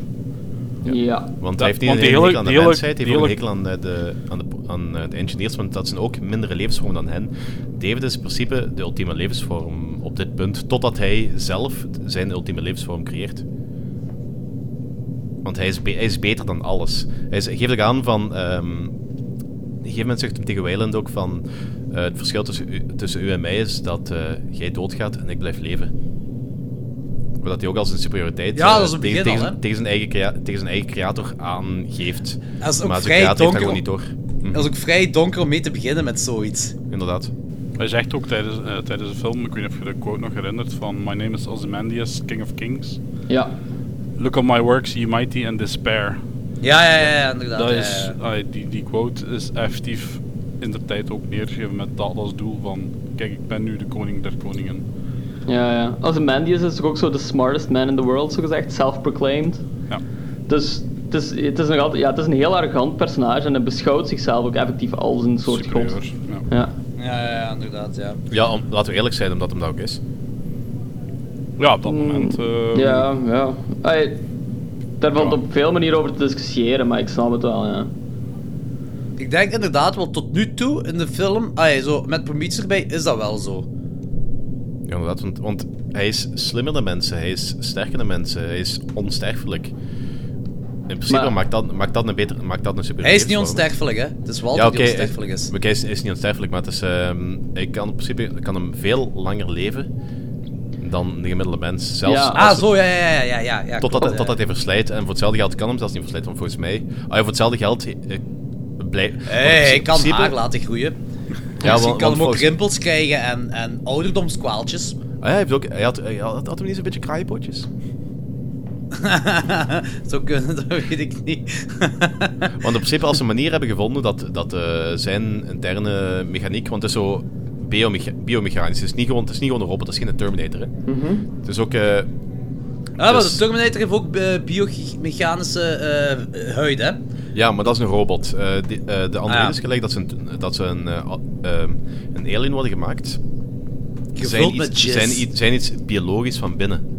En dat is ook de beste manier om te maken, want een robot, metaal vergaat, metaal wordt moe. Als je iets hebt, een soort van eh, biologisch iets, een biologische robot kunt maken, dat zich eh, kan blijven vernieuwen, gelijk, gelijk dat de menselijke cellen zich vernieuwen, dan heb je, als je dat op een goede manier doet, heb je in principe oneind, onste- iets onsterfelijks. Hè. Ja. En dat is ook de manier waarop dat... Ja, dat is ook in principe ook de manier waarop die echt androïdes gemaakt heel zijn. moeilijk om over na te denken. Ja, maar dat is in principe, dat is in principe de manier waarop die androïdes gemaakt zijn in het eh, Alien-universum. Dus die zijn ook op dat vlak onsterfelijk eigenlijk. Daar kan ik wel bij inkomen, ja. En Dat dus wel. superieur. Als ze, als ze dezelfde menselijke drive hebben om te scheppen, als, ze, als ook gelijk dat hem, hij is nog meer als een mens beginnen denken in die 12 jaar. Dus eigenlijk is dat gewoon, ja, een beetje fout met dat blond haar, maar een ubermensch. Eh, Oké. Ehm, om terug in te pikken op de film. Er breekt een gevecht uit tussen David en Walter. En eh, David disabled Walter. Eh, David neemt dan eh, de Aldi-versie van Ellen Page gevangen. En laat zien dat hij Elizabeth vermoord heeft door op haar te experimenteren. En een dode Elizabeth ligt daar met een opengebarsten ribbenkast. Dus daar is een chestbuster uitgekomen. Hè? Ja. ja. Ehm, hij was toch verliefd op Elizabeth? Of hij Ja. dacht toch dat hij verliefd was? Ja, maar dat is wat ik straks al zei. Het is eh, misschien eh, wat hij beschouwt als verliefdheid. En misschien heeft hij ook in zijn Ja. logica iets... Een beetje dezelfde eh, logica als dat de engineer op het begin van Prometheus heeft van... ik hou van haar, zij is mijn koningin en zij kan, nu, zij kan nu de moeder zijn van de levensvormen die ik haar schenk. Ik bedoel, in hoeverre dat- kan hij ook effectief echte emotie hebben ook voor haar? hè? Ik heb, ik heb nog altijd geen idee hoe androids werken. Zo, ja, dus er zal ergens zo wel een soort van gevoelen zijn tussen hen twee, maar zo het woord verliefdheid of zo, dat is, dat is wat te ver, denk ik. Het is inderdaad zo zijn perceptie van wat het is om verliefd te zijn, I guess, voor ons. En hij is er nog altijd verliefd op, of heeft er nog altijd gevoelens voor, aangezien dat hem effectief een, eh, een graf heeft gemaakt voor haar. Ja. Ja, inderdaad. Dus, dit Ja. ook niet zomaar. Nee, nee, inderdaad. Je, er, er moet iets van... Of wat hij denkt dat gevoelens zijn, moet er in ieder geval zijn. Ja. Ehm, Ik denk, ik denk dat ook eh, als je de um, Crossing, de proloog, hebt gezien. eh, op een gegeven moment eindigt eh, dat heel filmpje met dat hij Shaw in een, eh een cryocel steekt. Mhm. Op dat moment ziet Shaw er ook niet meer erg heel gezond uit. Dus er is Inderdaad. inderdaad een beetje sprake van, aangezien dat zij die, ehm, die eh, buiksnede zelf gemaakt heeft om die ehm trilobite uit haar te halen. Dat ze misschien Mhm. toch nog iets in haar heeft zitten. Een, iets dat overblijft van die black goo. En dat ze lang, langzaamaan aan het ziek worden is. Dus misschien heeft hem ook een beetje van nood en deugd gemaakt. Dan had hem zoiets van, die, ik kan dat niet meer in leven houden, maar ik kan ze misschien wel nuttig maken nog op die manier. Ja, misschien dat kan. Dat is goed mogelijk. Het, is, het is er niet uitgelegd. Er is, er, Het is niet uitgelegd en verklaring ik denk, dat het, ik denk dat het in de ver- op de vervolgen van Prometheus zou komen. Maar dat Mhm. eh, Ridley Scott nu echt naar Covenant is moeten gaan om de fans meer eh xenomorph te geven. Dus. Ja, ja, ja. Ik denk het ook. Ko- Koopt, koopt eigenlijk wel een beetje, want, want tot nu toe is het een beetje te veel Alien 3, waar dat ze zo op een heel simpele manier Newt en eh, Michael Bean hebben afgemaakt. ja. Dat vind ik een beetje jammer, want ik had, ik had, ik had Shaw heel graag nog opnieuw gezien. Ik vond dat, ik vond dat heel, Ja. cool, per- vond een heel cool personage ik vind die... misschien dat, misschien dat Ja. het, ja, ik weet niet wat ze met de derde kunnen doen. Want ze, ze hebben eigenlijk, want het heel het space jockey gedoe eh, voor met Alien hebben ze nog altijd niet kunnen uitleggen op dit moment, hè. Nee. Want Nee. eh, de, in Prometheus is dat niet uitgelegd. Want dus ik, ging, ik dacht dat ze dan nu in Alien Covenant ging gaan. Maar in Alien Covenant worden alle space jockeys zijn vermoord. En Nee, nee, nee, de, alle space jockeys die op die planeet zitten. Voor hetzelfde geld zijn er nog geen veel andere Ah, ja. van space jockeys, hè, want het, is, het is maar één planeet waar ze op zitten. Ik hoop het! En gelijk dat Ik gelijk dat ik straks al zei van ehm, de space jockey van een alien, die eh, heeft een chestburst, die, daar is een chestburst eruit gekomen door een ei dat David heeft gecreëerd. Dus die gaan sowieso gaan die terug samenkomen. Ja, ik hoop het, want Vroeg of hier is dat helemaal niet uitgelegd. Ja, dat gaat nog komen. Ik ben, ik ben er 100% zeker van dat dat komt. Van, ja, ze, eh, Behalve als hem sterft. Ridley Scott David, dan. David. Ah, Ridley Scott. Ja, eh, ik denk dat hij die verhalen wel ergens heeft liggen. Dat iemand anders zou wel eens afmaken. als, er nog films komen, als er nog films komen, want schijnbaar is het... Eerste week is heel goed geweest, tweede week is een beetje geflopt. Ja, it's not doing great. Ah, nee? Nee. Eerste oei. week was zelfs niet zo goed, Sanne. Opening weekend was middelmatig. Het is schijnbaar het slechtste openingsweekend in 20 jaar, dus... eh, Ja, oké. Oh. Ja. It's, it's not doing great. Maar dan gaat er weer een kickstarter moeten komen om een derde film te kunnen maken. Want anders kloppen deze verhaallijnen niet meer. De derde film moet er komen. Take my money. Oké, terug naar Covenant. Eh, Walter reactiveert zichzelf en dan revealt dat, eh, hij revealt dat hij niet alleen gedowngrade, gedowngrade is in emotie, maar wel een upgrade heeft gehad in self-healing. Ehm, Dat was dus- iets te veel action hero voor mij, dat moment. Ja, en waarom kan hij zijn, eh, waarom kan hij zijn arm niet eh, terug aan? Nee, nee, het is niet per, niet per se self-healing. Dus eh, het, kan, het kan even goed zijn dat eh, die gewoon anders gebouwd zijn. Waar dat David dan denkt van, ah, hier zit het uh, cruciale element van eh, die robot, ik vernietig dat. Nee, dat zit niet meer daar. Dat is nu ver- verplaatst naar uh, zijn... Ja. maar je ziet die toch zelf healen? Je ziet dat hij zichzelf maakt, hè? Ziet je dat? Ja, ja, ja, ze laten letterlijk, er is een close-up op gemaakt, ze laten letterlijk die wonden dicht, gelijk Wolverine zijn wonden dichtgooien. Ah, echt? dat laten oké, ze dat letterlijk heb zien. Dat heb ik gemist volgens mij. Dat heb ik ook gemist. Nee, nee dat, dat, dat hebben ze echt letterlijk Ja, laten zien. Dat is, is juist inderdaad- wanneer, wanneer die doodgaat, laten ze het zien. Ja, maar zelfs, dan- zelfs dan nog, als je het, eh, als je het eh, cruciaal element van... eh, van als je een gsm hebt en je maakt die gsm, als je een gsm met self-healing powers hebt en je maakt dus een eh, batterij kapot, die doet niks meer. Hè? Dus als het cruciaal element kapot is, dan gaan die healing, gaan helende kracht ook niet meer eh, activeren. Hè?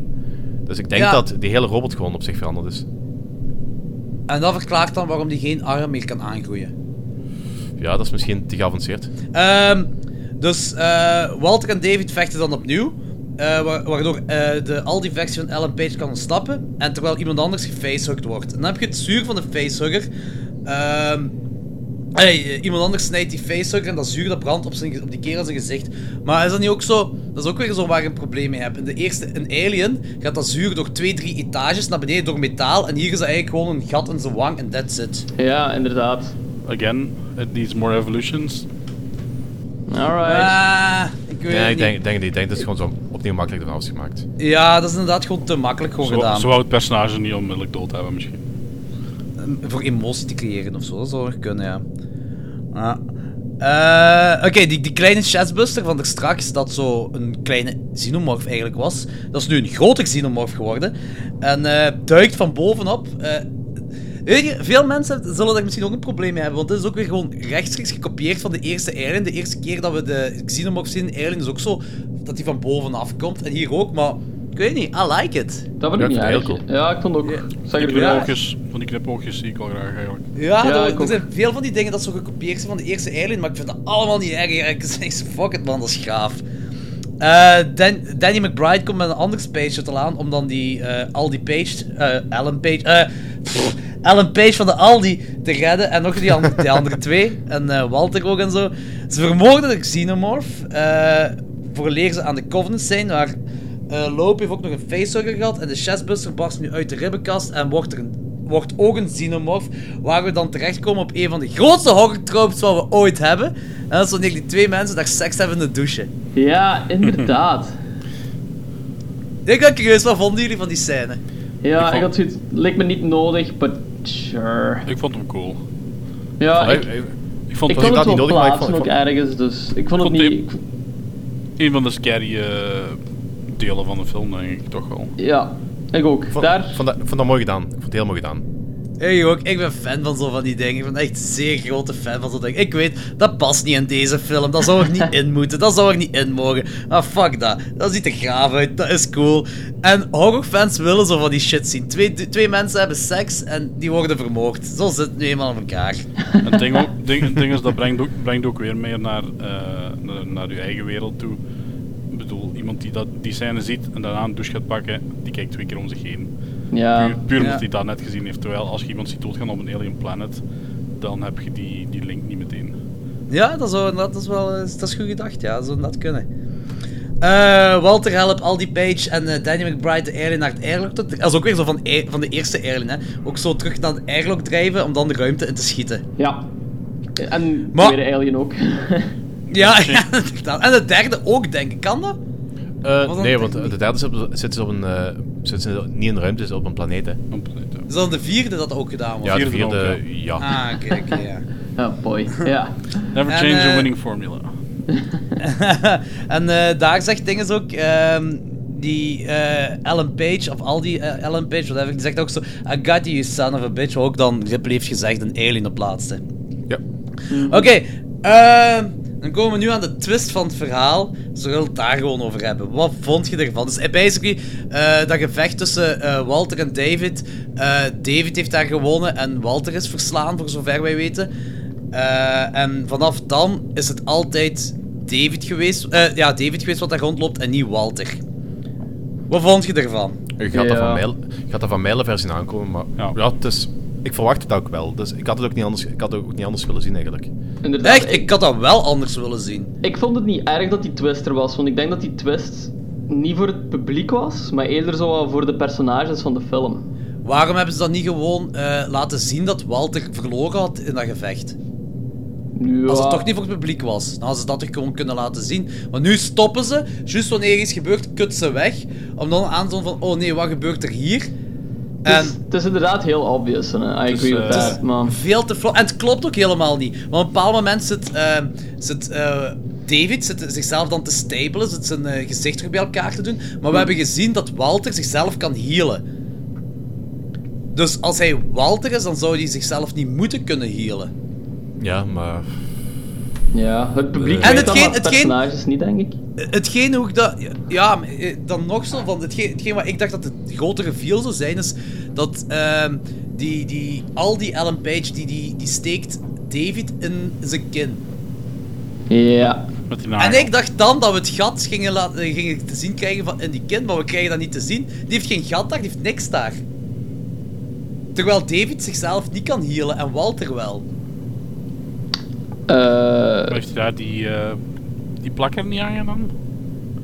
Niet op de onderkant van zijn kin, die, die plakt nee, dus die heeft aan de zijkant hangen, ja. Ja. Ja. Dus ja, ik, ik, vond- dat, ik snap ook niet waarom die twist er moest zijn. Zo, allee, ze hadden het toch heel anders kunnen aanpakken. Ofwel de twist fatsoenlijk erin schrijven, maar niet zo. Was misschien een knip Ja. ook naar, de- naar de, de red herring van eh, Alien. De kat. Ja, misschien. Dan vind ik het nog flauw. Ik had het gewoon liever niet gezien. Ja, het was Ik had- geen goede twist. Ay, de twist kan boeiend zijn of zo, maar hij is heel obvious, denk ik gewoon.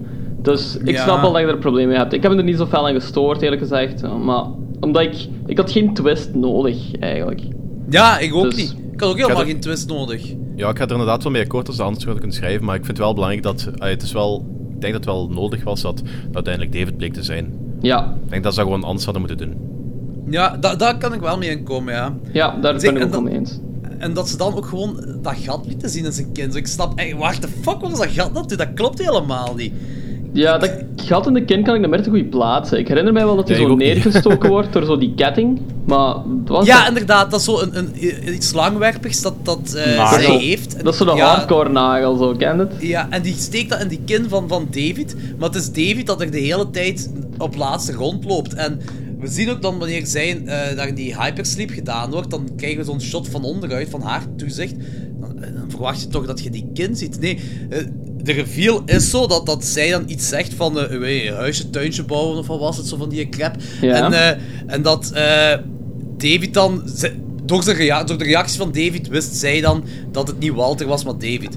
Ja. Als dat wordt- gewoon... Het was toch cooler geweest als ze dan dat, dat, gaat, dat gaatje lieten zien in zijn kin? Ja, ik- Dat ik- dacht ik ook dat het ging gebeuren. Maar in het begin van de film wordt, ehm, heeft zij toch zo'n gesprek met... ehm, welke android was het? De goede, zo gezegd. Walter of. David? Walter, hè? Ja, heeft ze toch zo Als ze pas op de planeet zijn aangekomen, zegt ze Ja, ja, van huis, tuintje, kindje. En ja, reageert Walter daarop. Dus Dat dat weet ik van de reveal, ja, ze hebben dat gebruikt om te, te revealen, so I kinda get it. Maar dan had hem toch nog altijd een litteken of zo moeten hebben van wonden. Ah, daar stoort jij voor aan, dat er Ja. geen fysieke wonde te zien is. Ja, ja, ja, het is dat inderdaad. Ja, daar Ah, oké. stoor. Want het zou Ja. niet kloppen, want, want, want, David, want David kan zichzelf niet healen. Want dat was een grote shock daarin, dat, dat Walter dat wel... Ah, voor David was dat een grote shock, dat Walter dat kon en David niet. Dat dat een eh, upgrade is gebeurd voor, De- eh, voor Walter dan. En dus daar zou een wonde moeten te zien zijn. Tenzij het Walter is, dan niet natuurlijk. Maar het is niet Walter, het is David. Dus daarmee ik zo vrij veel problemen heb met die twist. Ja, oké. Het is jammer. Hmm. Ehm, dus Danny McBride heeft niet David, maar eh, Walter aan boord gebracht. En eh, ehm, ook wat ik niet snap is, waarom helpt David dan de crew die Xenomorph de alien de ruimte inschieten? Waarom heeft hij... wa- als dat David is, waarom kan die, die twee dan niet gewoon in een ruimte... Dat hij daar die twee personages in de ruimte opsluit met Xenomorph en die Xenomorph maakt die twee kapot? Dan heeft hij zijn eigen creatie toch niet moeten vermoorden? Ja. Maar hier helpt hij die twee zijn creatie vermoorden. Ja, maar hij heeft eh, twee mensen nodig voor eh vessels te zijn, zogezegd, voor de twee eieren die hij heeft meegenomen, denk ik. Maar hij heeft een, he- hij heeft een heel schip vol met Ja. koloniën. Also a good point. ik Eh, snap, nou, heeft- ook niet echt. Ja, denk, misschien heeft hij hier in, in Daniels een nieuwe Shaw voor. ja, misschien. En een, een Danny McBride dan ook? eh, ja, misschien Ja. een vader eh, te kweken. Hè? ik denk dat dat gewoon, ik denk dat gewoon vrij slecht geschreven is, dit. Ja, dat denk ik. Dit Maar stuk. persoonlijk vond ik de, vond ik de blokfluitscène al vrij homoerotisch, dus misschien, eh, ja, die Danny... dat kan ook wel. Ja, kom aan, Eh, eerlijk. ja, oké, dus- maar die kus, dat was een, een nod naar Blade Runner, dacht ik, hè? Ja, ja, Die kus inderdaad. tussen hun twee. Aha. Ja. Ja, het moest er ook niet in voor mij, zo, die Ja. kus. Eh, nee, ik weet niet. Ik vond... eh, Die had zo... Dat, daarvoor had hij zo met die Neomorph... Had, hem zo precies een kindje ver- eh, verloren. Was echt mega hartverscheurend. En hier vond hij het oké om, om zijn, zijn Xenomorph, zijn ander kindje, wel de ruimte in kapot te laten gaan. Dus ja... Ik weet niet, dat maakt precies... Dat, it makes no sense precies Maar misschien zo, heeft hij zelf nog een beetje schrik van de Xenomorph en kan... om- omdat hij toch niet 100% Waarom? controle daarover heeft. Ja, hij heeft, op een gegeven moment, hij heeft op een gegeven moment ook wel gezien van... eh, hij stond voor die deur en die xenomorph wou hem wel aanvallen achter die deur. Ja. Dus dat- toen, hem- toen zag ik ook dat moment dat hij zich zo wat verschrok. Dat hij iets... Ik weet het niet, ja. Ik denk dat hij misschien gewoon vanaf nul wil beginnen terug met die kolonie en de, de twee eieren. Om dan terug opnieuw proberen het eh, perfecte organisme te creëren.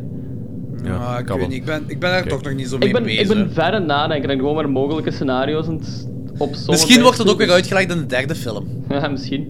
Die derde film hebben we volgens mij echt wel hard nodig. Ja, ik hoop dat die er komt. ja, ik hoop het ook. Dus Ah. Ridley Scott, niet sterven alsjeblieft. Ja, graag, ja, oké. Ehm, ik weet, eh, nu kunnen we misschien ook de evolutie even bespreken van de Neomorph. Dus je hebt eerst zo'n een, een egg sac, dus waar die eh, sporen uitkomen, waar zo'n beetje als een paardentrol uitziet. Ja. Eh, en dat is dus de black, dat, dat is feitelijk de black goo wat veranderd is in die sacs door het experimenteren van David dan, als ik het goed heb. Ja. Ja, Oké, en het- ja. Ah, niet Ja, meteen of- door het experimenteren van David, maar zo... Geëvolueerd naar Geëvolu- zoiets. Ja, denk ik. Ja. Oké. En de tweede fase zijn dan die microscopische sporen, eh, wat dan in hosts kunnen indringen. Mhm. En eh, eenmaal dat die, eh, de sporen in een host zit, kan het evolu- evolueren naar een, een spinebuster dan, als het in de rug van mensen zit. Ja. Mhm. En als dat dan... Ja, volwassen is dat dan een neomorph. Zoiets is het toch? Ja. Ja, ja, pretty much. Ja, oké, oké. Cool. Ben ik mee mee. Alright. Ehm, ja, ik heb voor de rest echt no- nog maar één probleem, maar dat zal dan waarschijnlijk ook weer in, in de derde film uitgelegd worden. Eh, hoe die engineers dan daar bij, eh, op de planeet LV-426 zijn geraakt. En hoe ze daar zijn uitgemoord. Dat is hetgeen wat ik nog wou zien. En dat is hetgeen wat ik dacht dat we te zien zouden krijgen in deze film. Maar als je dan hoort dat er nog een film aankomt, of misschien zelfs twee films aankomt, dan veronderstel ik dat dan de sequels gaat gebeuren. Ja, Ja, ik ben, er vrij zeker, ben er ook vrij zeker van, dus... eh. Ja, inderdaad, dat past niet echt thuis in dit verhaal, denk ik. Dit verhaal ging terug zo meer over de xenomorph effectief, dus... Ja, de, de zal- introductie van de ja, xenomorph zo. Dat zal ja. ongetwijfeld wel nog eens uitgelegd worden. Ah, dat hoop ik toch. Ja, ja oké. Hey, nog een vraag. Heeft iemand van jullie Aliens via Predators gezien? Eh, ze allebei?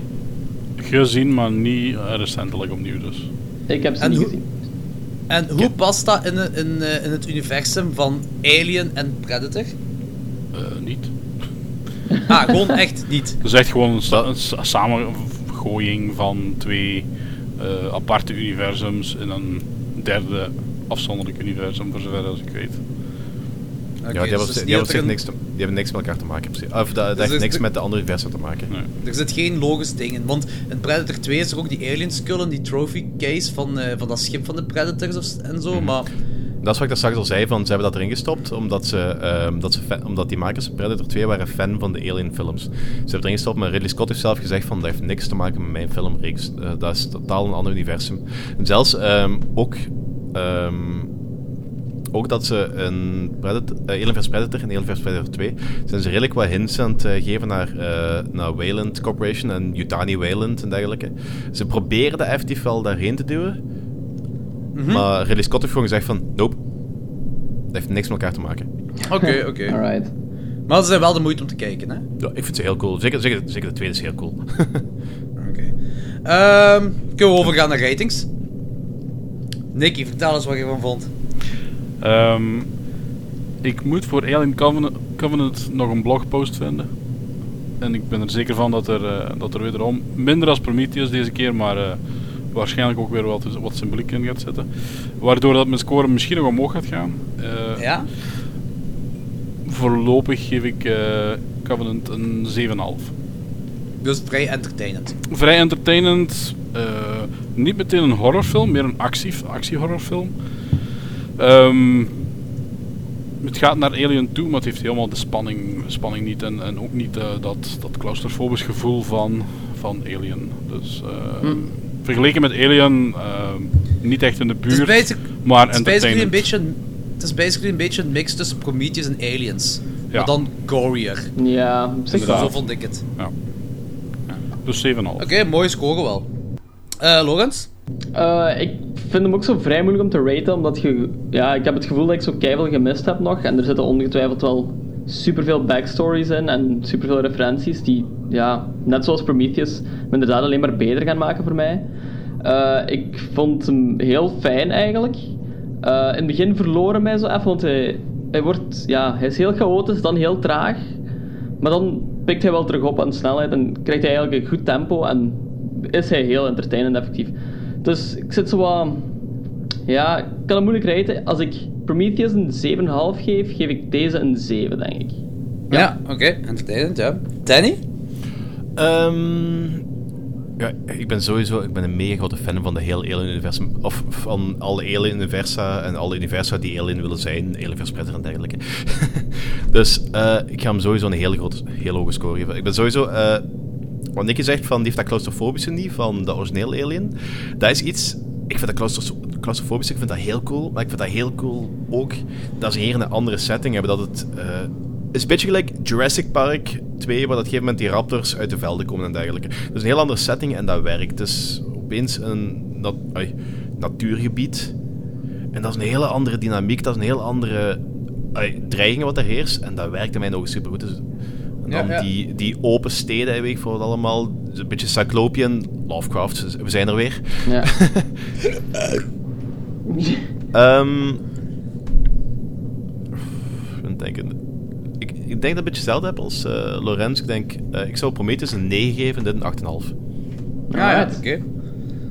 Misschien dat, het zelfs nog, misschien dat het zelfs nog kan groeien door de tijd, want eh, ik heb hem nog maar één keer gezien en ik denk dat ik die film ook ga blijven kijken tot het einde. Ja, van de week. rewatches, rewatches zijn belangrijk, hè. Dat kan Ja, maar dan, eh, ik, ik vind, net als Prometheus, ik vind die ook heel rewatchable. Ik denk dat deze ook heel... ah, ik moet hem... Dat zal, ik, eh, eh, aan, zal het aantonen in de toekomst, maar ik denk dat deze ook wel heel rewatchable is. Dat echt wel heel cool Ik vond, ik vond Prometheus persoonlijk niet rewatchable. Ik heb me niet zo veel bij geamuseerd. Ik vond dat een heel mooie film, maar daar bleef het zo wat bij voor mij. Ja. Prometheus. Oké. Ja, ik, heb, ik heb hem al verschillende keer gezien en ik vind hem echt wel heel fijn om te kijken. Dus. Ja, oh, dat is te beter natuurlijk. Ik heb voor Prometheus altijd de indruk dat ik ergens nog iets gemist heb. En als Ja, ik opnieuw kijk, dat ik iets ga zien dat ik niet gezien heb daarvoor. Dus Ja, ja, ja, dat kan daarvoor, blijft hij, daarvoor blijft hij voor mij rewatchable. Niet voor de personages. Ja, ja. Daar, daar, heb, daar heb ik nu niet, daar heb ik nu niet per, se, niet per se. Ik kan mezelf nu niet overschatten, maar ik heb zo het idee dat ik zo het meest wel door heb. Buiten echt zo van die, van die dingen die echt bedoeld zijn om eh, Ja, maar ik heb het dan echt pas, over- echt pas te weten als Een- dat je het weet. Een muziekscore die ergens gebruikt is om iets aan te duiden of van die dingen. Zo. Oh, oh, oh, dat, dat, wou ik wel, dat wou ik wel nog zeggen eh, over, over de music score. Ik vind dat mega cool dat ze echt terug zijn gegaan naar de originele track. En dat ze dat, gekomen, dat de originele soundtrack van, eh, van Gold... eh. Jerry Kerel. Gold Jerry Gold-. Goldsmith? Goldsmith. Goldsmith. Ja. Ja. En dat ze dat gecombineerd hebben met de soundtrack van eh, Prometheus. Ik vond dat heel cool gedaan. Ik vond allebei heel coole soundtracks. Ja, oké. Cool, hè? Vrij hoge score, gaaf. Ehm, ik vond, ja, Prometheus, ik was, zoals ik zei, ik was er eigenlijk niet zo heel hard mee mee. Ik vond dat niet zo'n interessante film. Ik vond die gewoon visueel heel mooi uitzien. Ik denk Prometheus zou ik mm, 6, 6,5 geven of zo. Ik vond Alien Covenant veel entertainender. Ik heb me meer geamuseerd bij deze film. En het pikt op waar Prometheus dingen laat vallen. Dus dat is al goed. En dat is misschien ook de bedoeling zo wat geweest. Ehm ja. Eh, ik, er zijn echt een paar dingen waar ik veel problemen mee heb. Zoals die twist, daar heb ik een heel groot probleem mee. En langs de andere kant zijn die andere horror tropes wat erin zitten, vind ik dan weer wel heel graaf. Ja. Zoals eh, het cliché dat eh, die kerel dat dan die, die eh, facehug krijgt, dat je dan van mijlenversie daar aankomt, de douches scène. Zelfs de reden waarom ze naar die planeet gaan, wat no sense whatever maakt, maar... Ik vind dat wel cool, zo van die shit. Ik vond het een heel entertainende film. Ehm, ik zit ergens tussen de 7 en 7,5. Ik denk een 7,5 dat ik hem geef. Alright. Wat is goed? Mooi. Ja, dus, dus, dus voor mensen eh, die in twijfel zijn om te gaan kijken, ga hem kijken. Het is een entertainende film. Het Het is sowieso een heel interessante film ook gewoon, dus... Ja, inderdaad, zeker, zeker. En, en, we willen, en we willen het vervolg, dus eh we need the monies. Voor, We Ja, inderdaad, voilà. Het is, zo, het is heel gory, met momenten heel gory. Het is af en toe is kut CGI bij gebruikt. Eh, maar het is over het algemeen very gory bij momenten. En dat is cool. Ja. Dat is zeker cool. Eh, Oké, dus je hebt gehoord. Alien Covenant. We raden hem aan om te gaan kijken. Eh Nicky, merci om er te zijn. Ja, graag gedaan, thanks voor de Dat invite. is de aller- is de allereerste keer dat je gepodcast hebt. Dat is de allereerste keer dat ik een podcast heb. En hoe was je Ja, ervaring? Eh, het is wel wennen. Zo, het, is, het is inderdaad wel wennen. En, eh, met, zeker met, ja, vier, met, vier, met vier man en niet door elkaar proberen te praten. En in, inpikken waar dat ingepikt kan worden, waar het ook eh, nuttig is en zo. Dus. Maar het was wel fun. Sowieso fun. Ah, tof. Cool. Voor herhaling van waar laat ik zeggen. Alright, cool. Het went heel snel, maar je gaat door elkaar blijven praten. Dat is gewoon... eh, Ja, inderdaad. Ik verwacht het wel. ja. Zeker als er meer alcohol aan te pas komt. Ja. was, dat zo, was dat zo erg met die montage? Ah, dude, die montage voor de Monsters, eh, Universal Ja. Monsters. Ah, fuck man. Daar heb ik lang op gezeten. Dat was, dat was een ramp om te monteren. Eh, voor de rest, ik zou zeggen, ehm, check op onze iTunes, geef een iTunes rating. Ehm, laat iets achter op onze Facebook. Ehm, je kunt ons luisteren op Stitcher, eh, alle andere podcast dingen. Ah, en we hebben een Facebookgroep aangemaakt, eh, Nederlandstalige filmpodcasts. Join daarop, je moet zelf geen podcast hebben om te joinen, dus we proberen gewoon een beetje community uit te breiden ermee. Dus mensen die nog een podcast hebben wat over films gaat, jullie moeten zeker joinen en, en maak wat reclame rond je eigen. En, eh, zodat we een heel fijne podcast community kunnen krijgen. Prachtig einde. Oké, eh, tot de volgende. Bye. See ya. You.